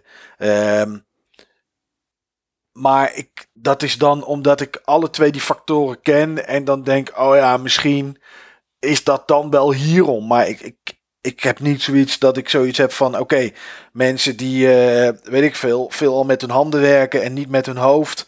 En die eh, op zaterdag graag naar de voetbal gaan. En op zondag altijd een kater uit moeten slapen. Dat zijn mensen die houden van Black Ops. Of van, eh, van Destiny. Het is niet, Of FIFA? ja, of FIFA, zeg maar. Weet je, de wat simpelere eh pak hem op en speelgames. Nee, ik heb niet het idee dat daar echt iets voor te zeggen is of zo. Ik denk niet dat je het aan direct aan titels of misschien zelfs genres, wat ik net eigenlijk wel deed, makkelijk kan koppelen. Maar wel in hoe iemand in het leven staat of waar iemand energie uit haalt. Ja, maar Ja. dan kijk ik naar bijvoorbeeld eh, een kameraad van mij is eh, toevallig timmerman en die heeft ADHD. Ehm, Die timmert echt vet snel. Ja, zeker. Ja, en klaar. En eh, nou, hij is wel echt heel rap. Dat moet ik wel, nu je dat zegt, hij is wel echt heel snel. Die gast kan eh, vandaag een game kopen en zeggen: Dit is de beste game ooit. Morgen is hij er helemaal klaar mee. Overmorgen is hij uitgespeeld, staat hij op marktplaats. Eh, alles moet snel. Ehm, als hij dit in zijn hoofd heeft, dan gaat hij het vandaag kopen. Weet ik wat allemaal. Maar hij kan wel genieten van Red Dead Redemption en rustig aan gameplay en weet ik wat allemaal. Dan denk ik, oké, qua hoe je in het echte leven bent, past dat eigenlijk niet bij wat je dan in die game doet. En dan, dus ik vind dat heel moeilijk om dat te koppelen. Ik kan niet zeggen, eh, ik kan niet zeggen, alle voetbalsupporters, dat zijn Call of Duty spelers. Dat vinden ze allemaal tof. Ik denk toch niet dat het Nee, precies. Maar dat is dan ook interesses met elkaar koppelen. Ja, nou ja, goed. dat is wel of- lastig. Ja, of, of mensen die eh, van nature onrustig zijn, eh, die moeten geen game hebben waarbij, eh, weet ik veel, waarbij je lange gesprekken moet voeren. Dat niet. Oh ja. Nee. Trekkers. Nee, precies. Hey, ik denk wel dat als ik kijk in mijn omgeving, eh collega's van mij, dat is wel een beetje een, noem het maar even een realist. Die staat ook niet open voor bijvoorbeeld science fiction. Dus ook niet voor, bijvoorbeeld voor games die eh, science fiction hebben als element. Of waar iets heel verhalends of fantasierijks gebeurt. Nee, die speelt dan eh, liever gewoon wel FIFA. Weet je, ook qua series of films heeft hij daar helemaal niks mee. Dan is het ook gewoon, ja, hij vindt dan liever een soort romantische film. Vindt hij dan leuk? Oh ja, ja. Of iets wat eh, waar gebeurd die is. romantische films, dat is wel op waarheid berust. Ik heb nog nooit, ik heb nog nooit seks gehad zoals ze dat in zo'n film hebben, man. En daarom, Dit. daarom vinden al onze vrouwen ons ook slappe zakken, omdat die zien films. Is dat het? Waarbij, eh, waarbij ze tegen muren worden gegooid, die vrouwen. En als je dat zelf doet en ze, en ze stoten hun hoofd, dan, eh, dan is het over voor de rest van de avond. Ja, weg is de romantiek. Wederom. Ja. Of er valt een kaars om. Maar dan is het wel zo, eh, dus eh, ik kan het dan wel een beetje koppelen aan persoonlijkheid met misschien bepaalde interesse of, of wat je trekt in games. En misschien wel in sowieso je, je interesse in dingen. Ik denk dat als je genoeg informatie hebt, dan kan je het profileren. Jij dat het de profile is? Ja, ik denk ook wel dat ehm, grote partijen daarmee bezig zijn. Ongetwijfeld. Daarom ook als je kijkt, eh, ze hebben allemaal een login portaltje. Dat is al het begin van je profilering. Een Origin, een Steam of weet ik het wat. Eh, je likes. Ja, je cookies. Ja, dat is zo. Ja, zo kan je iemand toch redelijk eh profilen en misschien ook gaan voorspellen. Ja, er, zal vast wel, er zullen vast wel raakvlakken zijn. Dat, dat bepaalde mensen die, eh, die, die naar bepaalde websites gaan, eerder, ik zal niet zeggen altijd, maar eerder gevoelig zijn voor de nieuwe FIFA. Dat zal vast heus wel kunnen.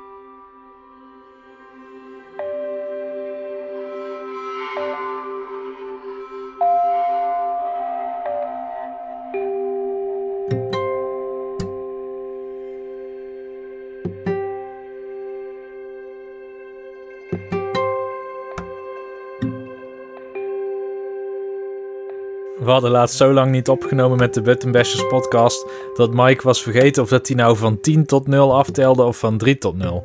Ja, toen ben ik bij vijf begonnen. Ja, Iedereen, wat ben je aan het doen? Compromis. Het voelde ook heel vreemd Geloof ik. om bij vijf te beginnen. Dat is ook raar. Niks begint bij vijf. Vijf hoe vijf is het? ik kan me ook herinneren dat eh, we niet strak aftelden. Of ik weet niet of het jij of Steve dat was. Maar dat op een gegeven moment iemand de, ti- de tip meegaf. Je moet eigenlijk op je knie meetikken. Oh, nee, dat doe ik niet. Ik kijk altijd naar de klok van Windows. Oké, dan is Steve degene die dan... eh, Steve, Steve deed dan 3, 2, 1. Ja, ja, en wat is het dan? Oh ja. Ja, dan zit er geen ritme in. Dan eh, Nee. is het dan. Of een eh, beetje Jesse. En een drie. En een twee, één. Dat Ja, is moeilijk. dat is heel lastig. Ik ga het gewoon niet. Maar wat wel gaat, is de discussie over waarom we gamen. Hoop ik. Of loopt het heel moeilijk? Ik weet niet of dat heel moeilijk wordt. Wat vinden jullie luisteraars? Verwacht je nu antwoord hè, bij dit soort vragen? Ik hoop altijd dat mensen dan toch op een of andere manier iets gaan zeggen. In hun hoofd. Of Je- eh, naar een iPhone toe. Je bent toch niet Victor, eh, weet ik veel wie, van Mindfuck? Je weet het niet, hè? Jawel, ik weet het wel. Dat ben jij niet. Anders had je vanavond namelijk eh, ergens in Amsterdam gestaan voor een zaal vol mensen. Ah, treedt hij we speak op. Ja, volgens mij heeft hij eh gisteren, vandaag, morgen en zondag een live show daar zo.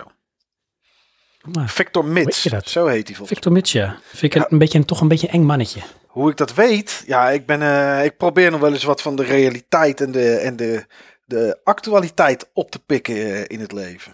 En dan je Mindfuck kijken. Nee, ik ga niet kijken. surrealiteit. Nee, ik kijk het niet. Maar als je Oh. radio aan hebt staan, dan hoor je nog wel eens wat. Nou, dat is waar. Ja. Eh, ik wil weer een, een stapje verder, eh, dieper, een krocht eh, dieper in onze ziel of onze geest. En dat is ehm, eigenlijk de vraag, wat zoeken we in games? Wat zoeken we in games? En dat, dat neigt al een beetje naar van waarom game ik? Maar het is meer een beetje geënt op, ja, waarom ga je ergens voor in een game? Wat zoek je erin? En dan kan ik ook meteen een bepaald onderwerp erbij aanhalen, om het misschien voor sommigen makkelijker te maken. En dat is bijvoorbeeld escapisme. Kennen jullie dat? Ik ken het, de term ken ik. Kun je het uitleggen? Tuurlijk, het is ontsnappen aan de werkelijkheid, zodat je even ehm, niet nadenkt over die rekening die naast je ligt, of niet nadenkt over die slechte dag op het werk, of die collega die een, eh, die een vervelende gast is. En dat je dan Ja, dus, je zo Ja. verdrinkt in een game dat je de werkelijkheid gewoon vergeet. Oké, en dan koppel je het ook aan bijvoorbeeld iets negatiefs. In die zin van, je hebt iets wat je wil onderdrukken of even niet wil, dus daar ontsnap je aan. Ik denk dat dat eh, eigenlijk altijd wel eraan gekoppeld is. Ja, is dat zo? Nou, dat denk ik ik. denk van niet. Ik denk namelijk niet dat als jij het enorm naar je zin hebt in je echte leven. En het allemaal gezellig is en eh, vlinders, kolibries en gevulde koeken. Dat jij wil ontsnappen aan die werkelijkheid om even in een andere wereld te, zi- te zitten. Omdat je de echte wereld wil vergeten. Ja, waarom niet eigenlijk? Nou, dat denk ik. Omdat, omdat kijk, het kan wel zijn dat het gebeurt. Hè, dus dat je, dat je zo opgaat in een game dat je de echte wereld vergeet. Maar ik denk dat bij escapisme dat het zo is dat mensen het juist opzoeken om het te doen. Ja, maar dat, dat hoeft in mijn ogen niet altijd iets te zijn om iets negatiefs of een sleur te vergeten. Het kan ook gewoon zijn als een aanvulling op datgene wat je al hebt. Of iets waar je nog extra naar hunkert. Ja, maar er zit een soort van ehm, zucht naar voldoening of beloning. Bijvoorbeeld. Maar die is dan toch buiten het echte leven. Daarom is het escapisme. Maar dan zou Ja. het zo zijn dat je toch naar iets zoekt dat je in het echte leven mist waar, waar je wel behoefte aan hebt. Precies, dat ondersteunt toch... eh, Ja, een invulling daaraan aan. Want escapisme kan bijvoorbeeld ook zijn dat je extreem veel gaat sporten of eten. Of heel veel seks. Ja, maar dat, is Ook dan, vorm van oké, escapisme. ja. Maar dat zou dan toch ook een reden zijn omdat je dus iets, eh, omdat je toch iets wil onderdrukken. Ik snap wat Mike bedoelt. Kijk, stel je hebt maar vier uur op een dag om iets te doen naar jouw keuze. Ehm, en je bent bijvoorbeeld bij het gaafste optreden waar je ooit bent geweest. Dan zou je ook een game kunnen spelen om te escapen. Dus eigenlijk al die vrije tijdsactiviteiten die concurreren met elkaar. En Mhm. je kiest voor het leukste. Of waar je het meeste voor, voor gevoelsmatig voor terugkrijgt. Ik denk dat dat is waar, waar Mike op doelt. Ja, maar ik, ik, kijk, ik heb, het, eh, ik heb in de Button Bashers podcast wel eens een keer een voorbeeld aangehaald. ehm, van een, een situatie waarin ik zat met iemand die dat, die dat had. En die ging een, een bepaalde online game spelen om ehm, daar zo in ondergedompeld te worden dat ze het echte leven vergat. Omdat ze dat op dat moment niet leuk genoeg vond. Dus misschien is het ook mijn ervaring hoor, dat ik want dit is, dit is echt een, nou ja, dit is het beste voorbeeld dat ik ooit gezien heb van hoe het werkt. Ehm, en waar het dan ook negatief invloed had op het echte leven. Alleen die negatieve invloed op het echte leven werd dan weer weggeescaped door weer die wereld in te duiken. Nou ja, en dan zit je in een, een soort cirkel. Ja, Dat is toch iets anders dan dat ik dacht. Wat, wat gebruiken jullie eh, medium games en gamen als escapisme? ik niet. Ehm, Nooit, vroeg hij. Ja, Ja, oh, vroeg nooit? Nee, nooit. Nooit. Kan ik niet. Nee, ik kan niet, ik kan niet een game gaan spelen om, de, om eh, te ontsnappen aan de werkelijkheid. Kan ik niet. Nou, n- niet zo als doel, maar ik denk dat dat praktisch wel zo is. Nee, oké. Nou, dat bij mij ook niet. Nee. Ik, ga niet een dus game wel. spelen om iets te vergeten. heb ik ook niet. Maar ik eh, vergeet wel iets als ik een game speel. Dat heb ik ook. En dat, dat schaar ik dan ook even onder escapisme. Dus ik, ik onttrek aan de werkelijkheid, omdat ik op een of andere manier bijvoorbeeld zo opga, in dit geval dan de game die ik speel, dat ik werkelijk kan vergeten waar ik ben, want ik zit echt in die game. Ik Ja. snap wel dat ik ik ben en ik heb die controle in mijn handen, maar ik zit op dat moment zo in de game, dat ik misschien zelfs dat wel vergeet dat ik die controle in mijn handen heb. Ik zit in die wereld. Dus ik heb me even op dat moment als het ware ontrokken aan eh, de werkelijkheid. Dus Maar als dat geldt bij mij bijna voor al het en- entertainment. Ook films en zo en dat soort dingen heb ik allemaal. ook, ja. En met muziek heb ik het zelfs. Dat is net als als ik in de bioscoop zit en ik zit in die film, ben ik niet bewust dat ik in een zaal zit met mensen. En dat was ook een van de vragen die ik had, dat effect. Dus jij hebt ook echt, jij, jij als jij Wie, inderdaad, jij? naar jullie, ik kijk nu naar Johan. Ja. Als je dus naar dat scherm kijkt, normaal gesproken dan zie je dat scherm en daar gebeurt iets. Eh, maar soms kan je daar zo in eh, opgaan dat je dus ook het scherm vergeet. Dus je, je zit echt in de, in de film, om het zo maar te noemen. hè. Nee, Dus als je eraan ja. terugdenkt, dan, dan ervaar je de film. Dan ervaar je niet jezelf, die in de boy- bioscoop zit, die naar het scherm kijkt. Nee, dat heb ik niet. Je ervaart de film. Nee, heb ik Dus de, nooit. de omgeving is weg. Nee, Ja, ik heb dat met films meer als met games. Ik heb het met beide. Maar jij hebt dat niet, Mike. Nee, met helemaal niks. Nee. Dus jij, jij, jij kan in die zin ervaar jij, ook als je daar terugkijkt en denkt, bijvoorbeeld een game die je speelt of een film die je ziet in de bioscoop, dat jij daar zit en je ziet het scherm Ja, en daar gebeurt het. Het is niet dat het zeg maar, noem het maar even, à la de Matrix, jij ervaart het. nee. Maar Komt dat dan ook omdat je vaak ehm, analyseert en notities maakt? Nee, want ik heb het ook als ik een game speel waar ik eh, geen notities voor maak, zeg maar. Ik ben, me, ik ben me altijd bewust van de omgeving om me heen. En, Ja, nee, en het is niet. sorry. Ja, nee, het is, het is niet zo dat het, dat het, dat het. Dat ik er zo in op kan gaan dat ik dat dan ook. een- dat ik dat niet heb. Ik, ik, nee, dat is iets dat, dat heb ik niet. Maar ik, ja, ik heb ook ik heb wel iets genoteerd ook, zeg maar, een, een, een soort vraag 12. ehm, die hier misschien wel op, op inspringt. Ehm, maar dat, misschien sluit dat hier ook wel op aan, maar dat weet ik niet. Maar dan moeten jullie dan maar aangeven of je dat ook herkent of niet. Maar ik kan me ook niet inleven of meeleven in een film, een serie of een game met personages die erin zitten. Kan ik niet. Oh, ja, ik. Ik echt heel erg. Wat zeg Dat is je? waarom ik, dat heb ik juist heel erg. Oh, ik dacht, u zei dat vind ik heel erg. Nee, Oh nee dat, nee, dat is misschien wel jammer als je dat niet hebt. nou, Dus nee. mist. Nee, ik, ik, ik heb dat niet. Ik, ik kan dat niet. Ik zie bijvoorbeeld, ja, eh, je hebt die game net al, net al aangestipt een keer. En dat Life is Strange. Precies. Ik vind dat echt een ontiegelijke scheidgame. Ik vind het zo fantastische game. Maar heb je niet in, in films of series dat je echt een hekel aan een bepaald karakter hebt? enige die zo in mijn eh, gedachten zou springen is eh, eh, Joffrey uit Game of Thrones. Ja, Precies. The guy you love to hate. Precies, dan denk ik, wat een pokkerventje. Maar dan op het moment dat ik dat denk, denk ik, maar hij speelt het wel goed. Dus is dat gevoel eigenlijk gelijk geneutraliseerd. En onttrek je het ook aan die eh, fictie. Ja, Dan, dan maar- zie je het als de persoon die de rol speelt. toen die dood ging, had je daar dan niet zoiets bij van... Spoiler. nee, Ging je dood?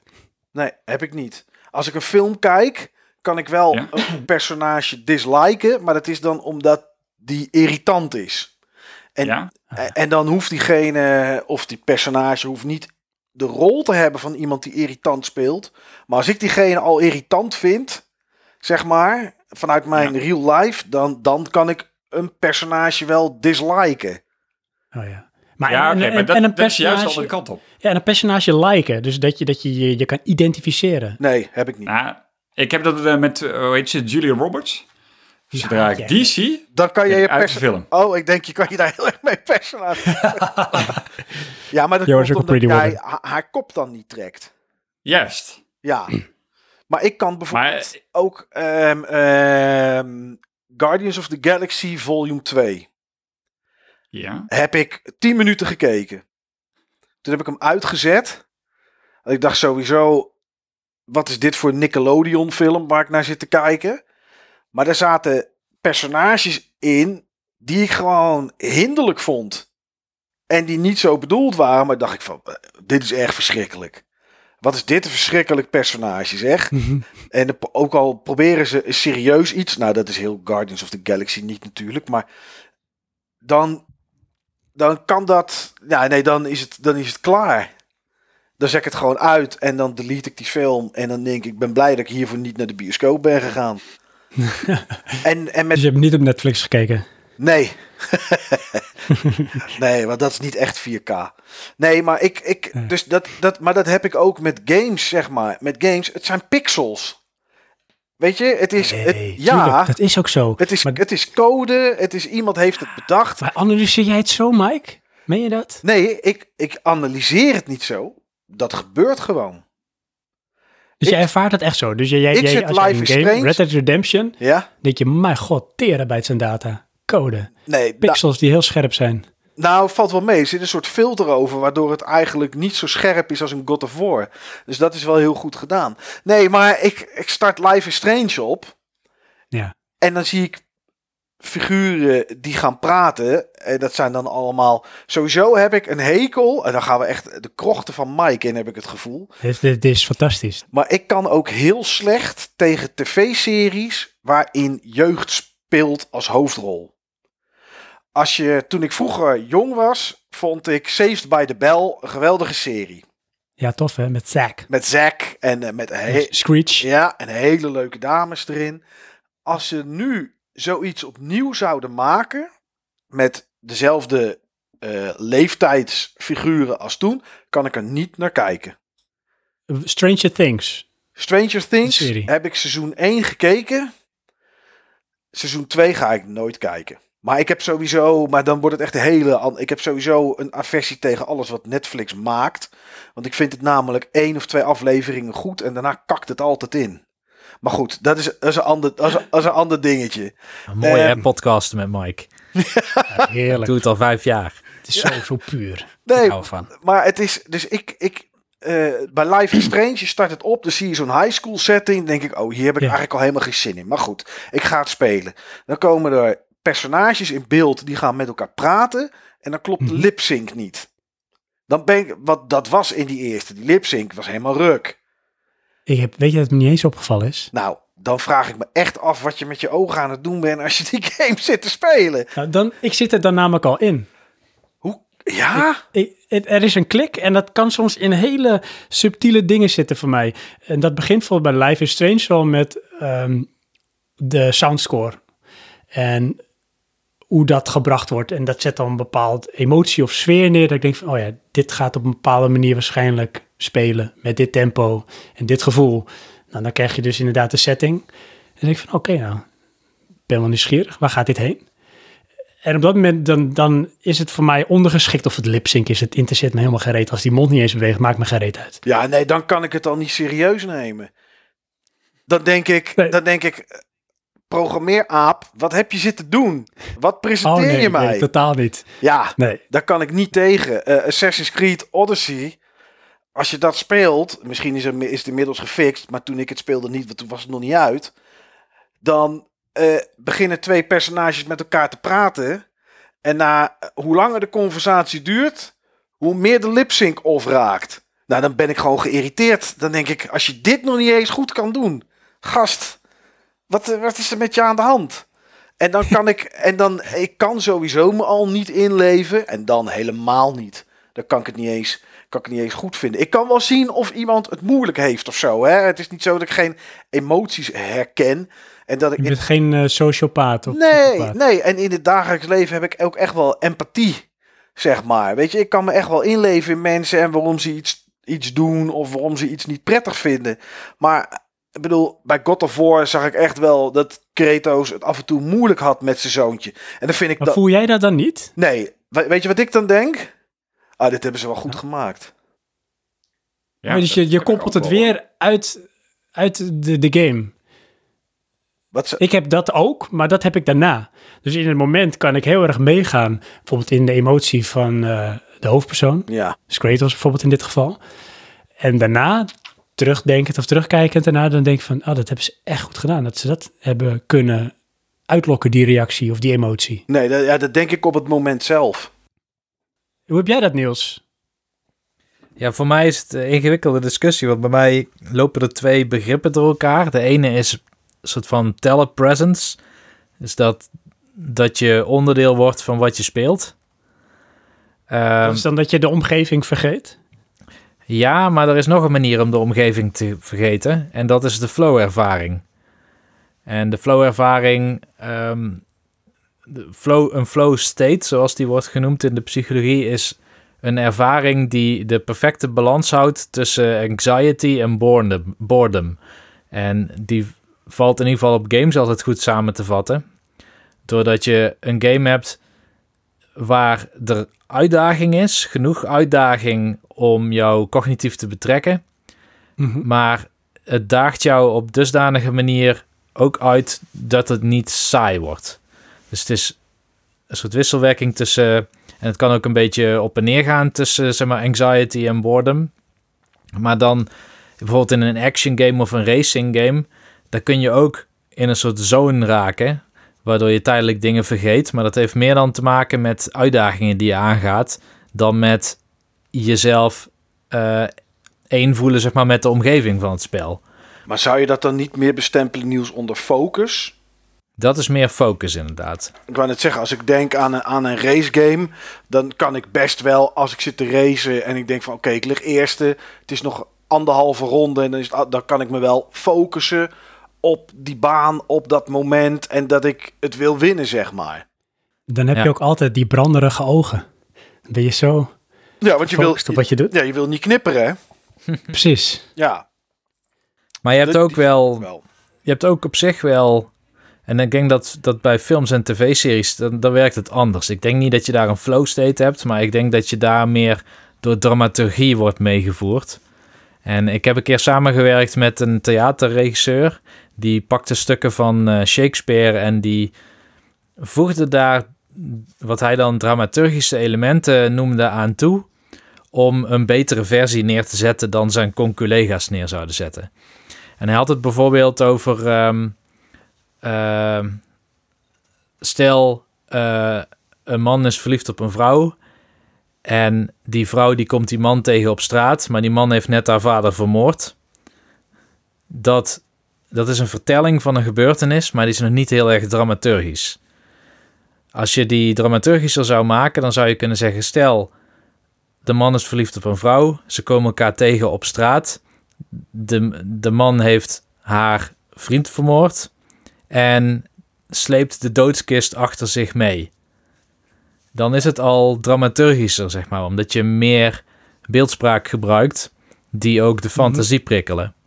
En ik heb wel het idee dat als een game dat heel goed doet, net als een televisieserie of een film, dat het een andere ehm, een andere state is waarin je bent, die niet flow is en ook niet telepresence, maar die je gewoon op een ja, verhaalvertellende manier meevoert.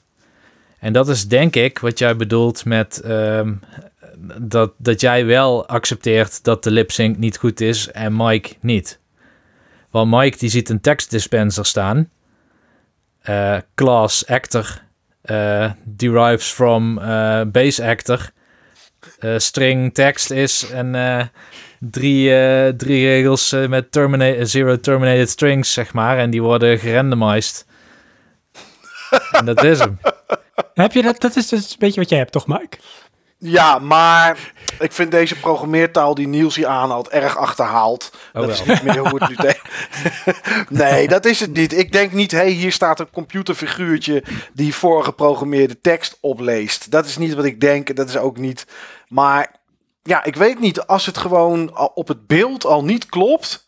Ja, dan is het gewoon al over voor mij. Ik wil niet zeggen dat ik me dan dat ik de game niet leuk kan vinden. Hè? Ik bedoel, dat is, dat is punt niet. Maar dan is mijn eventuele beleving die misschien één keer in de 30 jaar een keer optreedt, is sowieso weg. Maar ik snap Maar heb je wel dat wat niet dat je een, eh, een game character als soort van persoon gaat zien? Nee. Nee hoor, boeit me niet. En als je nou ehm, je favoriete of beste serie neemt, Ja. en die duurt een paar seizoenen, Mhm. en dan is dat af. Ja. Heb je dan niet zoiets alsof er, als als je een soort van afscheid neemt van die Ja. karakters? Eh, nee, want het, Vrienden, eind- gaan weg. het einde van de serie is tegenwoordig toch altijd kut.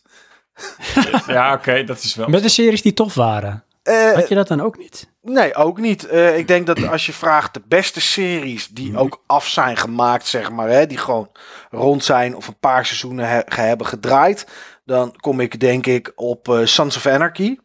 Ondanks dat daar ook wel wat, wat tussen zat wat niet goed was. En dan wist ik op een gegeven moment, oké, volgend seizoen is de laatste. Dan denk ik, nou, ben benieuwd wie er nog allemaal doodgaan en hoe het afloopt. Dat denk ik dan. En dan denk ik niet, jeetje, over een jaar, dan zie ik deze figuren nooit meer. Nee, dat denk ik niet. Oh, ik kan Nee. echt zo... Ik kan wel zo'n lege gevoel krijgen. Een beetje wel, ja. Nee, Want ik heb ook vaak een bepaald ritme in hoe ik een serie kijk. En dan is dat voorbij. Ja. maar hoe bedoel je dat Toch dan? Een bepaald, bepaald ritme? Nou, dat ik bijvoorbeeld ehm één keer per week een aflevering kijk. Ja, En dat doe je dan heel veel weken. Ja, En dat valt dan ineens weg. Want de serie is af. ja. Ja, voor mij valt dat Heb je dan net die namen weg. geleerd? Nee, ja. En dat vind ik wel iets krachtigs, wat, wat, wat series met name en games ook kunnen, is dat ik heb dan het gevoel dat ik daar een bepaalde band mee opbouw. En dat klinkt misschien heel dramatisch, maar je kan je identificeren, je gaat meeleven. Eh, het wordt een beetje onderdeel ervan. En op een gegeven moment dan is het klaar. Ja, dan heb ik ook een beetje van dat gevoel van leegte, van nu komt het niet meer terug. Nee, nee, ja, nee, ja, dat heb Daar ik kan niet. je er melancholisch van worden. Nee, nee, dat herken ik niet. Misschien ben ik gewoon op dat vlak ben ik gewoon afgestompt, jongens. ik bedoel, ik heb zoveel series gehad dat ik dacht, dit is tof zeg. En na drie afleveringen werd het de nek omgedraaid. Of eh, dat ik dacht, zo, dit is een lekker wijf zeg. En wat is die leuk, dat wordt een mooie relatie. En dat het twee weken later toch weer over was. Nou ja, weet je, dus ik denk... Teleurstelling. Ik, ja, op dat moment misschien, maar ik denk dat ik me daarvoor afgesloten heb. Ik heb wel een game tip voor jou, Sven. De Ace Attorney trilogy komt naar de PlayStation 4. En die heeft denk ik wel dat gevoel van een televisieserie met karakters die vaak terugkomen en die zich langzaam over verschillende games heen ontwikkelen, waardoor je ze misschien gaat missen. Ja, want ik moet zeggen, ik heb op de iPhone een Ace Attorney game. Oké, En eh, daar ben ik alleen ik toen op het verkeerde moment mee begonnen. Want het was toen dat eh, mijn zoontje in het ziekenhuis lag en toen was ik ook in het ziekenhuis. En dan heb je heel vaak niks te doen, want je ligt daar ook op die kamer. Dus ik denk, nou, ga een game spelen. Had ik die gedownload. Ik was zo meteen hooked, maar ik had dus niet eigenlijk de omstandigheden om er helemaal in, in op te gaan. ja. Dus misschien moet ik die nog eens een keer oppakken. Oh, ik dacht, je gaat nu zeggen, als ik die nu opstart, denk ik terug aan die tijd in het ziekenhuis. Dus daarom kan ik het niet meer spelen. Maar dat is het niet. Nee, dat is het niet. Zo dramatisch ben je dan ook weer niet. Nee, nee. Dramatisch. Nee. Maar ik denk wel dat ik, dat ik gevoelig ben voor dramatiek.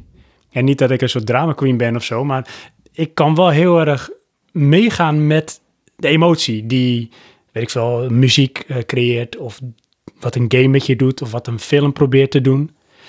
Daar ben ik wel gevoelig voor. Maar heb je, dat, heb je dat alleen met media? Heb je dat alleen met films, series, games? Of heb je ook dat als de buurvrouw naar je toe komt en die vertelt over een vriendin van haar waar iets ernstigs mee gebeurd is of wat dan ook, dat je daar de hele avond dan nog aan blijft denken? Of, of heb je dat? Nee, nee, dat heb ik dus niet. Daar heb ik het tegenovergestelde. Ik ook. En dat is misschien is dat een soort autistische trek of zo.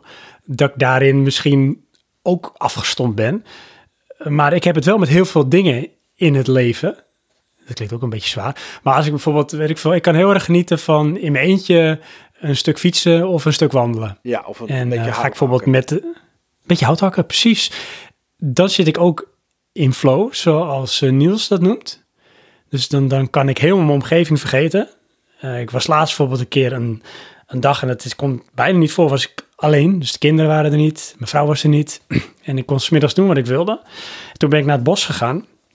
En ben ik daar lekker gaan lopen. Een boom kapot gemaakt. Helemaal kapot geknuffeld. In stukken Ja, gehakt. nee. Ja. Maar dan kan ik dus helemaal overprikkeld raken door, door alle zintuigen. Dus door het geluid, door de geur, eh, door gewoon lekker de eenzaamheid. Daar hunker ik dan ook een beetje naar. Ja, daar ben ik dan wel gevoelig voor. Maar inderdaad, het gesprek van de buren, dat ontloop ik dan liever. Ja, oké. En, en, en, en vrienden die, die problemen hebben, draag je dat dan langer bij je? Of, of, of, of pak je dat, grijp je dat dan te veel aan, zeg maar? Nou, ik denk wel dat ik daar gevoelig voor kan zijn. Dus misschien probeer ik dat juist dan heel, noem het maar even, plastisch te bekijken. Dus dat het, Hmm. dat het me niet overvalt. Ja, Want ik denk wel dat dat zou kunnen, als ik me daar te veel voor openstel. ja, oké. Dus dat probeer ik dan wel te vermijden, niet. Maar om dat een beetje te kaderen of te kanaliseren. Ja, oké, oké. Ik snap het. En dat heeft denk ik met games ook als uitwerking op mij dat ik daar heel erg in op kan gaan. Door misschien alleen maar eh, bijvoorbeeld de kleuren of de muziek of een bepaald thema of een karakter waarvan je denkt van daar kan of wil ik me identificeren. Ja, maar als je dat, zegt, helemaal- als je dat zegt hè, over die kleuren bijvoorbeeld, eh, dat dat al genoeg kan zijn, dan denk ik, ja, oké, dat ik kan dat wel misschien dan voor mezelf een beetje linken aan het feit dat je zegt van, eh, vroeger speelde ik ook niet meer met meer dan twee vriendjes, want dan werd het te veel geprikkeld. Dus eh, de- bij jou is, is het blijkbaar dan makkelijk om iets te raken waardoor je, ehm, ja, waardoor je erin zit, zeg maar, of waardoor je geraakt wordt dan. Ja, precies. Ja.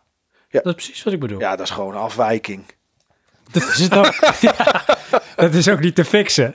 Daar word je mee geboren. Ja, Kijk, en het voordeel is wel, dat heb ik hier ook opgeschreven ergens, van voor mezelf heb ik dan ook niet zoveel nodig.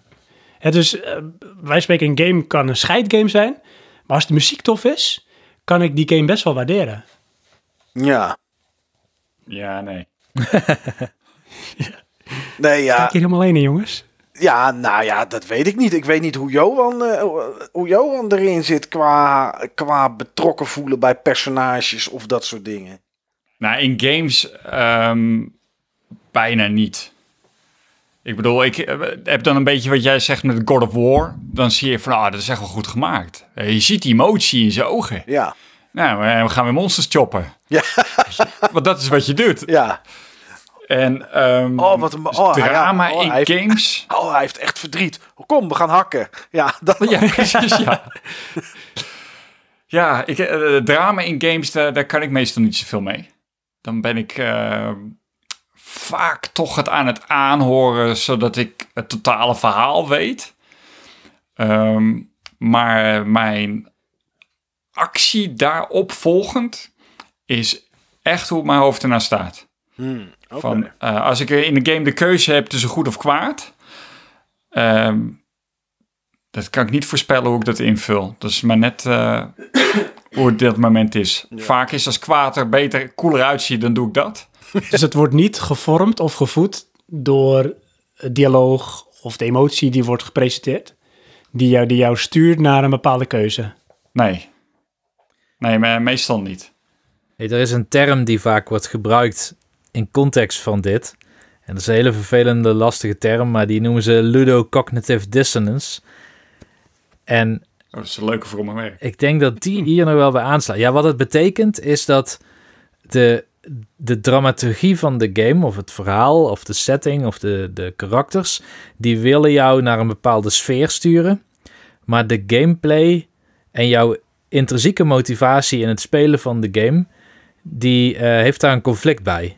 Dat is bijvoorbeeld dus Ja. tranen in de ogen, maar wel, oh, monsters mappen. Of wat ik dan bijvoorbeeld had bij, eh, bij die eh, Heavy Rain bijvoorbeeld, ehm, is dat in het begin van het spel probeert het spel jou iets te laten voelen voor een karakter. Ehm, Heet maar toevallig Jason. die heet toevallig Jason! Jason. Jason! Maar ik denk, Jason! ik ken heel dat kind niet, weet je wel? Het is niet eens mijn kind. Het is je zoon! ja. Had je hem op moeten letten. Ik ga eh spelletjes spelen. Dat dacht ik.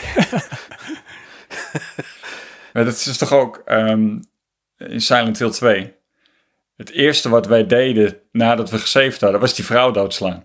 Ja, om te kijken of het kon. Ja, dat is gewoon los van emotie, kan dit technisch. Ja, dat is waar. Want dat, dat punt wat je aanhaalt bij Heavy Rain is wel interessant. Want de ontwikkelaar meent waarschijnlijk wel zoiets te doen. Hè? Want je moet bepaalde saaie dingen doen, om het zo maar te zeggen, Ja. in die game. Die heel eh, realistisch zijn in die zin. Bijvoorbeeld, weet ik veel, in de tuin met je zoon spelen. eh bij wijze van spreken een broodje voor hem smeren. eh, uiteindelijk hem naar bed eh, sturen of naar bed brengen. Zodat je waarschijnlijk meer de band gaat voelen voor dat personage. En ik denk, hè, serieus, dat hij daar wel eh, beter over heeft nagedacht dan heel veel andere gameschrijvers, zal ik hem maar even noemen. Eh, juist omdat hij die kleine taken aan jou geeft en omdat hij je eigenlijk conditioneert om iets te doen met een bepaald karakter. Eh, maar er zijn zat voorbeelden van spellen waar dat niet zo is. Waar je eigenlijk meteen in de game wordt geconfronteerd met een bepaalde verhouding tussen twee karakters. En de game gaat ervan uit dat jij volledig aan de kant van de protagonist staat en zijn acties en interne wereld begrijpt. Elke game waarbij wij de situatie krijgen dat je iemand moet beschermen, is het eerste wat ik doe, die schiet ik dood. Ja, Ik denk meteen aan dat meisje, Ashley, van Resident Evil 4 volgens mij. Die achter je aanzult, die altijd in de weg staat. Ja, Of met Ico, met het meisje, kan je haar niet gewoon laten staan en zelf weglopen. GoldenEye, oh ja, Natalia. Ja. ja, je wil gewoon kijken ook wat er gebeurt. Ja, Ja. Ja, dat... maar dan ben je er ook gelijk uit. Ja, ja ik Maar zat denk er al- bijvoorbeeld ik zat er al aan- niet in, dus... Aan een willekeurige Mario game. Princess Peach is weer ontvoerd. Maar daar denk ik al niet meer aan op het moment dat ik de controls krijg. Nee. Nee, Nee. precies, want dat is echt voor mijn gevoel geënt op eh, de, de gameplay eh, die jou de ervaring geeft. En dat verhaal, dat is natuurlijk 100%. Ik denk dat er weinig mensen een trauma hebben van het feit, oh shit, Precies. Princess Peach is ontvoerd. Moet echt opschieten nu. Ja. Ja. Nee, ja, nee, dat, heb, dat heb je daarbij helemaal niet. En, maar dat is ook echt een type game waarbij ehm, ehm, het erbij zit om je een, een lichtelijk doel te geven om door die levels te lopen. Want als Princess Peach niet ontvoerd was, dan was ik gewoon op 1-1 was ik gewoon blijven staan. Ja, weet je, dan was er geen noodzaak om er doorheen te gaan, zeg maar. Ja, goed. Nee, maar ja, dus ik, nee, ik heb dat eh, niet. Ik heb geen gevoel bij pixels of bij eh, films of tv of wat dan ook. Je ervaart dat toch op een eh, andere manier. Ja, het kan me wel, Of jouw manier. het kan me wel vermaken, maar dat is het. Dus je kan er ook wat dat betreft, wat is een van de vragen, kunnen we nog snel overheen, zonder gamen. Of ik zonder gamen zou kunnen, ja, dat vind ik wel een lastige, omdat ik daar alleen achter zou komen als ik het zou doen. Ik heb een keer een periode gehad, dat was de eh 360 PS3 tijd, dat ik weinig gamede. Heb ik misschien een jaar of zo, heb ik gewoon helemaal niet gegamed. Keek ik heel veel films. Ehm, en toen miste ik het niet. Uiteindelijk ben ik het wel weer gaan doen en heb ik, eh, daardoor zijn er best wel games die ik nooit gespeeld heb. En ook games die heel erg tof waren. Eh, PS3 bijvoorbeeld, eh, ja, noem eens wat, de infamous games, zeg maar. Die heb ik later wel gespeeld, maar dat waren toch echt wel titels op PS3 die je eigenlijk wel gespeeld moest hebben. Alleen, ja, ik deed toen op dat moment niet aan gamen. Ehm, maar ik heb het ook met series of met films. Eh, ik denk dat een jaar geleden, anderhalf jaar geleden, ging bijna om de week ging ik wel naar de bios. Ja, dat draait nu echt gewoon helemaal nooit meer iets waar ik interesse in heb. Echt gewoon helemaal niet. Eh, er wa- zijn tijden geweest dat ik 14 tot 16 series per week keek. Eh, ik kijk er nu misschien twee. De rest interesseert me eigenlijk niet zoveel meer. En zijn dat dan periodes die ook weer bijvoorbeeld terug kunnen komen? Ja, films denk ik wel. Series denk ik niet. Ja, en game, dat doe ik de laatste... Ja, god, ik weet echt niet hoe lang, maar de laatste 10, 12 jaar, zeg maar, na die even droge periode van de PS3 en Xbox 360, die ik daarin gehad heb, doe ik dat eigenlijk bijna dagelijks. Dus, maar ik denk wel dat ik het zou kunnen. Ik denk wel dat ik gewoon zonder games zou kunnen. Bij mij kan het wel, maar er hangt veel samen met de hobby gamen bij mij. Ehm, bijvoorbeeld de podcast. En dankzij het Button Bashers podcast game ik ook meer. Dat doe ik bewust voor die podcast. Want dan kun je het er beter over hebben of dan kun je een betere mening erover vormen. Mhm. Is het ook zo dat het je misschien, doordat je er op die manier mee bezig bent, dat je meer geenthousiasmeerd raakt om het te willen doen? Ja, zeker. Ik, ik raak geenthousiasmeerd ook om ehm, bijvoorbeeld een game die we dan met z'n drieën gespeeld hebben. Om daar eens langs elkaar te leggen hoe, we, hoe verschillend we die game hebben ervaren. En ehm, ik vind het ook juist leuk, bijvoorbeeld ik, ik speel nu twee games die ik niet gespeeld zou hebben als ik die podcast niet had. Ehm, Lost Dimension op de Vita is zo'n game. Ik speel die omdat ik af en toe denk: het is leuk om weer eens in een Game Talk een game naar voren te brengen die weinig mensen hebben gespeeld of weinig mensen kennen. Er zijn hele genres die ik eh, aangesproken heb, omdat ik dacht: volgens mij hebben we het hier te weinig over. Ik ga een keer, weet ik veel, een. eh, want ik ben nu Forza Horizon 4 aan het spelen. Dat is een racing game. Mhm. Ik heb het volgens mij nog nooit over een racing game gehad in de podcast. Maar voor mij is het de Formule 1. oh, Game. ja, ik heb inderdaad die Formule 1 game gespeeld. Met dat Mario stuur dat ik ervoor had gekocht. Maar goed, als ik zou stoppen met gamen, dat zou kunnen. Maar dan zou ik... Ja, dan moet ik een andere invulling vinden voor de tijd die Nog dan vrijkomt van de podcast. Ja, ik kan Nog meer koffie. nog meer koffie. Toch koffieplanten.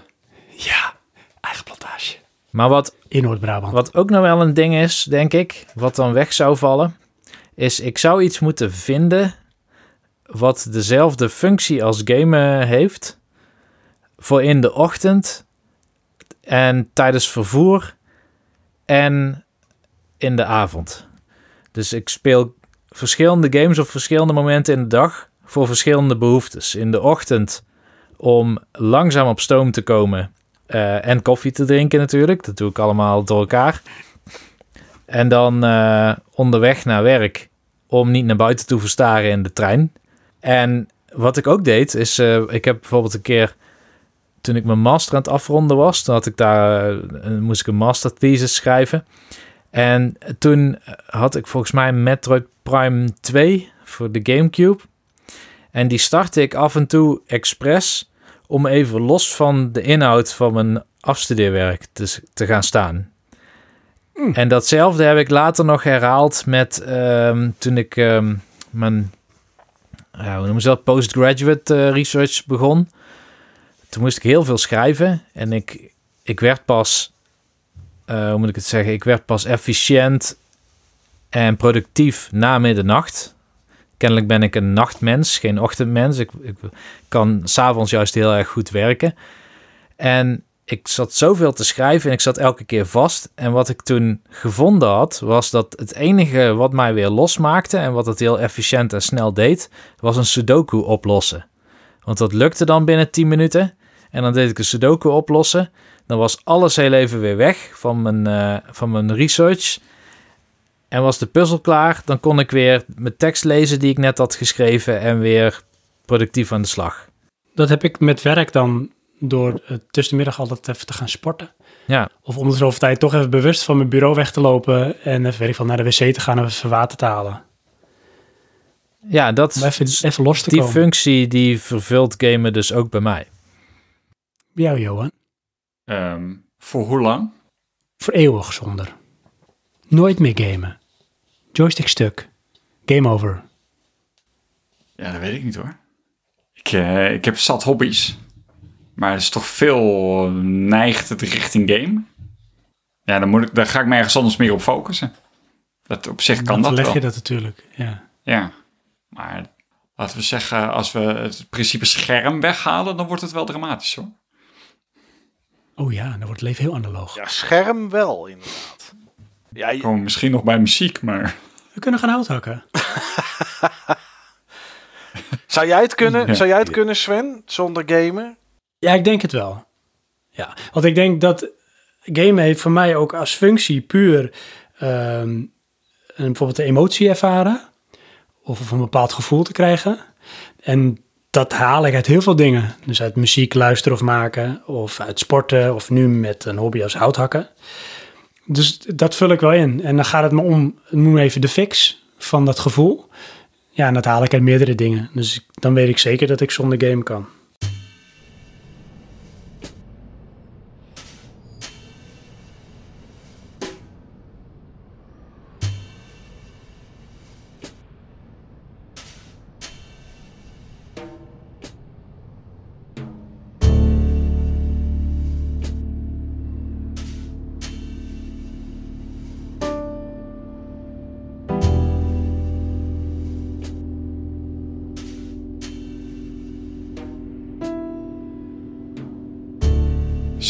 Tijdens een podcast het hele- over het stoppen met gamen. met dat kan toch niet goed zijn? Dat gooi ik meteen weer helemaal in de mix. Want ik wil graag van jullie even weten. Kort en bondig. Heb je wel eens iets meegemaakt in of tijdens gamen dat jouw waarom-gevoel versterkt heeft? Kom even met een voorbeeldje. En als je die niet hebt, heb ik ze. en niet die van jou, maar van mij. Oké, zal ik... Dat je waarom gevoel versterkt wordt. Dat je denkt van ja, weet je, terugkijkend. Of misschien op het moment dat je dacht van ja, dit is nou waarom ik game. Dit is de shit. Nu gebeurt er iets. Of nu heb ik iets ervaren. Nu heb ik iets bereikt. Of nou is er iets voorgevallen dat je denkt shit, ja. Ja, maar dat heb ik dan toch. ehm, het meest op PlayStation 1 gehad. Dat kan. Tenminste, qua periode dan. Eh, zoals met eh, Metal Gear Solid. Dat ik echt zei, nou, dit is gewoon een film. Final Fantasy. De verhaallijn wa- was ik echt van onder de indruk toen. Eh, Grand Theft Auto 3. Open wereld. Nice. Het zijn een beetje technische milestones eigenlijk. Maar die bragen dan, brachten dan wel een, eh, een soort van nieuwe dimensie of gelaagdheid. Wat imponeerde. Dus jij, Sven. Oh, ik. Ik heb drie voorbeeldjes. Ook een beetje chronologisch en met een iets andere insteek steeds. Dat was ten eerste Another World. Another World op de Amiga heb ik hem toen gespeeld. Dat deed iets voor mij. Dat dat zette een bepaalde nou ja, haast filmische setting neer. Met, met zo'n focus op wat er op beeld gebeurde, want er was geen hub. Eh, heel intuïtief. En ik werd echt opgezogen in die game. Dat had ik nog nooit ervaren voor die tijd. Dus dat had ik echt iets van, weet je, dit is wat ik zoek in games. Dit is helemaal te gek. En daar moet je ook niet te veel van hebben, want dan is het niet meer wat het is. Maar dat was op dat moment zoiets unieks. En dat maakte zo'n indruk op mij. Dat ik echt van, ja, dit is wel terugkijkt ook van waarom ik game. Moest je toen niet trouwens van disketten wisselen naar de introductiescène? En dan haalde je Ja, dat klopt, ja. helemaal uit de game. Ja. Ja. En er weer in. Ja. Gingen die luikjes open zo, dat Ja, waren zijn precies. ogen. Eh, en ik had het bij Silent Hill 2, met jou gespeeld, Johan. Die, die, die spanning en manier van verhaal vertellen op een manier zoals ik het nog nooit in een game had ervaren. En dat was met name, ehm, games waren heel vaak tot dat moment, ehm, als het een actiegame was, gericht op expliciet. De actie zie je, voel je door, weet ik veel, eh, de kogels die je schiet of de wapens of de, de vijanden. En bij Silent Hill was de suggestie er constant, het psychologische aspect, maar het werd niet zo in beeld gebracht. Het was de suggestie en dat, dat maakte ook zo'n indruk op die manier, dat ik iets had van, dit is ook een reden om te gamen. Dit is te gek. Maar En als laatste had ik het bij eh, de fantastische, door Mike zeer hoog gewaardeerde Life is Strange. Maar dan is dus de, de, de, de reden dat jij gamet, zeg maar, waar we straks bij komen, bij die vraag, Mhm. was in, ten tijde van Another World, dus ongeveer nog gelijk aan wat het was bij Life is Strange. Ik denk, ja, ik denk wel dat dat klopt. Oké, dat is bij mij namelijk niet. Ehm, met waarom ik game. Want ik heb de vraag waarom game je, waar we straks uiteindelijk een keer moeten komen. ehm, Heb ik genomen, zeg maar, voor dit moment. Waarom ik nu game. Dus niet waarom ik 20 jaar geleden eh gamede, zeg maar.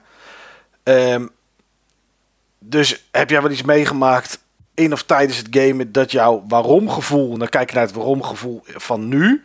Dus waarom ik nu game eh, versterkt heeft? Ja, is mijn antwoord heel simpel. Dat is nee. Er zijn, niet zo'n emotioneel beestje? Wat, eh, nou, weet je, dat is serieus. Ik, ben- ik, eh, mij is wel eens verweten dat ik nergens heel enthousiast over kan zijn. En, ehm, eh, nou goed, joh, de tranen biggelen over, bijna over mijn wangen. Zoveel emotie voel ik daarbij. maar, ehm, Als iemand dat over jou zegt. ja, maar dat is, eh, eh, eh, weet je, als mijn dochter vroeger met een teken kwam, zei ik, ah, wat leuk, wat mooi, dankjewel. En dan legde ik het weg, terwijl mijn toenmalige vriendin, oh, oh, wat heb je dit mooi gemaakt. En, oh, moet je kijken, weet je zo. En dat, ik vind dat dan overdreven. Eh, zij vond dat normaal en vond mij dus gematigd en niet enthousiast. Ehm, ja, het is maar net hoe je het, hoe je het bekijkt. En eh, ik kan wel ergens blij mee zijn. En er zijn wel momenten in games dat ik dacht: oké, dit vind ik heel tof. Maar dat is geen iets wat ik dan meemaak. wat mijn waarom ik game gevoel versterkt of zo. Nee, dat, dat heb ik niet. En weet je wat ik nou zo mooi vind? Dat je zegt dit nu in de podcast van iemand die ooit zei dat jij zo'n mensenmens was. Ja, maar dat ben ik ook. Dat ben ik ook. Ik ben, eh, ik ben zeg maar, wat net vroeg ik aan Sven van stel dat eh, de buurvrouw eh, iets vertelt over een vriendin of, of weet ik veel. Johan heeft een probleem ergens mee en dan hè, kijk wat, wat Sven dan zegt, hoe die, hoe die daar dan mee omgaat. Als een kameraad van mij zegt, hé, hey, ik heb hier een probleem mee of dit vind ik dit is vervelend in mijn leven of wat dan ook.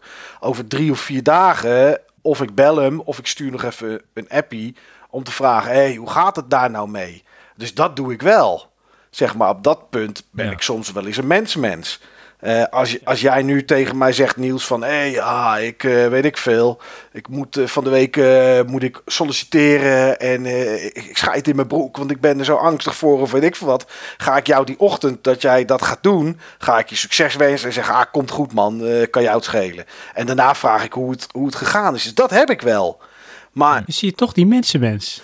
Jawel, dat zit, er, dat zit er wel een beetje in. Maar dat heb ik dan, daar heb ik dat dan wel mee, zeg maar. Maar ja, weet je, iemand die aankomt met een tekening, dat ik denk, wat moet ik ermee? Ja, dan zal ik heel erg bedanken. Zal ik zeggen dat ik het heel mooi vind. En dat is het dan. Ik kan dat dan, eh, eh, ja, ik weet het niet. Ik kan dat lastig spelen. Vandaag was ik vrij om Red Dead Redemption te spelen. En aan de overkant, het, het gaat echt helemaal alle kanten op hoor. Maar dus om het een beetje mag, hè, Be- ja, om het een beetje te ondersteunen. Ehm, eh, de buurjongen aan de overkant is overleden. Die was, ik weet niet, ongeveer mijn leeftijd, rond de 40 ergens. En zijn ouders, die leven alle twee nog, dus die moeten dat huis leeghalen. Nou, dat is voor die mensen natuurlijk super zwaar. En eh, snap ik allemaal. Maar die mensen die, ehm, ehm, mijn vriendin Bianca heeft ehm, ehm, een beetje een oogje in het cel gehouden op dat huis. Want die jongen wilde thuis sterven, die wilde zijn ouders daar niet bij en weet ik wat allemaal. En nou, Bianca had contact met die zus, dus die zei, zei van ik hou het wel een beetje in de gaten. Bianca gaat daar helemaal in op. Ik ben ook niet blij dat, ermee dat ze het gedaan heeft, want die gaat, heeft gewoon, ja, die gaat te veel kijken. En die gaat dat te veel, die, die is heel erg gevoelig daarin. Nou, ik heb dat niet. De jongen is overleden. We zijn naar condolences zijn we geweest. En eh, nou, allemaal prima. En die mensen die zijn een paar keer zijn ze hier geweest. Omdat, al bedankt en weet ik wat allemaal. En kijken of we dingetjes konden regelen. Nou, vandaag ging de bel. Want er kwam een gast met, van oud ijzer. En die kwam eh, een wasmachine weghalen. En weet ik wat voor bende. En die was in zijn eentje. Nou ja, goed. Dan, in je eentje krijg je je wasmachine niet naar beneden. Dat snap ik ook nog wel. Behalve als je hem van de trap af dondert. Ehm, maar goed, dus er moest geholpen worden. En toen ging de bel. En toen zei Bianca, als het ze zijn, en dat zijn dan de ouders van die doe iets aardiger, iets. Want de vorige keer was je, leek je een beetje nors en weet ik wat. Voor mijn gevoel was ik gewoon normaal. Alleen, alleen ik wil. Wees even niet jezelf. Nee, maar ik wil niet die mensen bij mij over de vloer. Want ik, ik heb niks met die mensen. Ik hoef die mensen eigenlijk nooit te zien. Ik had ook niks met die buurjongen, want die was heel erg op zichzelf. Dus als ik hem zag, zei ik, hé. Hey. En dat was het. Dus, maar zij heeft dat dan anders, zeg maar. Zij heeft dat dan meer tegenovergesteld. Dus daarin krijg ik dat dan, krijg ik dat dan wel te horen, zeg maar. Dus ja, weet je, maar ik zit daar emotioneel dan gewoon anders in. Ja, daar kan ik niks aan doen. Maar als het kameraden zijn, of het is mijn moeder, of mijn vader, of het is mijn dochter, of wat dan ook, dan heb ik dat wel. Omdat dat dan de mensen zijn waar ik dan nog wel iets om geef, zeg maar. Tip eh, voor de volgende tekening. Maak er een fotootje van. Ik leg dit moment voor eeuwig vast. En ik kan hem nog weggooien ook. Ja, dus nou ja, goed. Ik weet niet hoe we hierop kwamen, maar dat is altijd in deze podcast. Ja, nee, dat was het, eh, het waarom. En dat heb jij niet zo. Nee. Eh, nee, dat heb jij gewoon niet. Nee. Je bent een mensenmens, maar je bent ook ergens een bepaalde geaarde realist. Ja, ik weet het niet. Dus het is wat het is. Ja. Dat sowieso. En dat is niet goed of niet fout. Dat is hoe jij bent.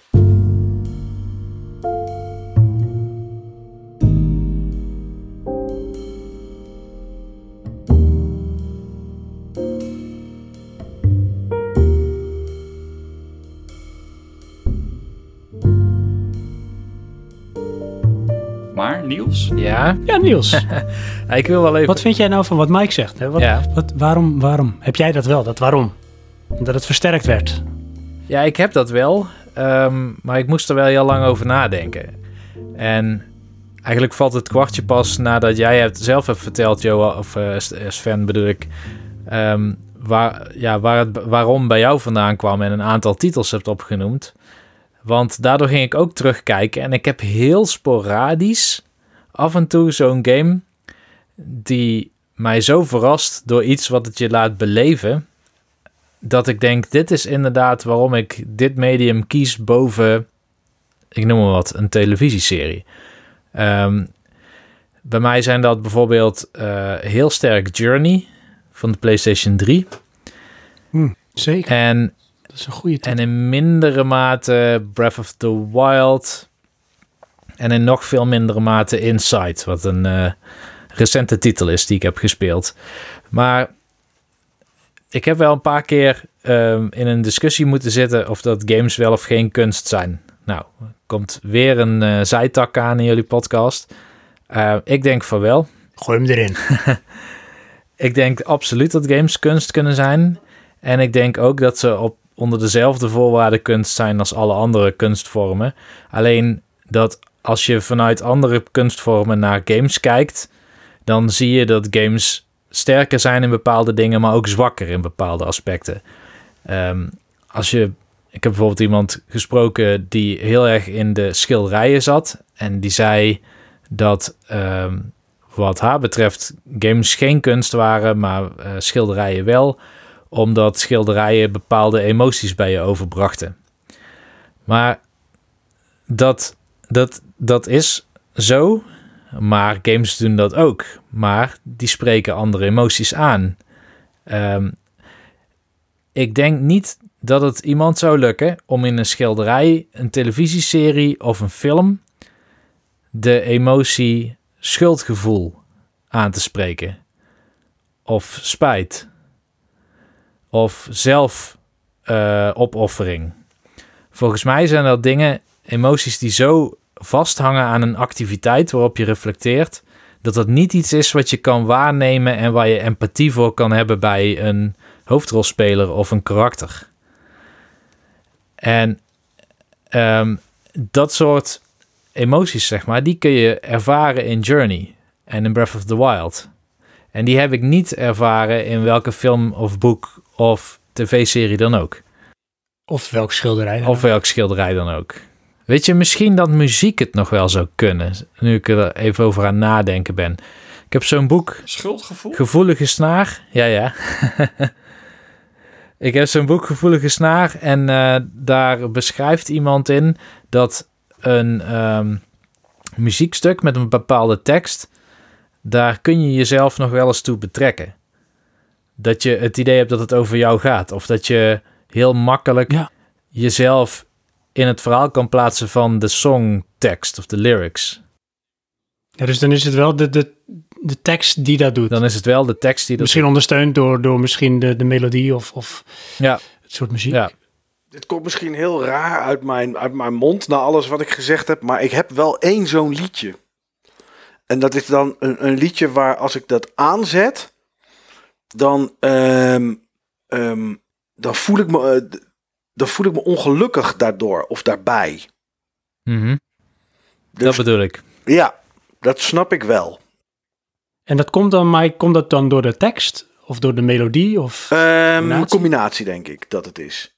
Is hetzelfde als. ehm, ik weet niet meer welk liedje van Adele het was. Maar er was zo'n liedje en dat is toen helemaal geanalyseerd. Eh, oh, dat is eh, n- met die eh, Nevermind to Fight Someone Like You. Die. Ik weet even niet hoe die heet. ja, Ehm, maar die. Dat hebben ze helemaal geanalyseerd. En ergens zit daarin hoe zij dat refrein zit, zingt, zit een noot die precies iets raakt, bij, kan raken bij mensen, waardoor ze het voelen. En En dat heb jij een beetje. nou, niet met dat lied. Oké, maar wel met dat lied, wat jij bedoelt. Ja, ja, ja, dat is, eh, het, het is Nederlandstalig. Het is van Agda aan de Munnik. Vandaag ben ik gaan lopen. En ehm, daar heb ik dat wel bij. Dat is dan de, de, de, de muziek en de tekst, zeg maar. En daar kan ik wel... Ik kan er ook naar luisteren zonder dat het iets met me doet. Maar als ik in een bepaalde bui ben, dan kan dat wel iets triggeren. Maar dat is echt heel zeldzaam. Maar zoek je dat dan ook op? Heb ik wel eens, heb dan? ik wel eens gehad. Dat ik dacht van, ik heb zin. Het klinkt heel vreemd, nou lijk ik wel de psychopaat. Maar dat ik dacht van, ik heb zin om me even ongelukkig te voelen. Dat is niet gek. Dat herken ik wel. En misschien niet per se dan ongelukkig, maar dat je in muziek of film of misschien zelfs, weet ik veel, kunst of games, dat je even zin hebt om een bepaalde emotie op te zoeken. Ja, nou, en dan zet ik dat liedje op. Dat luisterde ik dan vijf keer. Daarna pakte ik Oja Lele van K3 en dan was het weg. Dat doe je dan bewust om het weer even te... Nee hoor, nee. nee maar dat, dat, dat heb ik wel eens, heb ik wel eens een keer gedaan. En, eh, maar dat is, eh, dus ik herken het wel, maar dat, ondanks dat ik net zei dat nooit me iets doet, zeg maar, in films en dat soort dingen, ehm, is dit het, misschien het zeldzame voorbeeld waarin dat wel kan, van tijd tot tijd. Dus ik herken het wel, wat Niels zegt.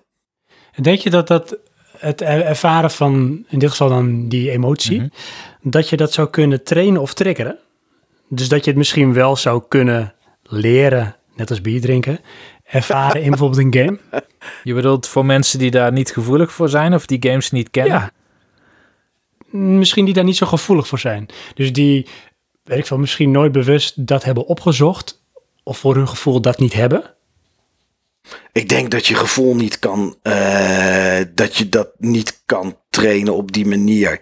Ik denk wel dat je kan leren om gevoel uit te schakelen, maar dan alleen als het al niet al te heftig bij je binnenkomt. Ik bedoel, ehm, dan gaan we hele rare zijsprongen maken. Maar neem bijvoorbeeld mensen die bij de politie werken en die daar opsporing doen met kinderporno dan moet je wel verdomd goed je gevoel kunnen uitschakelen. Zeker. Als je, ehm, als je naar dat soort beelden zit te kijken om te zien wat er gebeurt. Eh, als je foto's bekijkt of wat dan ook. En er zijn mensen die dat moeten bekijken. Dus ik denk dat je het wel dat uit kan schakelen.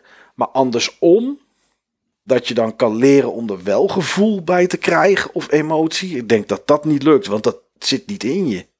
Dat zou dan heel lastig zijn. Ja, dat denk ik, denk ik wel. Denk je zelf niet? Ja, als ik daarover nadenk, dat is denk ik wel moeilijk. Alleen dan moet je er helemaal zeker van zijn dat je dat ook nooit hebt opgezocht of ervaren. Dus hoe weet je als iets is zoals het is, als je dat nog niet eerder ervaren hebt? En het kan zijn dat het er niet is hoor, dat het gevoel er niet is. Nou ja, of die emotie. kijk, als je vijf of zes jaar bent, dan kan ik me voorstellen dat je dat, dat dingen zijn in je leven die je nog niet bent tegengekomen. Maar inmiddels op de leeftijd waar wij op zitten, hebben we dat, hebben we dat allemaal toch wel al eens een keer meegemaakt van dichtbij. Al dat soort triggers. Ja en nee, want laat ik dan mezelf als voorbeeld nemen. Eh, ik heb twee kinderen. Ja, En eh, zeker dat mijn dochter geboren werd. Nou, toen was ik, even kijken, 34. ja. Dat gevoel had ik die 34 jaar nog nooit ervaren. Dat was helemaal nieuw. Ja, oké, ben ik met je En dat wist ik niet, omdat ik nog nooit kinderen heb. Nee, oké. Ja, nee, er zijn wel extreme voorbeelden. Hetzelfde als dat er nu eentje eh, eh, onsterfelijk ziek zou worden. Even afkloppen, want dat willen we allemaal niet. Dat is inderdaad een emotie die we allemaal nog nooit hebben meegemaakt. Nee, ben ik met je eens. Nee, precies. Ja, en of dat in games dan ook zo is. Of dat je zoiets kan ervaren. Dat weet Ja, dat weet ik niet. Misschien, misschien dat voor mensen dat wel kan veranderen naarmate games echter worden. Ik bedoel, eh, in de tijd van de Commodore 64 was er nooit een emotie af, af te lezen. Ja, behalve als er onderin tekstbeeldje stond, haha. Nou, dan wist je, ja, dan wist je dat die, Of huilen uit. ja, dan wist je dat iemand aan het lachen was en dat iets leuk was. Of, eh, of dat het een grappig iets was. Nu, nu, zie je, nu zie en hoor je iemand gewoon lachen. Dus het verandert wel door de tijd heen. Voor mij moet het er meer in de handelingen zitten dan in hoe het eruit ziet. Want een aantal van de games waar ik het sterkst mee had, en die schieten me nu pas weer te binnen, zijn ehm, bijvoorbeeld ehm, eh, de game Passage van Jason Rohrer. En hij heeft nog een game, en ik ben even kwijt hoe die ook weer heet. Maar hij heeft hele kleine pixelachtige games gemaakt. Precies de soort games die Mike niet zou spelen. En die zijn heel erg abstract. Maar in het handelen, zeg maar, in de keuzes die je actief maakt als speler, daarin zitten de expressieve kwaliteiten van het spel. Bijvoorbeeld de Passage is een spel en dat, dat is maar één kolom breed. Dus het is zeg maar ultra widescreen. Je hebt eh, misschien 16 pixels hoog is het scherm en dan verder 1080 breed of zo. En jij speelt daarin een poppetje wat alleen maar naar rechts kan lopen en naar onder en boven. Maar hoe verder je naar beneden gaat, des te ingewikkelder wordt een doolhof. Maar schatten kun je alleen dieper in het doolhof vinden. Dus je maakt een soort trade-off. Ga ik dieper in het doolhof, want er is misschien iets te halen. Maar misschien is er ook wel helemaal niks te halen. Ehm, en kun je beter weer naar boven. Want dan kun je gewoon praktisch in een rechte lijn gewoon naar het einde van het spel. Of eigenlijk de dood van je hoofdpersonage lopen. Ehm, en onderweg kun je ook een, eh, een, een partner tegenkomen. En dan ben je in één keer twee poppetjes die samen gaan lopen. Maar die partner kan ook sterven tijdens je game. En juist doordat dingen gebeuren omdat jij bepaalde keuzes hebt gemaakt, ga je erover nadenken wat die handelingen dan hebben betekend. Dat had ik met, eh, hoe heet die game nou? Life is strange. Dan ben je een rood blokje. Life is strange. Zo sterk, ja. Je bent dan een, een rood blokje. En je bent artificial intelligence. Thomas was En alone. deze narrator, Thomas was alone. Precies, dankjewel. Die game. Die ziet, stelt grafisch niet zo heel veel voor. Het is een hele simpele puzzelgame eigenlijk. Maar er wordt iets gedaan met, met de narrative storytelling. Waardoor jij, als het ware, eh, waardoor er emoties ontlokt worden. Mhm. Door het kijken naar eigenlijk blokjes. Ja. Dat vind ik wel knap als dat. Ja, het, is wel, het moet wel gecontextualiseerd worden. Hè? Dus bij bijvoorbeeld Thomas Was Alone mm, in mindere mate, zeg maar. Want de blokjes die hadden ook echt een soort gedrag. Maar de contextualisering kwam door de voice-over. Door de narrator. Ja. Eh, Die gaf ook meer aan, eh, ja, hij is alleen, weet je, oké, dan ga je al invullen wat dat blokje moet meemaken. Eh, maar ook bij zo'n game als Passage, dat het Passage heet, dat geeft al in ieder geval richting aan hoe je die handelingen moet beleven in het spel. En Ja. ik weet niet of dat het zou lukken als je dat niet wist. Of als het spel zo abstract was dat je ook geen poppetjes herkende en geen schatkisten herkende. Ook al zijn de schatkisten symbolisch natuurlijk. Ja. Die gaan eigenlijk, dat spel gaat dus eigenlijk over ehm, je ambities of iets waar je nieuwsgierig naar bent of projecten die je hebt, dat je daar meer tijd in gaat steken. En dat dat moeilijkere wegen zijn dan maar gewoon ehm, geen ambitieuze hobby's hebben. En je- dag maar doorwerken en s'avonds een film kijken. En wat heel knap is, ik heb, ik heb hem een keer geïnterviewd. ehm, voor, dat was ook voor mijn masteronderzoek. Wat knap is, is dat hij zocht dat actief op. Dus hij heeft een hele uitgebreide e-mail gestuurd over dat ehm, hij noemde het volgens mij eh the human cause of zo. Hij, hij had er een term voor, ik ben hem even kwijt. Wat de term precies was. The human condition, dat is wat hij zei. Hij zei: The human condition biedt superveel inspiratie om game mechanics uit te verlenen. En, ehm, en de, de games die hij maakt, die vertellen iets over hoe Jason Rohrer zelf zijn eigen leven beleeft. En dat kan je best raken. Als je denkt zo, dat je hier zo van schrikt, zeg maar, dat je zo het gevoel hebt dat jouw eigen ambities nastreven, dat dat een negatief effect heeft op jouw familie. Dat is een aparte gewaarwording. Dat is dan ook wel heel diep. Zeker als je dat dan kan ervaren.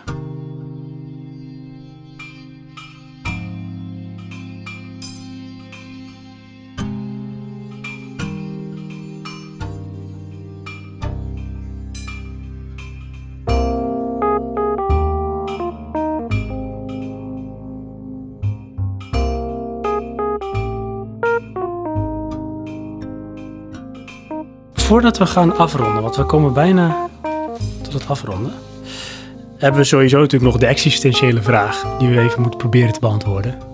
In een nutshell, waarom game je? Oh, is al even na gamen, maar oké. Is er nog een leven gamen? En als we dat gedaan hebben, dan zou ik graag nog kort wat reacties van luisteraars willen behandelen. En dan zijn we er. Dus ik begin gewoon met jou, Johan, aan de overkant. Ik wijs je aan. Ja. Kun jij in een nutshell omschrijven waarom game jij? heeft, de discussie nou nog, heeft de discussie nog ertoe geleid dat je er anders over na bent gaan denken? Nee. De vraag niet kan beantwoorden. Nou ja, waarom eh, game ik? Ehm, in essentie ehm, zoek ik een soort van eh, voldoening slash beloning. En dat is dan eh, de ervaring. Voldoening slash beloning, zeg je. Dus dat is. Maar wanneer is die voldoening voltrokken? Als je een game hebt uitgespeeld? Nee, nee, nee, dat kan. eh, ehm, het kan zo simpel zijn als het level halen. Oké, Of een nieuwe item eh, unlocken. ja. En dan, ehm, recent speelden wij Vermintide. Ja, Nou, dan krijg je een nieuw wapen. En dat, dat is dan eigenlijk de beloning. ja, precies. Dan kun je ook een eh, kort, eh, wat zal het zijn, een half uurtje, drie kwartier kun je een potje spelen. En dan in een, bijvoorbeeld The Witcher is het het verhaal van je, je de beloning is het avontuur. Ja. Is het verhaal, het, het, het, al is het een sidequest, dan is het het verhaal en, en de story. En dan de personages en de beleving van dat stukje verhaal is dan de beloning. Ja, inderdaad. Ja, dan is de vraag natuurlijk, Dus. die Sven eigenlijk hoort te stellen, maar die, is- die is denk ik even koffie halen. Waarom zoek jij die, die beloning dan in games? Oh, ik Waarom dacht dat zoek ik... jij dan eh, die beloning in games? Oh, daar ben ik weer. Ja, hey, Hallo. jezus. Eh, Oh, shit. Ehm, Oh nee, dat knip ik er allemaal uit, joh. Of ik versterk het. lekker een mooie contradictie. met een galm. Waarom, Johan? Want dat is de waarom achter de waarom.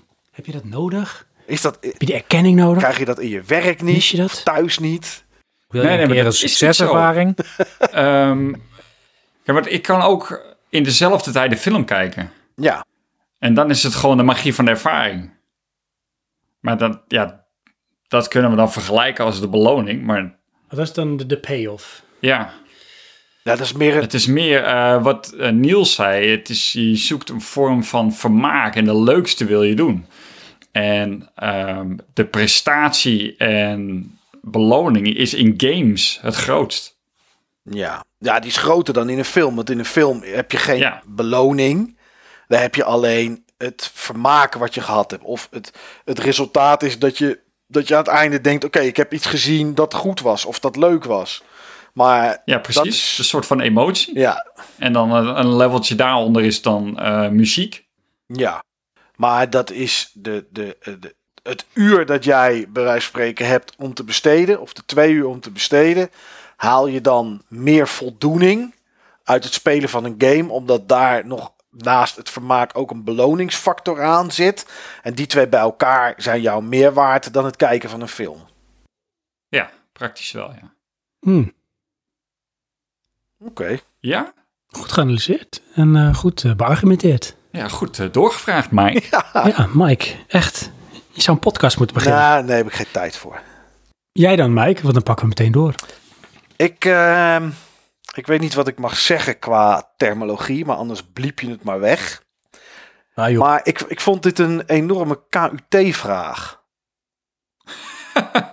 Ja, dat snap ik wel. Nou, dan ben ik benieuwd. wa- Daarom stelt hij hem ook eerst aan mij. maar nee, ik, nou, dan ben ik benieuwd waarom jij snapt dat ik dit een KUT-vraag vind. Nou, omdat uit jouw, jouw, jouw beargumentering en, en, en wat jij deze uitzending vertelt, kan je zelf ook niet helemaal goed aanhalen waarom je nou eigenlijk gamet. Nou, dat heb jij goed geanalyseerd. Want eh, wat ik letterlijk getikt heb in mijn notities is, dat is lastig. Dat weet ik niet. En eh, ondanks dat het een simpele vraag lijkt, en dat de eerste reactie op waarom game je eigenlijk zou zijn, ja, omdat ik het leuk vind. Dat zijn ook meestal de reacties die je hoort. Ja, inderdaad. tuurlijk. Waarom Niet de reactie Ja, die we zoeken. Ja, nee, nee oké, behalve als het echt zo is. Ja, ja maar de standaardreactie is ja, omdat ik het leuk vind, omdat het me vermaakt. Maar ehm, ik, heb, ik heb daar best wel over na zitten denken. En eh, langer dan vijf minuten, zeg maar. En daarvoor vertelde ik aan het begin van dit onderwerp wat ik zeg maar doe met games. Daarom vertelde ik dat ik een, een websiteje run en dat ik reviews schrijf. Ehm, elke game eigenlijk die ik de afgelopen tien jaar, bijna is dat, er zitten uitzonderingen tussen, die ik gespeeld heb, speelde ik omdat ik er een review voor ging schrijven. Dan En wordt het functioneel. ja, Maar het is wel een reden waarom je gamet. Alleen hij Ja. is functioneel. alleen ben ik voornemens om vanaf 1 januari daarmee te stoppen. Daarvoor zei ik net ook had Mike's Minutes. Want eh, als ik niet meer elke week een nieuwe game zou spelen of wat dan ook, dan zie ik weinig reden voor mij om dat podcastje aan te houden. Ehm, ik, maar ik ben voornemens om daarmee te stoppen in januari. Dat is eh, iets waar ik al sinds juli, halverwege juli, mee rondloop met die gedachte. En ehm, bang zijn is een groot woord. Maar ik ben dan wel een soort van bang wat er dan nog overblijft. En dan bedoel je van Qua medium qua- game? Ja. Want ik word nu heel erg gedreven door games die ik binnenkrijg ter review. Die krijg ik binnen omdat ik ze aanvraag. Sommige eh, uitgevers slash ontwikkelaars sturen ze automatisch naar me op. Maar ik vraag eh, games aan die ik wil reviewen. Ik stuur een mailtje naar Ubisoft. Of net zoals nu bij Red Dead Redemption naar Rockstar. Of naar EA, Sony, weet ik veel wat. Dat doe ik. Maar dan zou je zeggen, oké, waarom vraag je die games aan? Dat doe ik omdat ik denk dat dat interessant kan zijn voor het publiek. Wat naar eh, mijn website komt. Wat ik eventueel in de Buttonbashers podcast erover zou kunnen vertellen. Ehm, of wat dan ook. Dat is de, grotendeels de reden waarom ik een game aanvraag. Of als ik denk, dit wil ik zelf eigenlijk wel graag spelen. Maar dan ben ik eens gaan kijken in juli. Stel nou dat ik geen website meer had. Welke games zou ik dan gekocht hebben de rest van het jaar? En vanaf begin augustus tot eind december zouden dat waarschijnlijk twee games zijn. Ik weet nu even niet meer welke die eerste was, maar de laatste was in ieder geval Red Dead Redemption 2. Hm. Maar ik weet zeker dat ik volgende maand de nieuwe Hitman ga spelen. Dat ik eh, Fallout 76 ga spelen. Dat ik in december waarschijnlijk Just Cause 4 ga spelen. Maar ik ga dat allemaal spelen om er iets functioneels mee te doen. Maar ook, en dat is dan weer iets wat mij tegenhoudt om wel te stoppen in januari. En dat is een hele slechte reden. Maar ik vind het leuk om heel veel verschillende type games te kunnen spelen. Alleen het nadeel is dat als ik een review aanvraag straks in eh, februari, als ik nog door zou gaan, bijvoorbeeld voor Metro Exodus of voor Anthem, of misschien ooit voor Death Stranding. En Bel me dan even. Ja, tuurlijk, kom maar langs. Op het moment dat ik dat een uur speel en ik vind er niks aan, dan moet ik door. Want ik heb een review exemplaar aangevraagd. Ik kan niet tegen Sony, Ubisoft, EA zeggen... joh, eh, ik heb het een uur gespeeld, maar vind, er geen fuck aan. Eh, hier ga ik mijn tijd niet verder in steken. Dus ik maak geen review. Ik stuur hem wel naar je terug of trek die code maar in of weet ik veel. Zoek het maar uit. Dat kan niet. Dat kan niet. Als ik het aanvraag, moet ik het doen. En dan moet ik er tijd in steken. Of ik nu wil of niet. En ik heb dus ook wel eens, als er een week is dat ik geen review-exemplaar heb, dat ik eigenlijk niet zo goed weet wat ik moet spelen. Omdat mijn waarom speel ik de afgelopen tien jaar, wat ik net zei, voor verschillende websites en dat soort dingen, games zijn geweest omdat dat misschien wel interessant was om iets over te vertellen. Maar niet omdat jij echt geprikkeld werd om het te willen spelen. Dat is heel zeldzaam. En dat is misschien, als ik in januari wel stop, iets dat terug moet komen. Alleen ik weet niet wat dat waarom dan wordt. En als je dat dan door zou trekken, stel jij je stopt, Ja, zou dat dan ook invloed hebben op, op de Buttonbash podcast? om die te maken bedoel je, of mijn invulling daarin? Beide. Eh, maken niet. Dat zou je gewoon blijven doen. Ja, dat zou ik gewoon blijven doen. Omdat er dan Omdat- toch blijkbaar het medium game is nog genoeg interessant als, als medium om daar iets over te vertellen. Nee, kijk, Om de, het erover te hebben. de koppeling die er zit is aan het begin van de Buttonbashers podcast hebben we altijd eh, de Game Talk. En dan vertellen we in wat we gespeeld hebben. En dan vind ik het eh, eh, interessant om daar ook iets over een nieuwe game te vertellen. Tegenwoordig is het bij mij bijna alleen maar nieuwe games. Ehm, Maar dat wil niet zeggen als we een hoofdonderwerp hebben over, eh, nou ja goed, de aankomende uitzending die wij gaan maken gaat over de Atari 2600. Ja, weet je, daar hoef ik nu geen games meer voor te spelen om het daarover te hebben. Ja, ik zou Atari 2600 games kunnen spelen. Mhm. Dus dat verandert niet. Nee. Maar er zijn wel dingen in mijn hoofd dat ik denk van die wil ik spelen. Ik heb bijvoorbeeld eh, nooit echt, ik heb het wel tussendoor een beetje gespeeld, maar nooit echt de Metal Gear Solid race gespeeld. Wat? Ja, heb ik gewoon nooit gespeeld. In de tijd van de PS1 had ik die game wel, maar toen zat ik zo in de kopieerwereld dat ik vooral daarom games had. En ik heb ze allemaal liggen, maar ik zou die reeks best een keer echt willen gaan spelen. Zodat ik gewoon voor ga zitten en zeg, oké, nou ga ik Metal Gear Solid spelen. Of ik bij één stop en de rest nooit speel, dat weet ik niet. Maar dat zou ik wel eens willen doen. Eh, eh, Zelda heb ik tussendoor wel delen gespeeld. Maar omdat ik geen NES had en geen SNES had, heb ik de eerste en de tweede. En Link to the Past heb ik een heel stuk gespeeld. Maar nooit uit. Zou ik ook best wel eens rustig voor willen gaan zitten om dat te gaan spelen. Nu heb ik daar de rust niet voor, omdat er altijd wel games binnenkomen die ik moet spelen. Dus Het levert dan eigenlijk alleen maar stress op op die manier. eh, dat levert soms wel stress op, ja. Ja. Als er een game binnenkomt waar ik toch eigenlijk helemaal niks aan vind. En drie dagen later ligt er een game op de mat die ik wel leuk vind.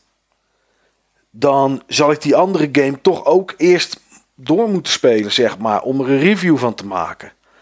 En dan is het wel eens dat ik op zondagochtend wakker word. En dat ik denk, fuck, nu moet ik echt mijn bed uit. Want ik moet die game gaan spelen. Want ik moet er iets over schrijven. En daardoor vind ik ook af en toe geen eh, rust meer in het gamen. Eh, duidelijk voorbeeld voor mij was dat eh, wat jij nu nog steeds tof vindt, Sven, en wat ik vroeger tof vond, waren point-and-click adventures. Ja. LucasArts, eh al die games vroeger op de 64 en op de Amiga, maar ook de Larry's. Police Quest vond ik nooit zo leuk, Space Quest wel, King's Quest. Nou, al dat soort adventures vond ik super tof om te spelen Mhm. toen de eindejaarslijstjes kwamen in 2017, zat er een aantal keer Paradigm tussen. Ja. Dat was een point-and-click adventure. En die stond soms echt heel hoog, op plaats 3 of wat dan ook. Toen dacht ik, oké, ik ga dit spelen, want ik wil het proberen. Ik had er geen geduld meer voor. Al die tekst en al die verhalen zat ik maar door te klikken. Zo van, oké, ja, ja, oké, ja, ja, ja, boeit niet. Ja, oké, ik wil het puzzeltje oplossen. Ik wil kijken of ik dit leuk vind. Eh, Ik heb de geduld, heb ik er niet voor. En ik weet niet of, of ik dat helemaal niet meer heb. Of dat dat komt door de manier waarop ik de laatste jaren games consumeer. Dat weet ik niet. Dus waarom game ik? Ja, op dit moment 9 van de 10 keer om er iets functioneels mee te doen. Maar eigenlijk weet ik het niet. Ik weet niet wat mij nog trekt in games. Dat weet ik niet. Ik heb je toch niet in een crisis geworpen met deze Je wordt bedankt. existentiële Sven. discussie. We nodigen iemand uit en dit Hij is wat je twijfelt helemaal over, over gamen. Nee, maar dat is wel een heel eerlijk antwoord, eh, Mike, vind ik dit. Ja, Want dat is dan zoals dat is. ja het is zoals het is. En dan kan je misschien, moet je een keus maken die, eh, ja, misschien wel de betere keuzes, maar die van consequenties kunnen hebben voor, voor het gamen en het plezier met gamen. Of misschien brengt het plezier juist wel meer terug. Nou, dat zou kunnen. Dat ik denk van, eh, meestal is januari sowieso een maand waarin ik minder game. Normaal gesproken omdat namelijk, en dan vind ik dat dit jaar wel meevallen, maar dat de maanden oktober, november, eh, soms ook augustus, dat er zoveel games uitkomen dat ik een soort van overload heb. En dat ik er in december en begin januari wel even klaar mee ben. Dat ik veel minder game. Ehm, ja, misschien is het wel zo dat als dat, dat, dat dan gebeurt en dat ik dan een maand of twee niet game en dat ik dan denk zo, nu ga ik eindelijk eens eh, Shadow of the Colossus remaster ga ik oppakken. Of nu ga ik eindelijk Nino Kuni 2 het laatste gedeelte uitspelen. Want daar heb ik echt zin in. Zelda Breath of the Wild. Heb, hoefde ik geen review voor te schrijven. Eh, nou ja, heb ik toen een keer die dag waar het met Niels over had. Waar we het eerder in deze uitzending over hadden. Heb ik 16 uur lang Breath of the Wild zitten spelen op een dag. eh, niet de hele dag met Skype, maar wel 16 uur zitten spelen, heb ik me echt op dat moment heel goed mee vermaakt. Maar heb ik nog steeds niet uitgespeeld, want er kwam er weer een andere game tussendoor. Ja, misschien moet ik dat dan weer oppakken en gaan spelen. Ik weet het, maar en misschien dat dat dan weer, eh, dat, dat, dat, dat me dan meer joy geeft dan, ja, ik weet het niet. Klinkt een beetje als de morele verplichting. Ja, Van ik moet hem nog afmaken. Ja, maar als het niet gebeurt, vind ik het niet erg hoor. Dat, eh, dan heb ik er, eh, weet ik veel, gewoon 55 uur of 60 uur ingestoken. Eh dan vind ik het ook prima. In ieder geval die tijdje eh, meer of minder mate in eh, vermaakt. Ja. Dus ja, dat is mijn antwoord. Nou, vind ik een heel mooi antwoord. Niels, kan jij dat antwoord nog toppen? Nee, ik kan het alleen maar plat slaan. Sla maar plat, jongen. Ja, volgens, volgens mij, ik heb even zitten denken, Sven. Ja. En volgens mij eh, game ik omdat er dan een neurotransmitter dopamine vrijkomt en dan ervaar ik genot. Dat is wat ik hier zo'n beetje heb neergezet bij mij. Klinkt Oh. als een beloning. Wel in andere bewoordingen, maar ik zoek ook dat, dat euforische gevoel. Ja, en, ehm, en dat euforische gevoel is volgens mij, want ik denk wel zoiets, het is een soort kip-ei, hè? Game je nou vanwege je werk en je dagritme en je behoefte aan, eh, aan opladen of juist energie kwijt moeten zijn? Of doe je dat, of is jouw dag omdat eh, jij nou eenmaal graag gamet? Ik Ja, zit heel hard na te denken. Ja, Ja, wat ik, wat ik, als ik daarover nadenk, ik heb bijvoorbeeld wel dat eh, sommige dingen die ik op een dag doe, die kan ik op een bepaalde manier doen, omdat ze dan bijvoorbeeld in het teken staan dat ik, weet ik veel, s'avonds twee uur, drie uur voor mezelf heb om te kunnen gaan gamen. Mhm. En dan haal ik op die manier bijvoorbeeld ook meer plezier uit de dingen die ik dan doe. Omdat er de anticipatie is dat ik dan s'avonds dat moment heb voor mezelf om zeg maar, dat euforische gevoel te ervaren. Ja, maar dan leef je er echt naartoe ook. op een bepaalde manier. Ja. Dat heb ik ook hoor. Ik leef eh, s ochtends wanneer ik opsta al naartoe voor koffie en eh, in dit geval dan Labyrinth of Refrain. En dan eh, stap ik de trein in. En als ik s'avonds terug ga, wat dan, oh ja, dat is ook nou wel grappig. Want ik, ik zit dus twee keer een half uur in de trein. En op de heenweg speel ik dan een game. En ik ben nu bezig met eh, Spirit of Justice. Dus het laatste deel in de Phoenix Wright serie. En dan klap ik mijn DS dicht. En dan kijk ik er alweer uit naar uit om op de terugweg het weer op te pakken. Precies. En ik heb het dan zo dat als dat moment dan eh, in de middag ergens gaat komen, en het is nog lang niet zo ver, dat als ik af en toe alleen al even een beetje aan denk of er naar hint, kan ik al een beetje die tinteling voelen van dat euforische gevoel. Ja, ja. En soms is het ook wel, het klinkt een beetje heel apart, maar dat je het uitstellen daarvan kan het gevoel daarna nog versterken. Dat herken ik wel. Ik dat hoor herken- lachen. Ja, Dat herken ik wel op andere vlakken. ja, ja, precies. Johan, Ja, jij hebt echt een rare vriend. ja. Dat is een hele rare kameraad is dit. eh. ik wilde er straks al een keer zeggen van, zie je nou waar ik mee te maken heb? Al zoveel jaren. Maar, dan, maar Niels, jij hebt dan dus echt, de, eh, jij slaat je 3DS dicht. Je stapt uit de trein. En dan denk je, oh man, vanmiddag als ik zit, kan ik door met die zaak in Phoenix Wright. Dat gevoel heb je dan al gelijk. ja, tot het moment dat ik echt iets moet gaan doen. Dus op het moment dat ik uit de trein stap, dan eh, moet ik nog door het station heen lopen en dan moet ik nog een bus pakken. Nou ja, tijdens dat ik de bus neem, dan is mijn gedachte alweer ergens anders. En dan ben ik de 3DS-game alweer vergeten. Maar bij mij zit openbaar vervoer en gamen wel op een interessante manier aan elkaar verbonden. Dus ik ben ook een van de weinige mensen die ik ken die heel positief richting OV kijkt. Want ik denk, ah lekker, tijd om te gamen. Dat is een invulling daarvoor, ja. Ja. Maar is dat dan, stel nou dat jij ander werk krijgt, dat bij jou om de hoek is en waar je naartoe kan lopen. Mhm. Ga je dan die Phoenix Wright game op die 3DS missen? Is het dat je dat speelt omdat je toch in het openbaar vervoer zit?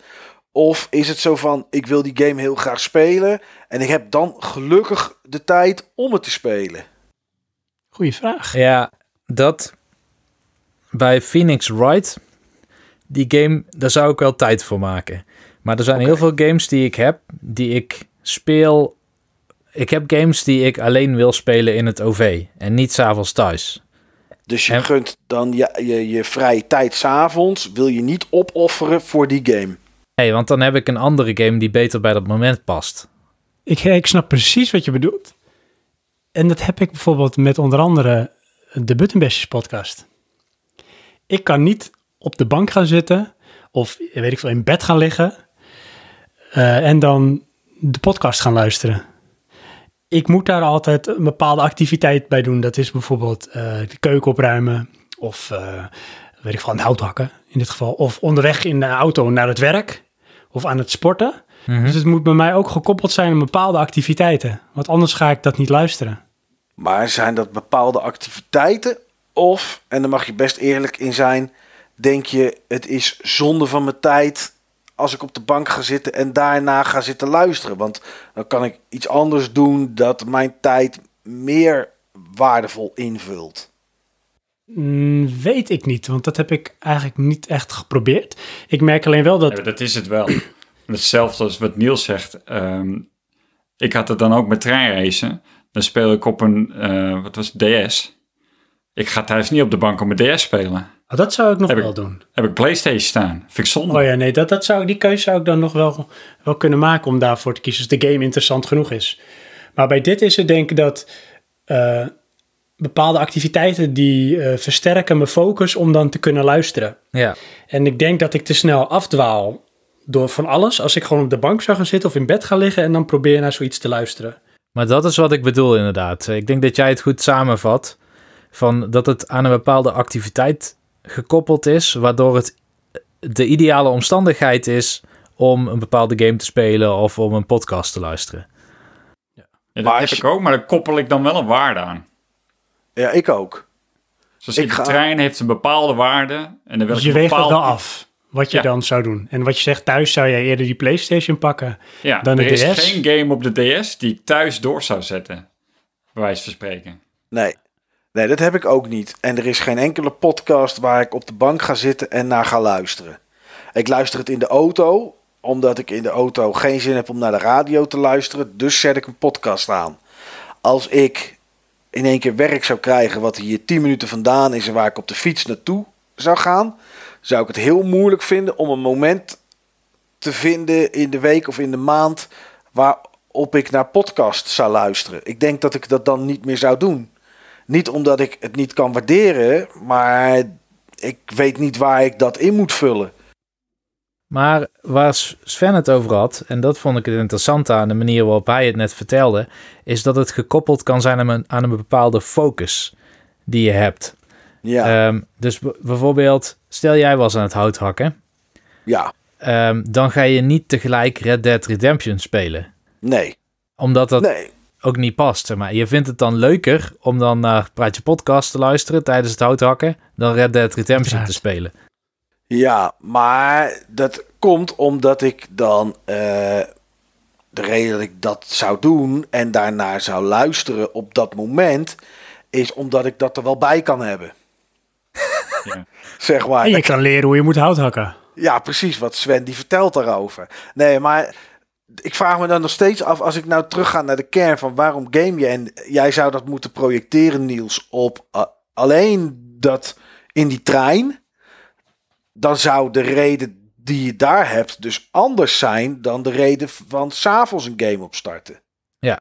Dus waarom game je eh, tijdens die treinreis is omdat jij die treinreis gekoppeld hebt aan ik wil niet naar buiten kijken en ik wil niet met de buurman praten. Dus ik ga een game spelen.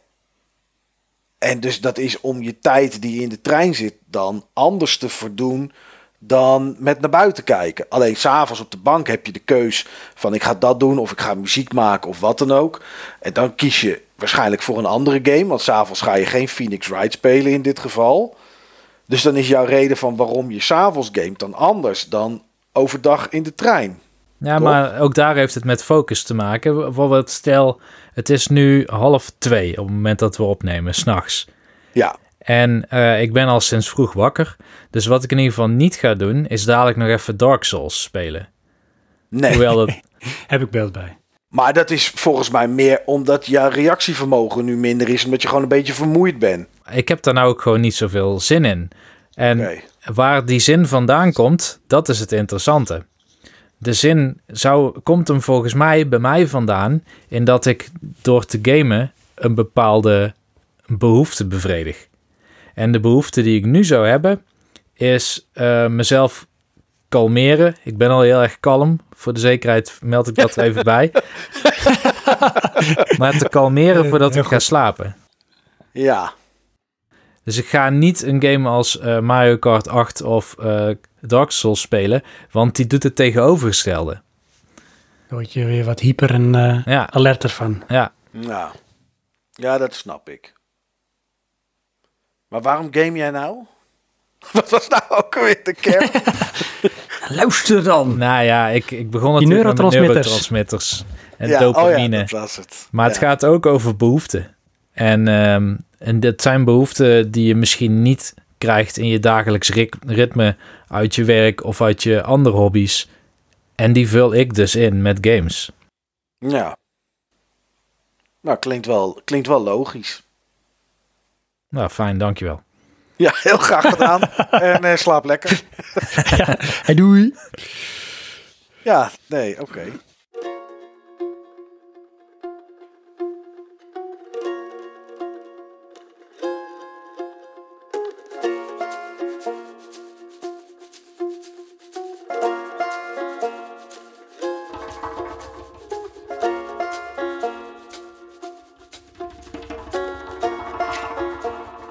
Ik denk dat we er wel zo'n beetje zijn, jongens.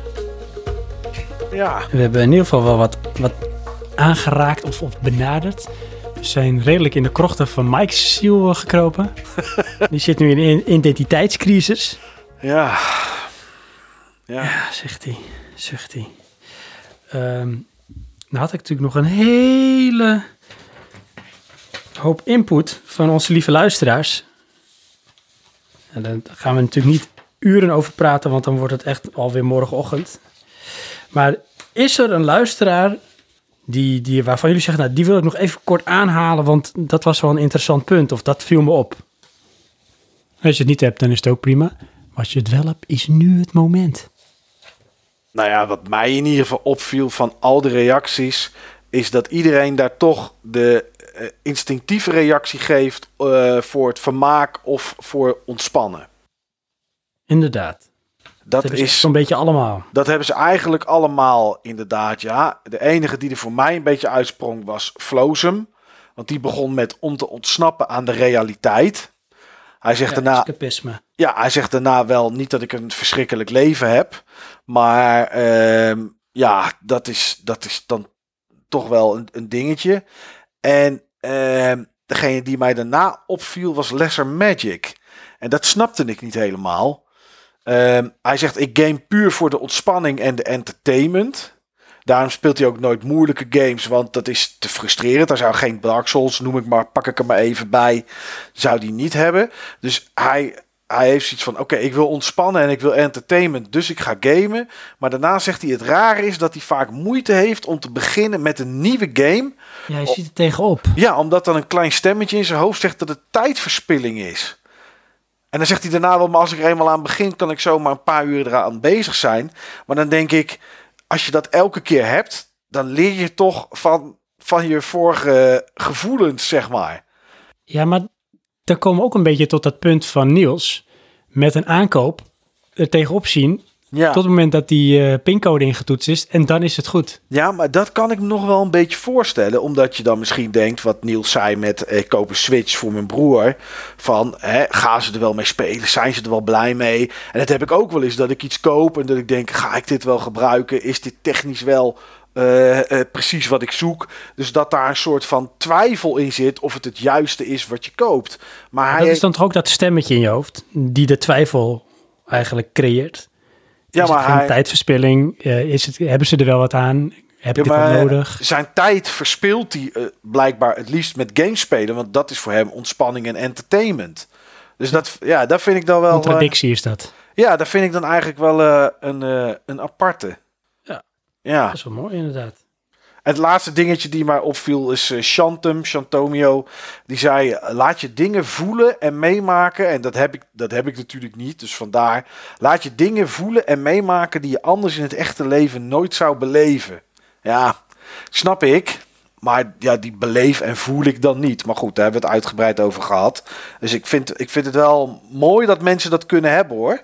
Ik, het is niet dat ik dat, eh, dat ik dat bestempel als gekkie. Maar het is, het is iets. eh, Het is wel een Het is- beetje Nee, het is denk ik ook een beetje... eh, je hebt de visualisatie van eh, een situatie... die je in sommige gevallen hopelijk niet meemaakt. hmm, Dat is waar. En daar kan je dan wel doorheen.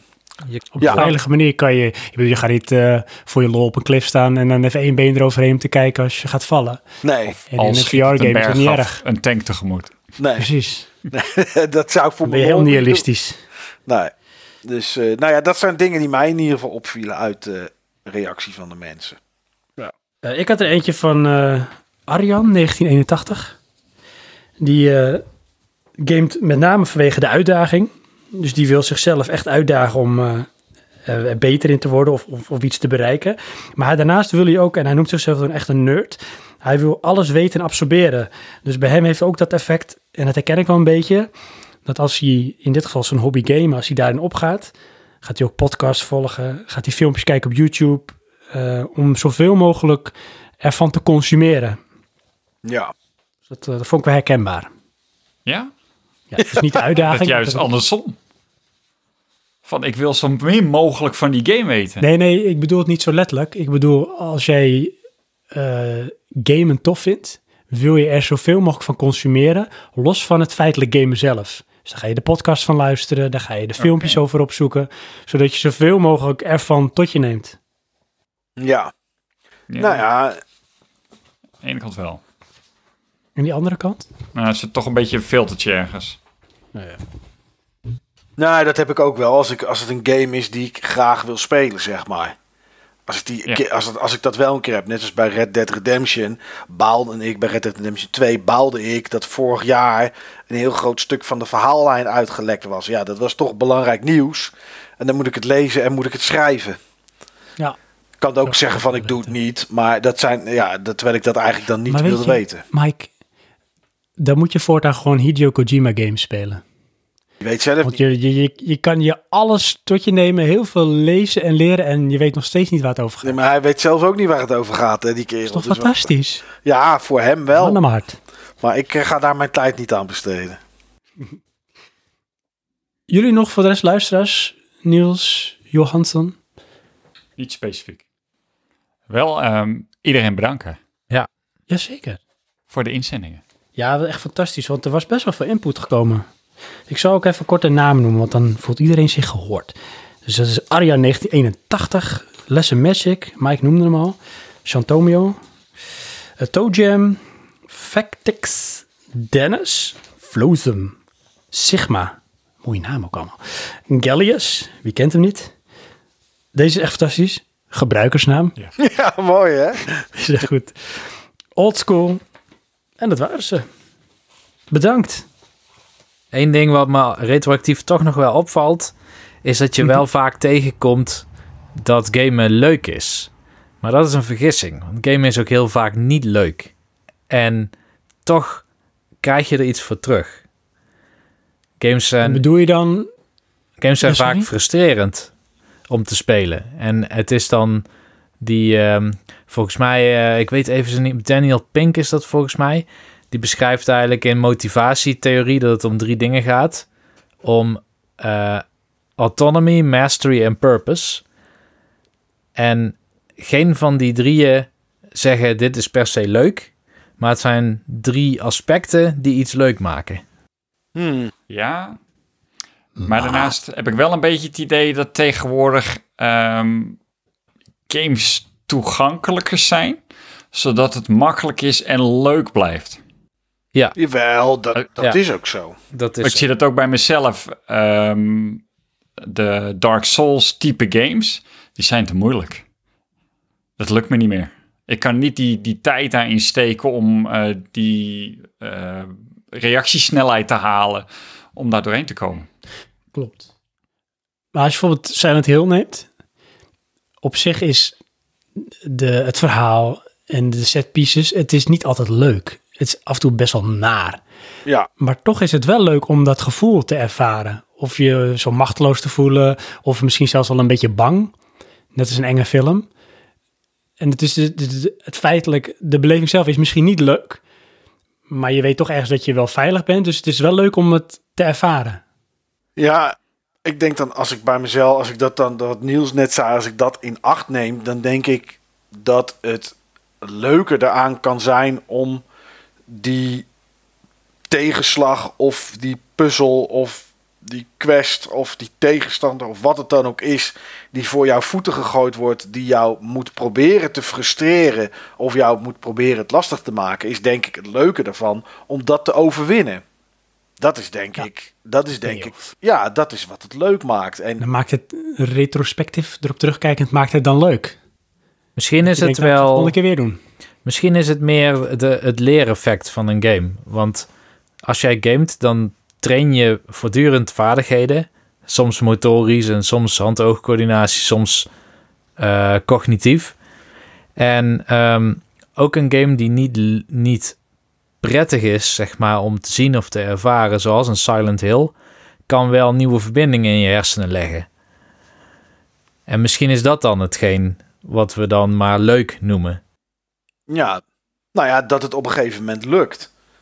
Ja. Dat, denk, dat denk ik. En dat is tegenwoordig, voor mijn gevoel, minder aanwezig dan vroeger. Want als je kijkt naar games eh, uit begin jaren 80, om maar even, of de jaren 80, eind jaren 80, begin jaren 90, was er eigenlijk altijd één weg. Weet je, de game werd bedacht door iemand, zo moest je een situatie oplossen en er was geen andere manier. Als je nu kijkt naar games van nu, naar eh, Red Dead Redemption 2, lekker makkelijk om die aan te halen, omdat, ik, eh, omdat het lekker voorhanden is. Ja, daar heb je situaties waarbij je op verschillende manieren iets kan oplossen. En dan denk ik dat het, tenminste voor mij dan, laat ik het maar niet generaliseren, dat het ev- eventuele euforische moment minder is, omdat, ja, weet je, je hoeft er toch iets minder je best voor te doen. Omdat je minder hoeft te leren. Ik bedoel, neem een Uncharted. Hoe moeilijk is Uncharted? Kom op. Je gaat achter een muurtje zitten. Je wacht tot je hitpoints terug zijn. Dan kijk je over het muurtje, dan schiet je. En als je denkt van, oh, ik ga bijna dood, ga je weer achter het muurtje zitten.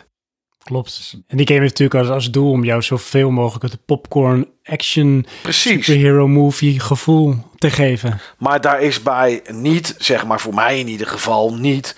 ehm, de actie en het spelen is voor mij niet iets dat mij dan een goed gevoel geeft. Als ik dat uitgespeeld heb, denk ik: oké, nou ja, dit was hem.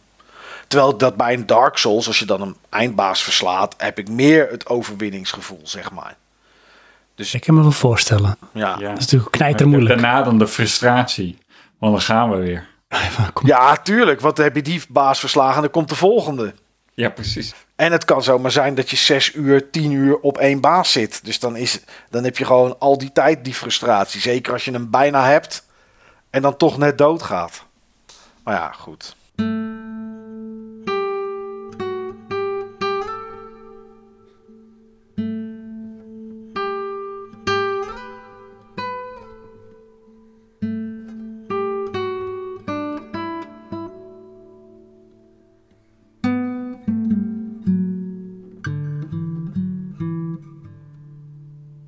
Games, jongens. Het houdt ons in ieder geval bezig. Ja, ik heb Zeker. er een podcast over gemaakt.